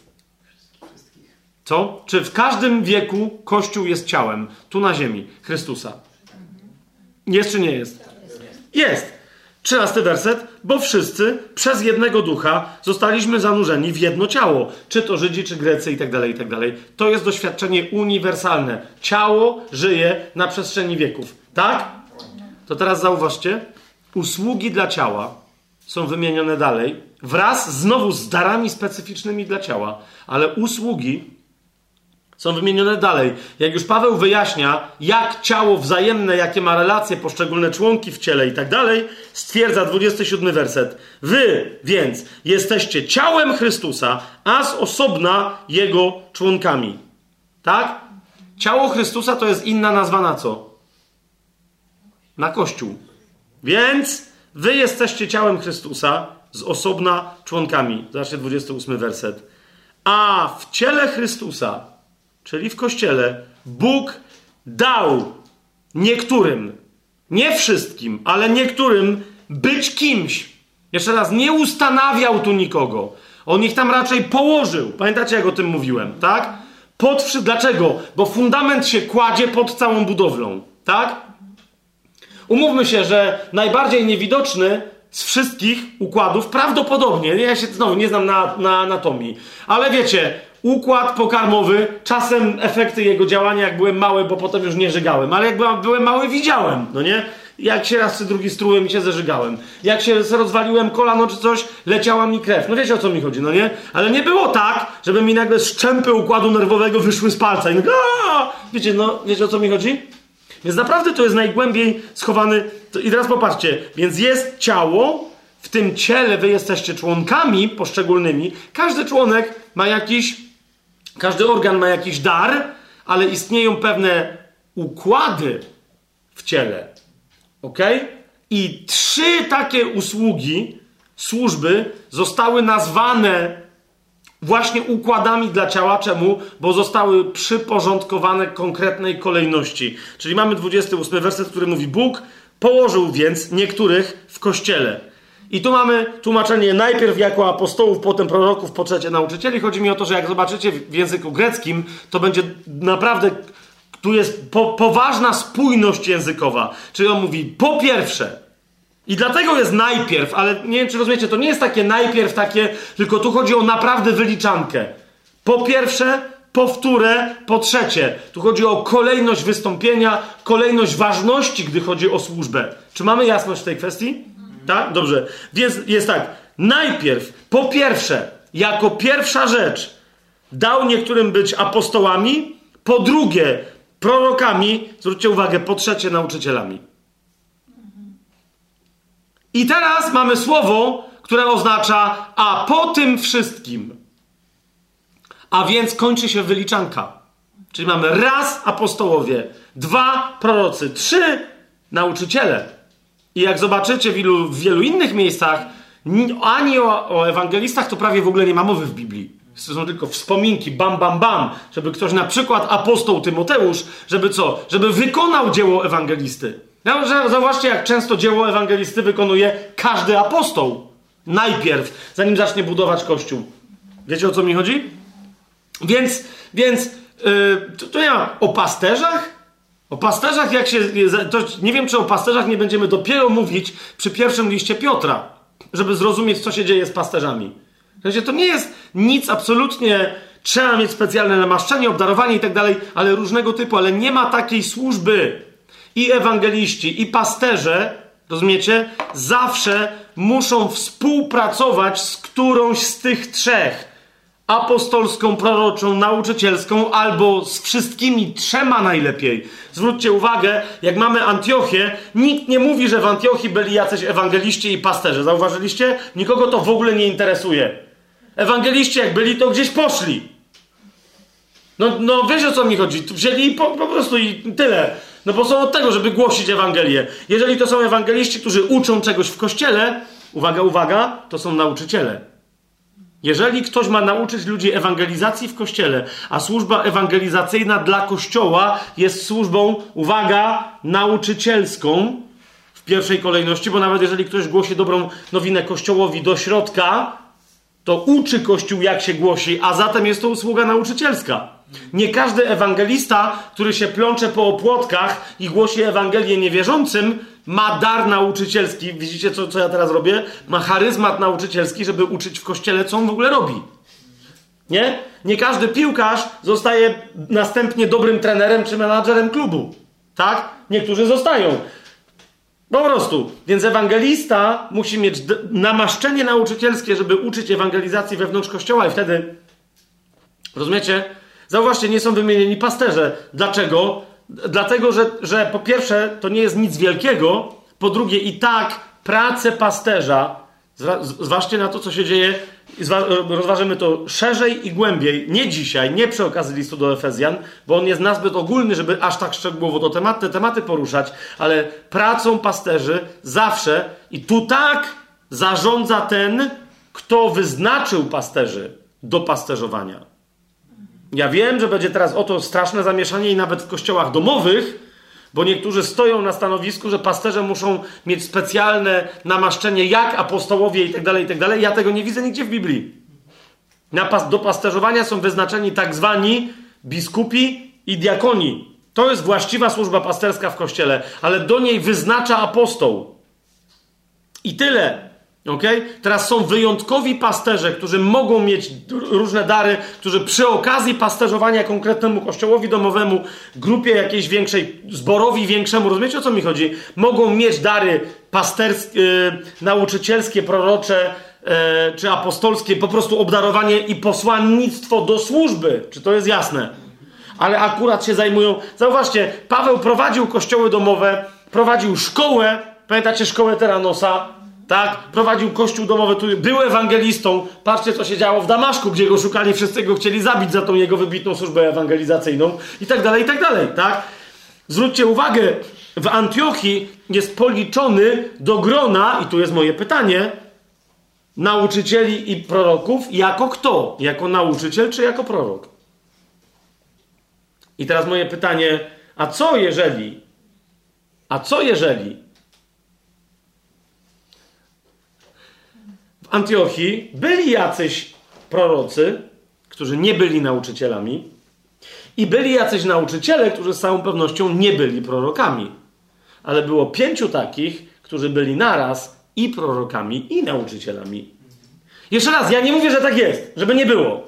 Idzie mi tylko o to, że my tak naprawdę z tego opisu nie wiemy, co to znaczy, że było tam pewnych pięciu proroków i nauczycieli. Rozumiecie, o co mi chodzi? My naprawdę z gramatyki tam nic nie wynika z tego, co to oznacza. Ale z całą pewnością było pięciu z imienia wymienionych i teraz zauważa, zauważcie, z tych pięciu proroków i apostołów, którzy są kim niektórzy bardzo chętnie chcieliby widzieć w Pawle, nauczyciela, bo on często mówi, że jest nauczycielem.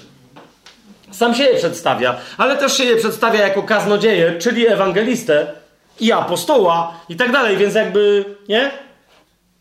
Ja rzeczywiście też bym się skłaniał ku temu, że raczej apostołem był, był Paweł, prorokiem raczej był, był Barnaba. To zresztą widać, rozumiecie, po co Barnaba pola. Nie wiem, czy pamiętacie, że Barnaba w ogóle polas popa, po, poszawła do Tarsu. Dlaczego? Przecież nie umawiali się.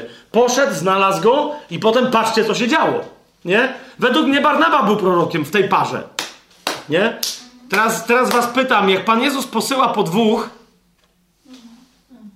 Widzicie o co mi chodzi? Mądrość, która zawsze posyła apostołów i proroków i posyła po dwóch.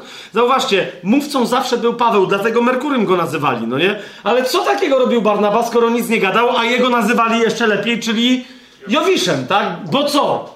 Bo był prorokiem. Jesz jeszcze raz, no nie? To, to wiecie, a prorok robi pewne... Dobra, nie będę teraz jeszcze zaś w to wchodził, nie będziemy tego rozwijać. Zauważcie, co się tu, co się tu w ogóle wyprawia. No nie? Co się tu wyprawia. Ale o co mi idzie?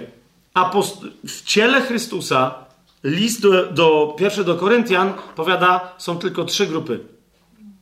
Ok? Apostołowie, prorocy i nauczyciele. I to są grupy odpowiedzialne za usługiwanie Kościołowi. Ok?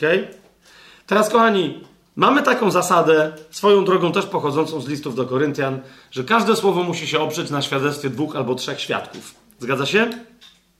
To jest pierwszy powód, dla którego ja osobiście rozumiem, co ludzie mają na myśli, kiedy mówią pięcioraka służba, ale ja osobiście nie wierzę w pięcioraką służbę i posługuję się tym wyrazem, nie wierzę w jej obecność w Biblii. Dlaczego? Ponieważ pięć służb, jako wyglądających, jakby miały służyć Kościołowi, są wymienione tych pięć są wymienione tylko w tym jednym miejscu. To jest czwarty rozdział listu do Efezjan, jedenasty werset. Gdzie jest drugi świadek? To jest moje pytanie do Was. Gdzie jest drugi świadek tego, że, że tych pięć służb to jest, to, to, rozumiecie, to jest ta, to, to jest to. Gdzie jest drugi świadek? Gdzie macie jeszcze w innym miejscu? Czemu w dwunastym rozdziale nie mamy powiedziane, Bóg ustanowił więc w kościele niektórych Najpierw apostołów, po wtóre proroków, po trzecie nauczycieli, po czwarte ewangelistów, po piąte pasterzy, a następnie cudotwórców, dary uzdrawiania, niesienia pomocy, rządzenia i różne języki. Zauważyliście? Nie ma czegoś takiego, więc nie mamy świadka. Niektórzy powiadają, ale tu oni są! Oni są tu! Gdyż są yy, z Białego Stoku. E, tak mówią. Tak, bo zauważcie, tylko że wtedy zauważcie, że zaczyna się nam robić problem z pewnymi ewangelistami i z pewnymi pasterzami. Bo jeżeli oni są tu, oni tu są, to gdzie są ewangeliści? Potem cudotwórcy i wszelkiego rodzaju dary uzdrawiania. Zgadza się? A potem macie pasterzy, dary niesienia pomocy, rządzenia i różne języki. Nie wiem, czy widzicie? Jeżeli tak, to mamy tu pięcioraką służbę. Jeszcze raz, ale musiałbym mieć potwierdzenie, bo słusznie niektórzy będą krzyczeć, ale czy ewangelista musi być cudotwórcą i mieć dary uzdrawiania? Mówię, nie, nie musi być. Według mnie powinien, bo jak patrzę na ewangelistę Filipa, to jest dokładnie to, co on robił. Tak? Był cudotwórcą, bo wypędzał złe duchy. Tak? Uzdrawiał ludzi. No tak czy nie? Samaria. Pamiętacie? Więc to jest to. Ale jak mi ktoś powie, ale to nie są wytyczne dla ewangelisty, bo Billy Graham nikogo nie uzdrawiał, powie, że to nie jest prawda. Bo się modliło uzdrowienia i tak dalej, ale niech będzie, bo ktoś zna ewangelistę, a on nikogo nie uzdrawiał i żadnych cudów nie robił. Okej, okay, zgadzam się, ale wtedy tu nie ma ewangelistów. Są czy nie ma? Nie ma. Ktoś mi powie, no ale jeżeli tak, to w takim razie pasterze, w takim razie pasterze, pasterze mieliby nie głosić kazań? Bo są odniesienia pomocy, rządzenia i odmówienia, ale w różnych językach, a nie po ludzku? No. No. I nagle się wtedy, wiecie o co mi chodzi? Nagle się okazuje, że pasterze to są ci, którzy organizują miejsce do spotkania. Tak? Przynoszą Biblię, jak ktoś nie ma. Prowadzą dzielenie i tak dalej, i tak dalej. Oni służą pomocą. Zarządzają dobrami materialnymi w kościele. Najwyżej prorokują na językach, ale to jest wszystko.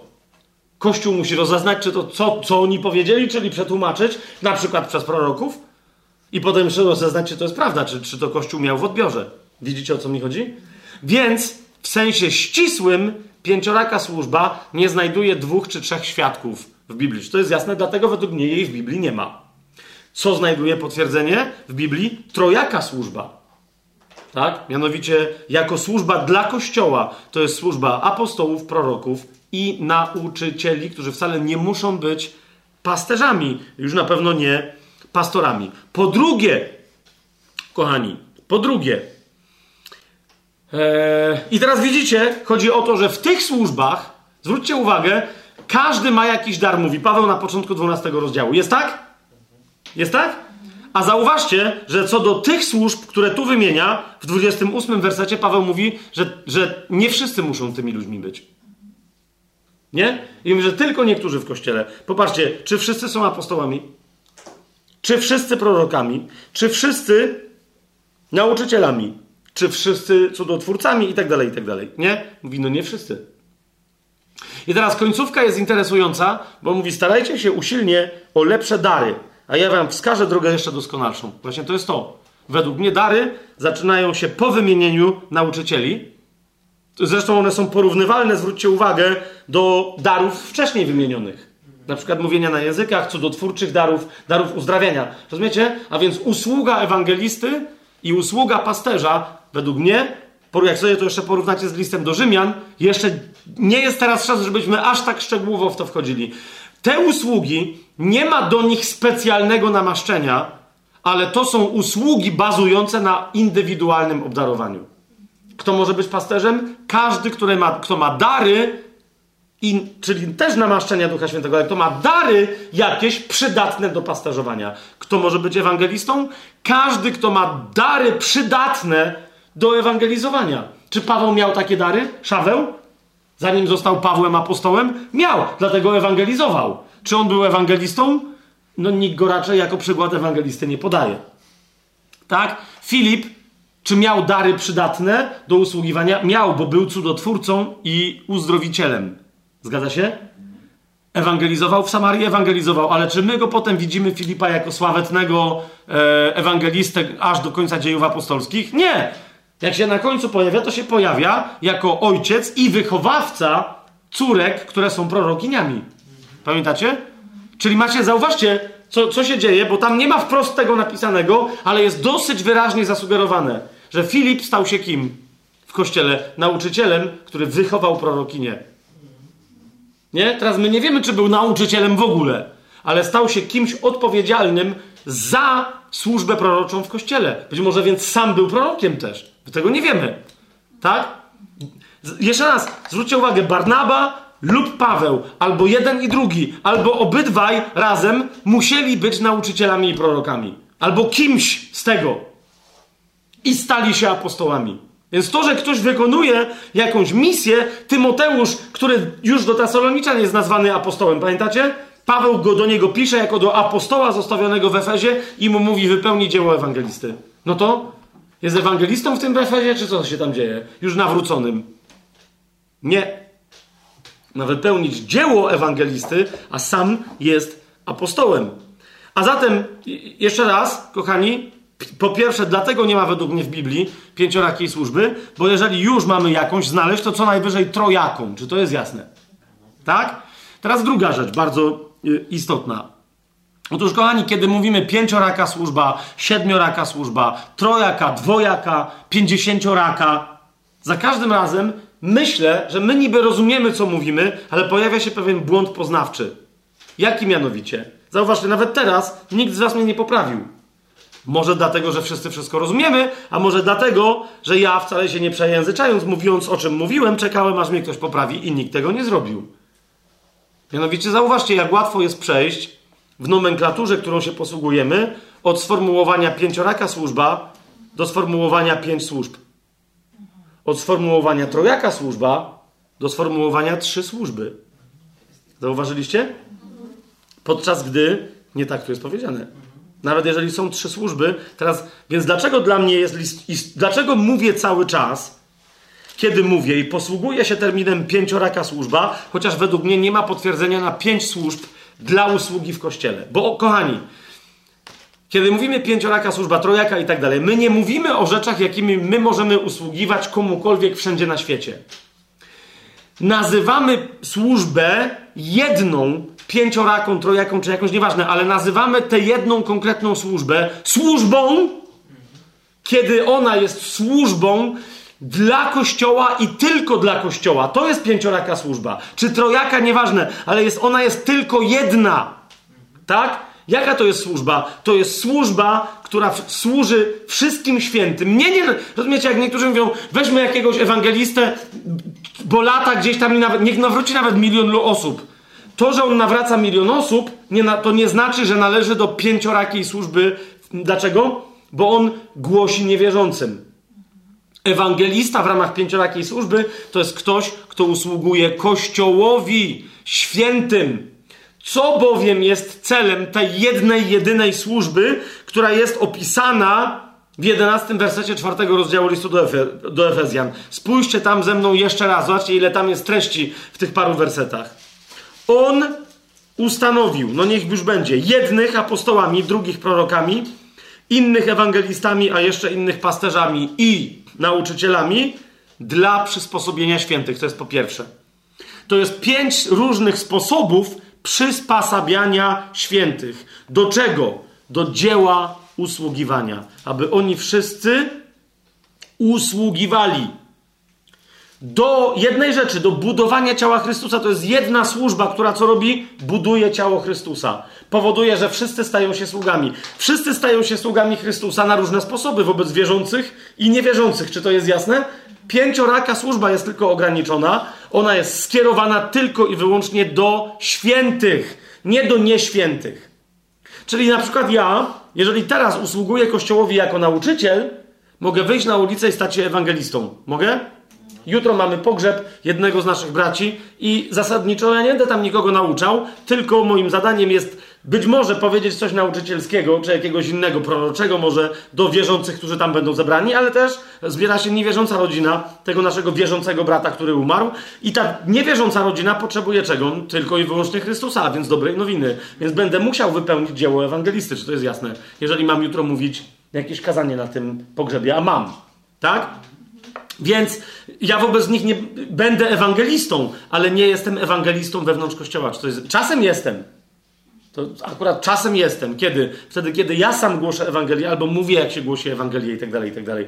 Bo wtedy przysposabiam Kościół do głoszenia Ewangelii. Kochani, jest jedna, zwróćcie uwagę, jest jedna służba, to jest służba całemu człowiekowi Bożemu. To jest jedna służba, to jest jedna służąca, powiedziałbym wręcz. Jedna służąca, która usługuje oblubienicy Chrystusa. I teraz na, rzeczywiście, dlaczego mi się podoba określenie pięcioraka? Bo czy ta służba jest pięcioraka, jest raczej trojaka, ale ta służba ma uzyskać pięcioraki owoc. Jaki? Po pierwsze, ma nauczyć oblubienicę Słowa Bożego. Mają nauczyć, jak ona ma się uczyć Słowa Bożego, ze Słowa Bożego i jak ona ma nauczać innych Słowa Bożego. Rozumiesz? Ludzie mogą być na, nowonarodzeni y, y, dwa miesiące temu, tak? Ale mają małe dzieci. I teraz wobec tych dzieci oni mają obowiązek nauczycielski. W sensie biblijnym. No nie tak? Dalej. Yy, więc, więc pięcioraka służba jest jedna. Tak? Ale poprzez pięć swoich przejawów, a zwłaszcza trzy, uczy Kościół co? Nauczania Słowa Bożego, pasterzowania tym, którzy są y, bardziej owcami niż pasterzami. Nie, nie, wiem, czy rozumiecie. My zawsze, nawet jak jesteśmy pasterzami, potrzebujemy, żeby czasem się nami zaopiekowano. Nie? No, no my teraz będziemy mieli pojutrze spotkanie dla odpowiedzialnych w Krakowie. E, oczywiście chętnych, tak? Ale e, dla odpowiedzialnych za różne tam dzieła pasterskie i niepasterskie, ale spotkanie, na którym jest jedno powiedziane, będziemy się modlić i po drugie, wy możecie przyjść nieprzygotowani. Wy możecie przyjść nieprzygotowani. Dlaczego? Bo kiedy wy prowadzicie kościoły, to niby to są wasze kościoły, ale wy zawsze tam musicie być przygotowani. Musicie być gotowi. Wy usługujecie innym. Zgadza się? I teraz rozumiecie, tacy pasterze potrzebują miejsca, w którym sami będą zapasterzowani, że tak powiem. Ktoś ich otoczy opieką e, pasterską, ktoś, ktoś tobie powie, pasterzu, teraz ty jesteś owieczką. Nie? Po trzecie, y, służba pięcioraka uczy Kościół ewangelizacji. Po czwarte, zwróćcie uwagę, uczy prorokowania. Co to znaczy? Wszyscy w kościele mają prorokować? Nie, ale wszyscy w kościele mogą prorokować. Co natomiast robią wszyscy w kościele? Wszyscy w kościele mają rozeznawać. Czy to jest jasne? Spójrzcie razem ze mną na pierwszy list do Koryntian, 14 rozdział. Pierwszy list do Koryntian, 14 rozdział.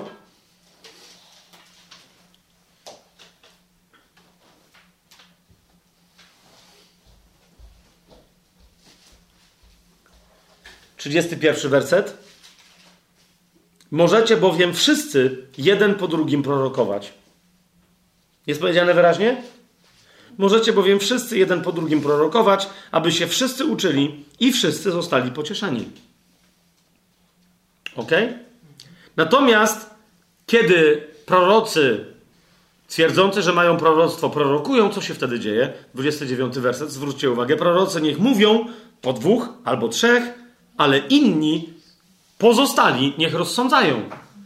Więc rozumiecie, proroctwo staje się proroctwem w kościele, kiedy prorok powie, że coś jest proroctwem? Nie. Kiedy prorok prorokuje, a kościół przyjmie to coś jako proroctwo. Amen? Pierwszym liście do Tesaloniczan, w piątym rozdziale, jest wyraźnie powiedziane, że gaszenie ducha przede wszystkim przejawia się czym? Gaszeniem proroctw. I dlatego Piąty rozdział pierwszego do Tesaloniczan mówi: Nie postępujcie tak. Piąty rozdział, dobrze mówię, piąty rozdział pierwszego do Tesaloniczan, 19, 20, 21 werset. Ducha nie gaście. Co to znaczy? 20 werset. Proroctw nie lekceważcie. Ale co jest proroctwem? Wszystko to, co będzie zbadane i przyjęte. Wszystko badajcie, a trzymajcie się, a więc najpierw przyjmujcie, a potem trzymajcie się wszystkiego, Trzymajcie się z daleka, powstrzymujcie się od tego, co ma pozór zła, a trzymajcie się tylko tego, co dobre. Jasne? To się najpierw tyczy proroctw, a potem całej reszty wszystkich innych rzeczy. I po piąte, służba w kościele uczy cały kościół czego? Apostołowania. Apostołowania. Każdy z nas Niekoniecznie, jeszcze raz, czy wszyscy są apostołami, czy wszyscy niektórzy mi powiedzą, przecież to jest zaprzeczenie. Nie, nie, nie, nie. My, apostołowie, prorocy, nauczyciele itd., tak itd., tak uczymy cały Kościół, aby był apostolski, proroczy itd., tak itd. Zauważcie, Pan Jezus wysłał apostoła Pawła do Efezu, tak? Do Koryntu, do Tesaloniki itd., itd., do Kolosów. Wysłał?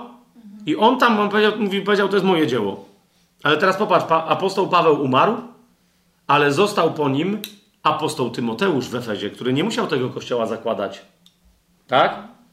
Niemniej jego zadaniem apostolskim było co? Rozszerzenie wpływu pracy apostolskiej z ludźmi przez wyznaczenie odpowiedzialnych biskupów i diakonów o, za których on apostolskim autorytetem brał odpowiedzialność. Dlatego Paweł mu mówi: za szybko na nikogo rąk nie nakładaj, żebyś nie był odpowiedzialny za jego występki później. Więc się dobrze przyjrzyj. To jest Twoje ludzkie rozeznanie i Twoja ludzka decyzja.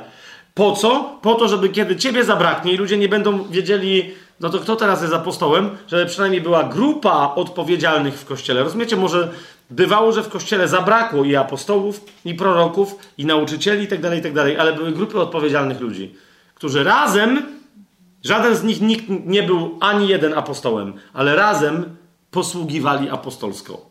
Jest to jasne, co, co ja teraz mówię? I to chodzi o to, że Kościół ma się dokładnie tego nauczyć. Zobaczcie na doświadczenie Kościoła w Chinach. Tak? Jak ostatnio rozmawialiśmy, e, słyszeliśmy, przecież wszyscy tu słyszeliście, brata Juna, który, e, brata Rena, nie, nawet nie brata Juna, który mówił o tym, że błogosławieństwem w pędzie dla Chin, które nie jest to, że mieli 100 milionów, teraz mają 150, a w pędzie mieli nawet 200 milionów w jednym pokoleniu e, nowonarodzonych, aktywnych, wierzących, gotowych w każdej chwili oddać życie dla Chrystusa. Tak? Nie to. On powiedział, że to to był wynik błogosławieństwa, którym było co? Którym była masakra, jaką kościołowi e, organizowanemu w, Chin, w, Chinach na zachodni styl zmasakrował Mao Zedong. Tak? To była, ta, to była ta masakra. I teraz ta masakra co spowodowała? Że wszyscy, którzy coś wiedzieli na temat bycia apostołem, prorokiem, zauważcie, czymkolwiek innym, oni wszyscy się usunęli. Całe grupy ludzi, które miały ducha apostolskiego i tak dalej, z różnych denominacji się usunęły. Zostali sami prościutcy Chińczycy, którzy wiedzieli, że jest Bóg i nic poza tym. Słyszeliście dobrą nowinę, jak próbowała odtwarzać z pamięci nawrócona 20 lat po wyjeździe ostatnich misjonarzy mama brata, brata Juna do niego. Co ona za głupoty do niego gadała? O duchu, o mocy i ogniu, który stąpi smoka i, i tak dalej, i tak dalej na, na kogoś. Wszystko poplątała, co mogła poplątać, tak? Niemniej zwróćcie uwagę, że Pan dał temu kościołowi od pierwszego pokolenia apostołów, proroków i nauczycieli. I oni wszyscy świetnie wiedzą, tak? Ten jeden, o którym znowu dalej nie pamiętam jak się nazywał, jak umierał, ten, yy, pamiętacie go, który, któremu oczy wydłubali, żeby nie mógł czytać z Biblii. I Bóg mu pozwolił nauczyć yy, się na pamięć całej Biblii. Nie? O, no, no, właśnie, on miał, on miał tam po prostu swobodnie, będąc niewidomym, przemieszczał się w Słowie Bożym. I teraz sęk w tym, że w pewnym momencie, jak on umierał, 100 milionów ludzi dawało świadectwo, e, wtedy, kiedy było 200 milionów, tak? 100 milionów ludzi z tych 200 milionów dawało świadectwo, że albo on głosił im Ewangelię, zakładał kościoły i tak dalej, i tak dalej, albo jego współpracownicy się przyczynili do ich, do, do ich nawrócenia. 100 milionów ludzi. I dla wszystkich było jasne, że on jest apostołem. Ja nie pamiętam teraz, jak on się nazwi- nazywał i, i przepraszam za to, bo co to za wtedy przykład podaję, ale w każdym razie, nie? Popatrzcie na przykład na Watchmana Ni, tak? Jako nauczyciela. 20 ostatnich lat od 46 roku, dobrze to teraz liczę, czy zaraz po 46 roku trafił do więzienia. Zresztą wrócił do Chin, wiedząc, co się stanie. Tak? I, i y, y, dokładnie wtedy Kościół chiński zaczął go roz, rozpoznawać, uznawać w nim największego y, dla tamtego pokolenia nauczyciela. Potem się pojawiali następni i tak dalej, i tak dalej. Popatrzcie na brata Juna. Tak? Ja wiem, ktoś go może uznać apostołem i tak dalej, i tak dalej, ale on cały czas bardzo pokornie siebie przedstawia no właśnie, niektórzy mówią, że on po prostu jest ewangelistą. Na pewno? Nie wiem jak wy, ale ja za każdym razem słyszałem, że brat Jon przedstawiał się jak prorok Jan. Ja Jun, wasz brat w ucisku, w cierpliwości Pana Jezusa. Tak? W ucisku i w królestwie. Pamiętacie to? On za każdym razem przedstawiał się tak, jak Jan Księdze Objawienia. Nie jak Jan Ewangelista, czy Jan, wiecie, apostoł ze swoich listów, tylko przedstawiał. Oczywiście, to nie musi nic oznaczać, ale zwróćcie uwagę, czy y, y, wszystkie jego ogłoszenia, czy on by na pewno się zachowywał jak ewangelista. Te jego świadectwa i tak dalej, i tak dalej. Bo bardzo często więcej działał, nic nie mówiąc. Tylko nie wiem, czy widzieliście, brat Ren coś tam głosił i tak dalej, a ten się plątał, uśmiechał się. Idzie dalej, a potem patrzę, dosłownie, no to, to dosłownie to, przechodzi do jednej siostry, Myślę, okej, okay, okej, okay, no, dziwny człowiek, kochamy go, ona może to zrozumie. Ten przeszedł, patrzę, a ta rozumiecie, zaczyna się trząść i zaczyna płakać. Nie wiem, co się tam stało. Nie? Ale, ale sporo ludzi tak miało. Brat Jun coś tam opowiadał, rzeczy, które czytali w książce, a niektórzy czytali na świeżo, pierwszy raz w życiu, więc byli, wiecie, po czym się okazuje, no ale chłop to samo gada, co w książce napisał, tak? Po czym widziałem naprawdę parę osób płaczących po tym spotkaniu, którzy nie wiedzieli, co się stało. Po prostu. On niczego specjalnego, wiecie, no jest łajni i tyle, no nie? Nic, nic, specjalnego się nie stało, niby w warstwie takiej, wiecie, jakby ktoś zobaczył skrypt, transkrypt zdarzenia, tak? No, jakby, no co, no to nic się nie stało, a w duchu się przesunęły góry. Tak? Więc, jeszcze raz. A zatem, kochani, jak mówię, że nie ma pięciorakiej służby w Biblii i w Kościele, to nie dlatego, że przeczę idei apostołów i proroków, ok? Mówię tylko, że jeżeli istnieje, po pierwsze, nie ma świadków na pięcioraką służbę, to jest pierwsze. Tak? Po drugie, ja to cały czas podkreślam, że istnieje jedna służba w trzech systemach: apostolskim, proroczym i nauczycielskim. Jednak. Ok? Jednak.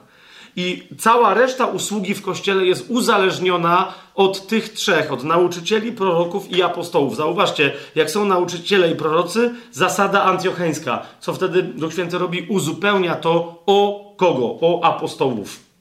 Tak? Z tych z nauczycieli i proroków wyznaczcie mi tych dwóch. I oni ruszają jako apostołowie, wracają jako apostołowie i od tej pory już są tylko i wyłącznie apostołami. Mamy to? Mamy to? Tak? Dobra. I dlatego, kochani, my, te, my potrzebujemy o to się modlić. Niektórzy mnie pytają, jak. Na szczęście żyjemy w czasach, kiedy rozpoznaliśmy i usługę pasterską, nie pastorską, tylko pasterską w kościele. Kościoły domowe już kolejnej fali teraz to widzą, tak? Ludzi z sercem pasterza. Amen? Dwa, rozpoznaliśmy dzięki Bilemu Grahamowi, ale teraz mamy wielu na świecie, służbę ewangelizacyjną. Tak? Dzięki ludziom takim jak na przykład Derek Prince, Chuck Smith, Chuck Missler, dla mnie, tych trzech, Watchmanni, rozpoznaliśmy usługę nauczycielską w kościele, tak? Usługa prorocza to była zwłaszcza końcówka 2000, no powiedziałbym, że nawet takie lata 80., 90., do nawet 2010, nawet może 20. I od jakiegoś czasu dopiero pojawia się przebudzenie, potrzebujemy apostołów w kościele. Jest sporo ruchów, wiecie, kościołów, które się nazywały kościołami nowoapostolskimi, apostolsko-proroczymi i tak dalej. Ludzie tam się obwieszczają apostołami. Myśmy sobie dzisiaj powiedzieli, jak rozpoznać apostoła. Znaki, cuda, przejawy mocy. Cierpliwość Chrystusa, kolejny temat, który dopiero poruszymy. Cierpliwość Chrystusa w ucisku i królestwie, przejawy królestwa, możliwość poświadczenia swojej służby przez to, że się założyło kościoły od podstaw. Ja nie wiem, że są apostołowie nawet w Polsce, którzy twierdzą wielce, krzyczą, że są apostołami, że za, założyli 10 czy 20 zgromadzeń. Wszystkie te zgromadzenia były założone w ramach innego zgromadzenia i wszyscy na początku tego zgromadzenia przyszli z innych kościołów. Nie, nie. Nie. To muszą być ludzie, którzy byli niewierzący i przyszli do Pana. I, i, I powstał kościół, a niektórzy przyszli z innych kościołów i komuś pomogli założyć kościół. Wiecie o czym, o czym, o czym mówię? Okej. Okay. Więc, więc, yy, na, ale na apostołów według mnie jeszcze czekamy. Jak oni się pojawią? Kościół, który już rozpoznał, zwłaszcza proroków i nauczycieli. Widząc pasterzy i ewangelistów od bardzo, bardzo dawna. Kościół, który rozpoznał proroków i nauczycieli, wraz z tymi rozpoznanymi prorokami i nauczycielami, ze świadomością, że oni są rozpoznani, ma się zacząć modlić o objawienie apostołów. Po prostu. To jest yy, Dzieje Apostolskie 13. Tak Bóg daje Kościołowi apostołów, kiedy już nie ma dwunastu. I, I, proszę was, niech mi nikt nie mówi, że no ale było dwunastu, tylko gdzie indziej. No, no ale nie było ich w Antiochii.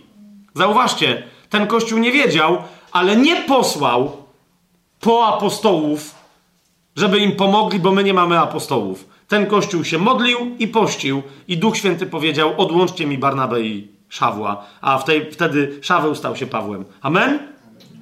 Więc to, jeżeli się pytamy, jak to się ma wydarzyć, tak się to ma wydarzyć. Nie przez samozwańcze jakieś tam ogłoszenia, bo niektórym to się nie podoba. Nie chcemy żadnych apostołów w kościele, bo ci, co się naogłaszali, to są żadni apostołowie. W większości przypadków się z tym zgadzam.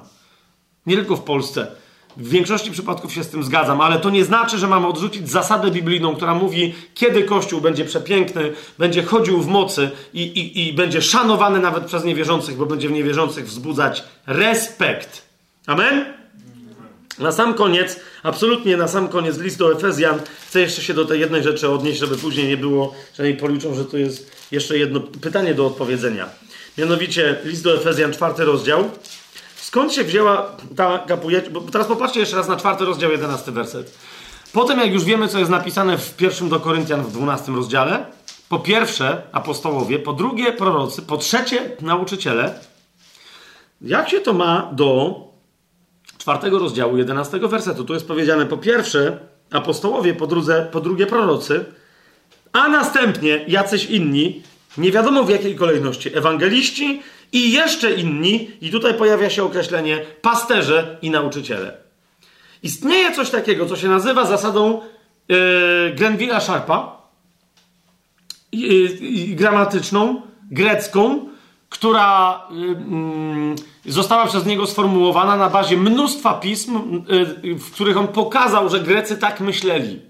Okay? I ta zasada mówi, że kiedy masz dwa obok siebie postawione rzeczowniki, to są rzeczowniki tak zwane osobowe. Chodzi mi o to, że, że się odnoszą, jakby oznaczają jakąś osobę. Nie są rzeczownikami własnymi, czyli nie są nazwami własnymi. Tak? Ale coś mówią na temat jakichś, yy, jakichś osób. Yy, I pierwszy rzeczownik ma yy, przedimek typu the w języku angielskim. Wiecie o co mi chodzi? The ktoś tam i potem coś, a drugi rzeczownik nie ma, to wtedy te dwa rzeczowniki odnasz, odnoszą się do jednej i tej samej osoby. Odnoszą się do jednej i tej samej osoby. Ale uwaga! Ale uwaga! Bo, bo, wtedy wszyscy mówią, no i dokładnie tak, to ci co tak uważają. I dokładnie to ma tak tutaj miejsce. Mianowicie pasterze mają ho przed sobą, w, w liczbie mnogiej, ale no, no właśnie, a nauczyciele nie mają. Więc tutaj chodzi o czwartą grupę, kastę, warstwę pasterzy nauczycieli. Pauza. To, to jest ta sama grupa, do nich się po prostu, do jednej grupy odnoszą dwa określenia. Pasterze i nauczyciele. Czy to jest jasne, co teraz powiedziałem? Taka jest teza.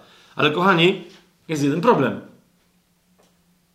Mianowicie ta zasada nie ma żadnych wyjątków. A to musiałby być wyjątek. Dlaczego? Ponieważ zasada Grenville'a Sharpa mówi o tej, że ta zasada funkcjonuje tylko w rzeczownikach w liczbie pojedynczej. Nie? Ona jest niezwykle istotna, jak się niektórzy kłócą, czy jak jest w jednym miejscu, pamiętacie do Tytusa chyba w liście powiedziane, o tym, że czekamy na powrót naszego wielkiego Boga i Zbawiciela Jezusa Chrystusa. Tak? Dokładnie to jest to. Bo tam jest dokładnie taka struktura, że On jest Bogiem i Zbawicielem. Kto? Jezus Chrystus. Tak? Tam niektórzy nie chcą nagle widzieć zasady Grenville'a Sharpa, a dokładnie ona tam działa. Tam są pojedyncze Bóg i Zbawiciel. I dlatego to jest Jezus Chrystus, który jest Bogozbawicielem. Bogiem, myślnik Zbawicielem, a nie Bogiem, że czekamy na jakiegoś Boga i na innego człowieka Zbawiciela, którym jest Jezus Chrystus. Tak? Nie, nie. Czekamy na Jezusa Chrystusa, który jest Bogiem i Zbawicielem. To jest jasne?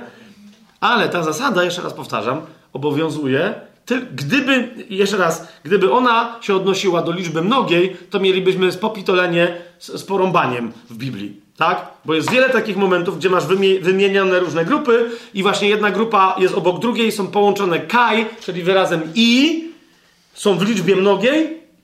Na, no na przykład jest jedna taka sytuacja, która byłaby dosyć absurdalna, bo jeżeli zasada Grenville'a Sharpa, jeszcze raz, no, czytałem to u niego i nie widziałem, tam jest wyraźnie, że niektórzy rozpisują to. Czytałem doktorat jednego Amerykanina dokładnie na ten temat. Że czwarty rozdział, jedenasty, konserwatysta, cesacjonista, jak nie wiem co, ale on mówi wyraźnie, zasada Grenville'a Sharpa nie ma żadnego wyjątku, a już na pewno tym wyjątkiem nie jest czwarty rozdział, jedenasty werset listu do Efezjan. Ok? Jak już będzie potrzebował, to to jest jeden z pierwszych, jak sobie wejdziecie na Bible.org, myślę, że jak się to nie zmieni, nie wiem, w czasie, to to jest jeden z, no nie jeden z pierwszych, ale to jest, to ma taki strasznie długi tytuł, jak sobie wpiszecie, że chcieli, poszukacie materiałów na temat 11 wersetu czwartego rozdziału, na Bible.org, ok?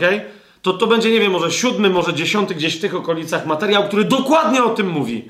Czy w 11 wersecie czwartym rozdziale yy, stosuje się zasada Grenville'a Sharpa i gość, który napisał doktorat na temat tej zasady mówi, że no nie! Bo gdyby tak było, to by się musiała stosować w innym fragmencie, na przykład, gdzie obok siebie są wymienieni, obczajcie to, dokładnie tak samo jak tutaj pasterze i nauczyciele są wymienieni faryzeusze i saduceusze. No już wiecie, co jest grane. No Niegoś mówi, y, no czyli tak, mamy pozamiatane już, wszystko jest jasne. Zasada Grenville'a Sharpa nie stosuje się do liczby mnogiej, a więc mamy tu mowę o. I teraz uważajcie. List do Efezjan e, stosuje coś, co niektórzy w gramatyce opisowej i tak dalej, nie, nieważne, nie będę teraz w to wchodził, nazywają w języku greckim e, gramatyką zbiorczą, gramatyką zawierającą i tak dalej, i tak dalej. Nie? Jeżeli masz pewną zasadę, to ona w sobie zawiera coś, co jest jej pomocne. Tak? Jeszcze raz, nie do końca to jest coś, z czym się ja zgadzam, ale jest pewna grupa egzegetów, którzy mówią wyraźnie, że te trzy grupy apostołów, proroków i nauczycieli jako najważniejsze to widać. Dlaczego? No właśnie dlatego, że zobaczcie, jest ustanowił jednych apostolów, czyli masz po pierwsze, po drugie i słowo i pojawia się przy nauczycielach i po trzecie. Ok? Ludźmi, którzy są spoza tej grupy, spoza tej struktury, są ewangeliści, bo oni są inni. Nie? Innych ewangelistami, jeszcze innych pasterzami, ale tę grupę dopinają kto? Nauczyciele. Bo tamci mogą być pomocni w dziele tych trzech. Wiecie o co mi chodzi? Jeszcze raz, nie będę się kłócił o to, nie będę się spierał. Myśl mi się podoba, nie widzę, ja osobiście aż takiej, może się aż tak na gramatyce greckiej nie znam, nie wiem. Ja tego aż tak nie widzę.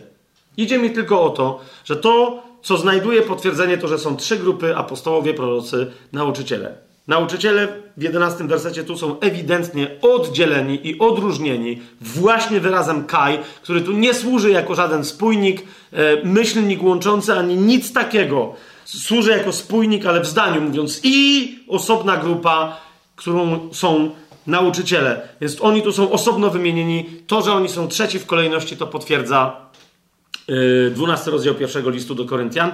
I nawet jakby się ktoś nie, nie godził z tym, jeszcze raz, usługa dla Kościoła w tych dwóch miejscach jest wskazana dla, dla tych trzech grup tylko. Zgodzicie się? Nawet jeżeli ktoś powie, a nieważne, trzeci, może są piąty, może.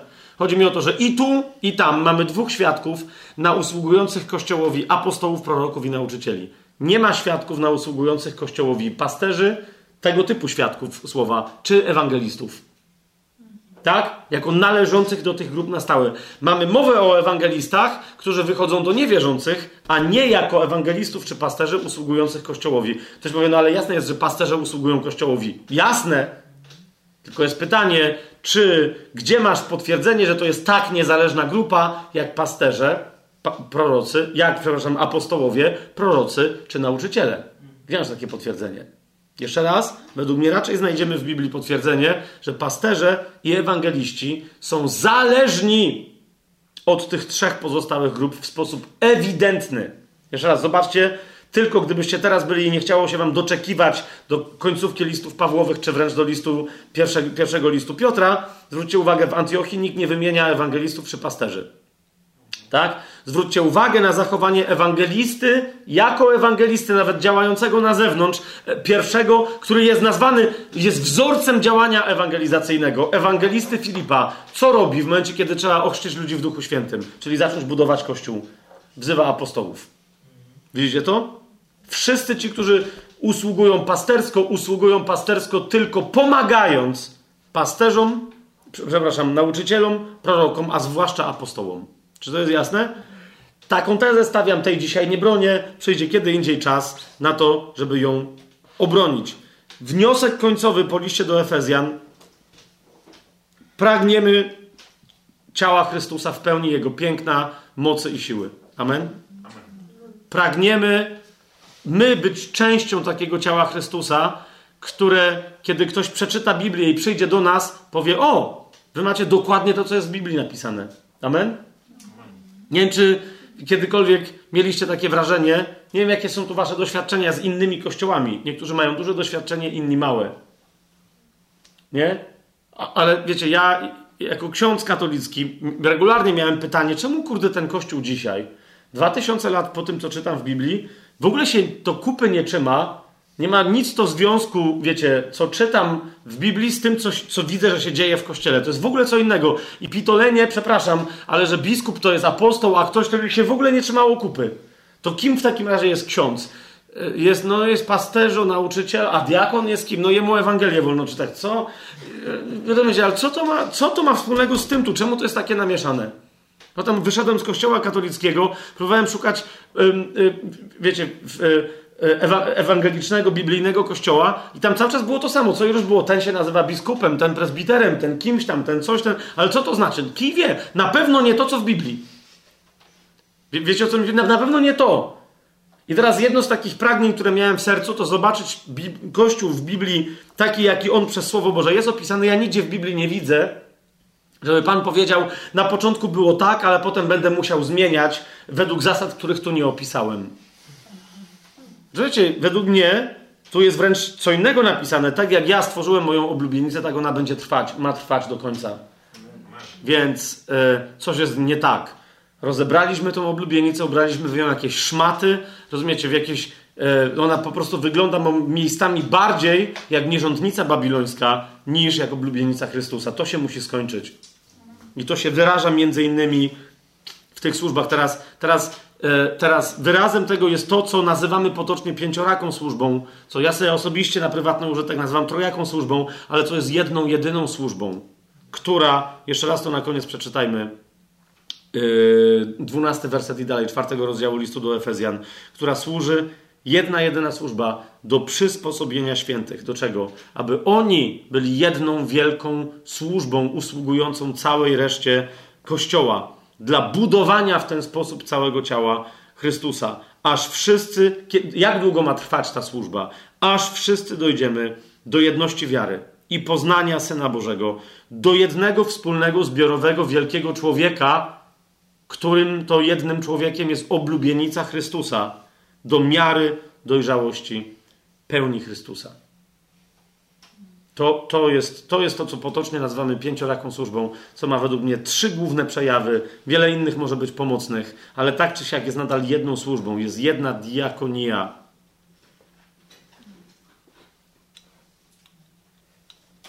Jak zobaczymy Kościół, uwierz, wiecie, wie, wiecie powrót apostołów to jest, to jest kwestia dwóch rzeczy. Jednej to jest naszego pragnienia i modlitwy o to, żeby Pan nam wskazał apostołów, ale nawet jak On nam ich wskaże na maści, może oni już chodzą, może oni z całą pewnością chodzą pośród nas.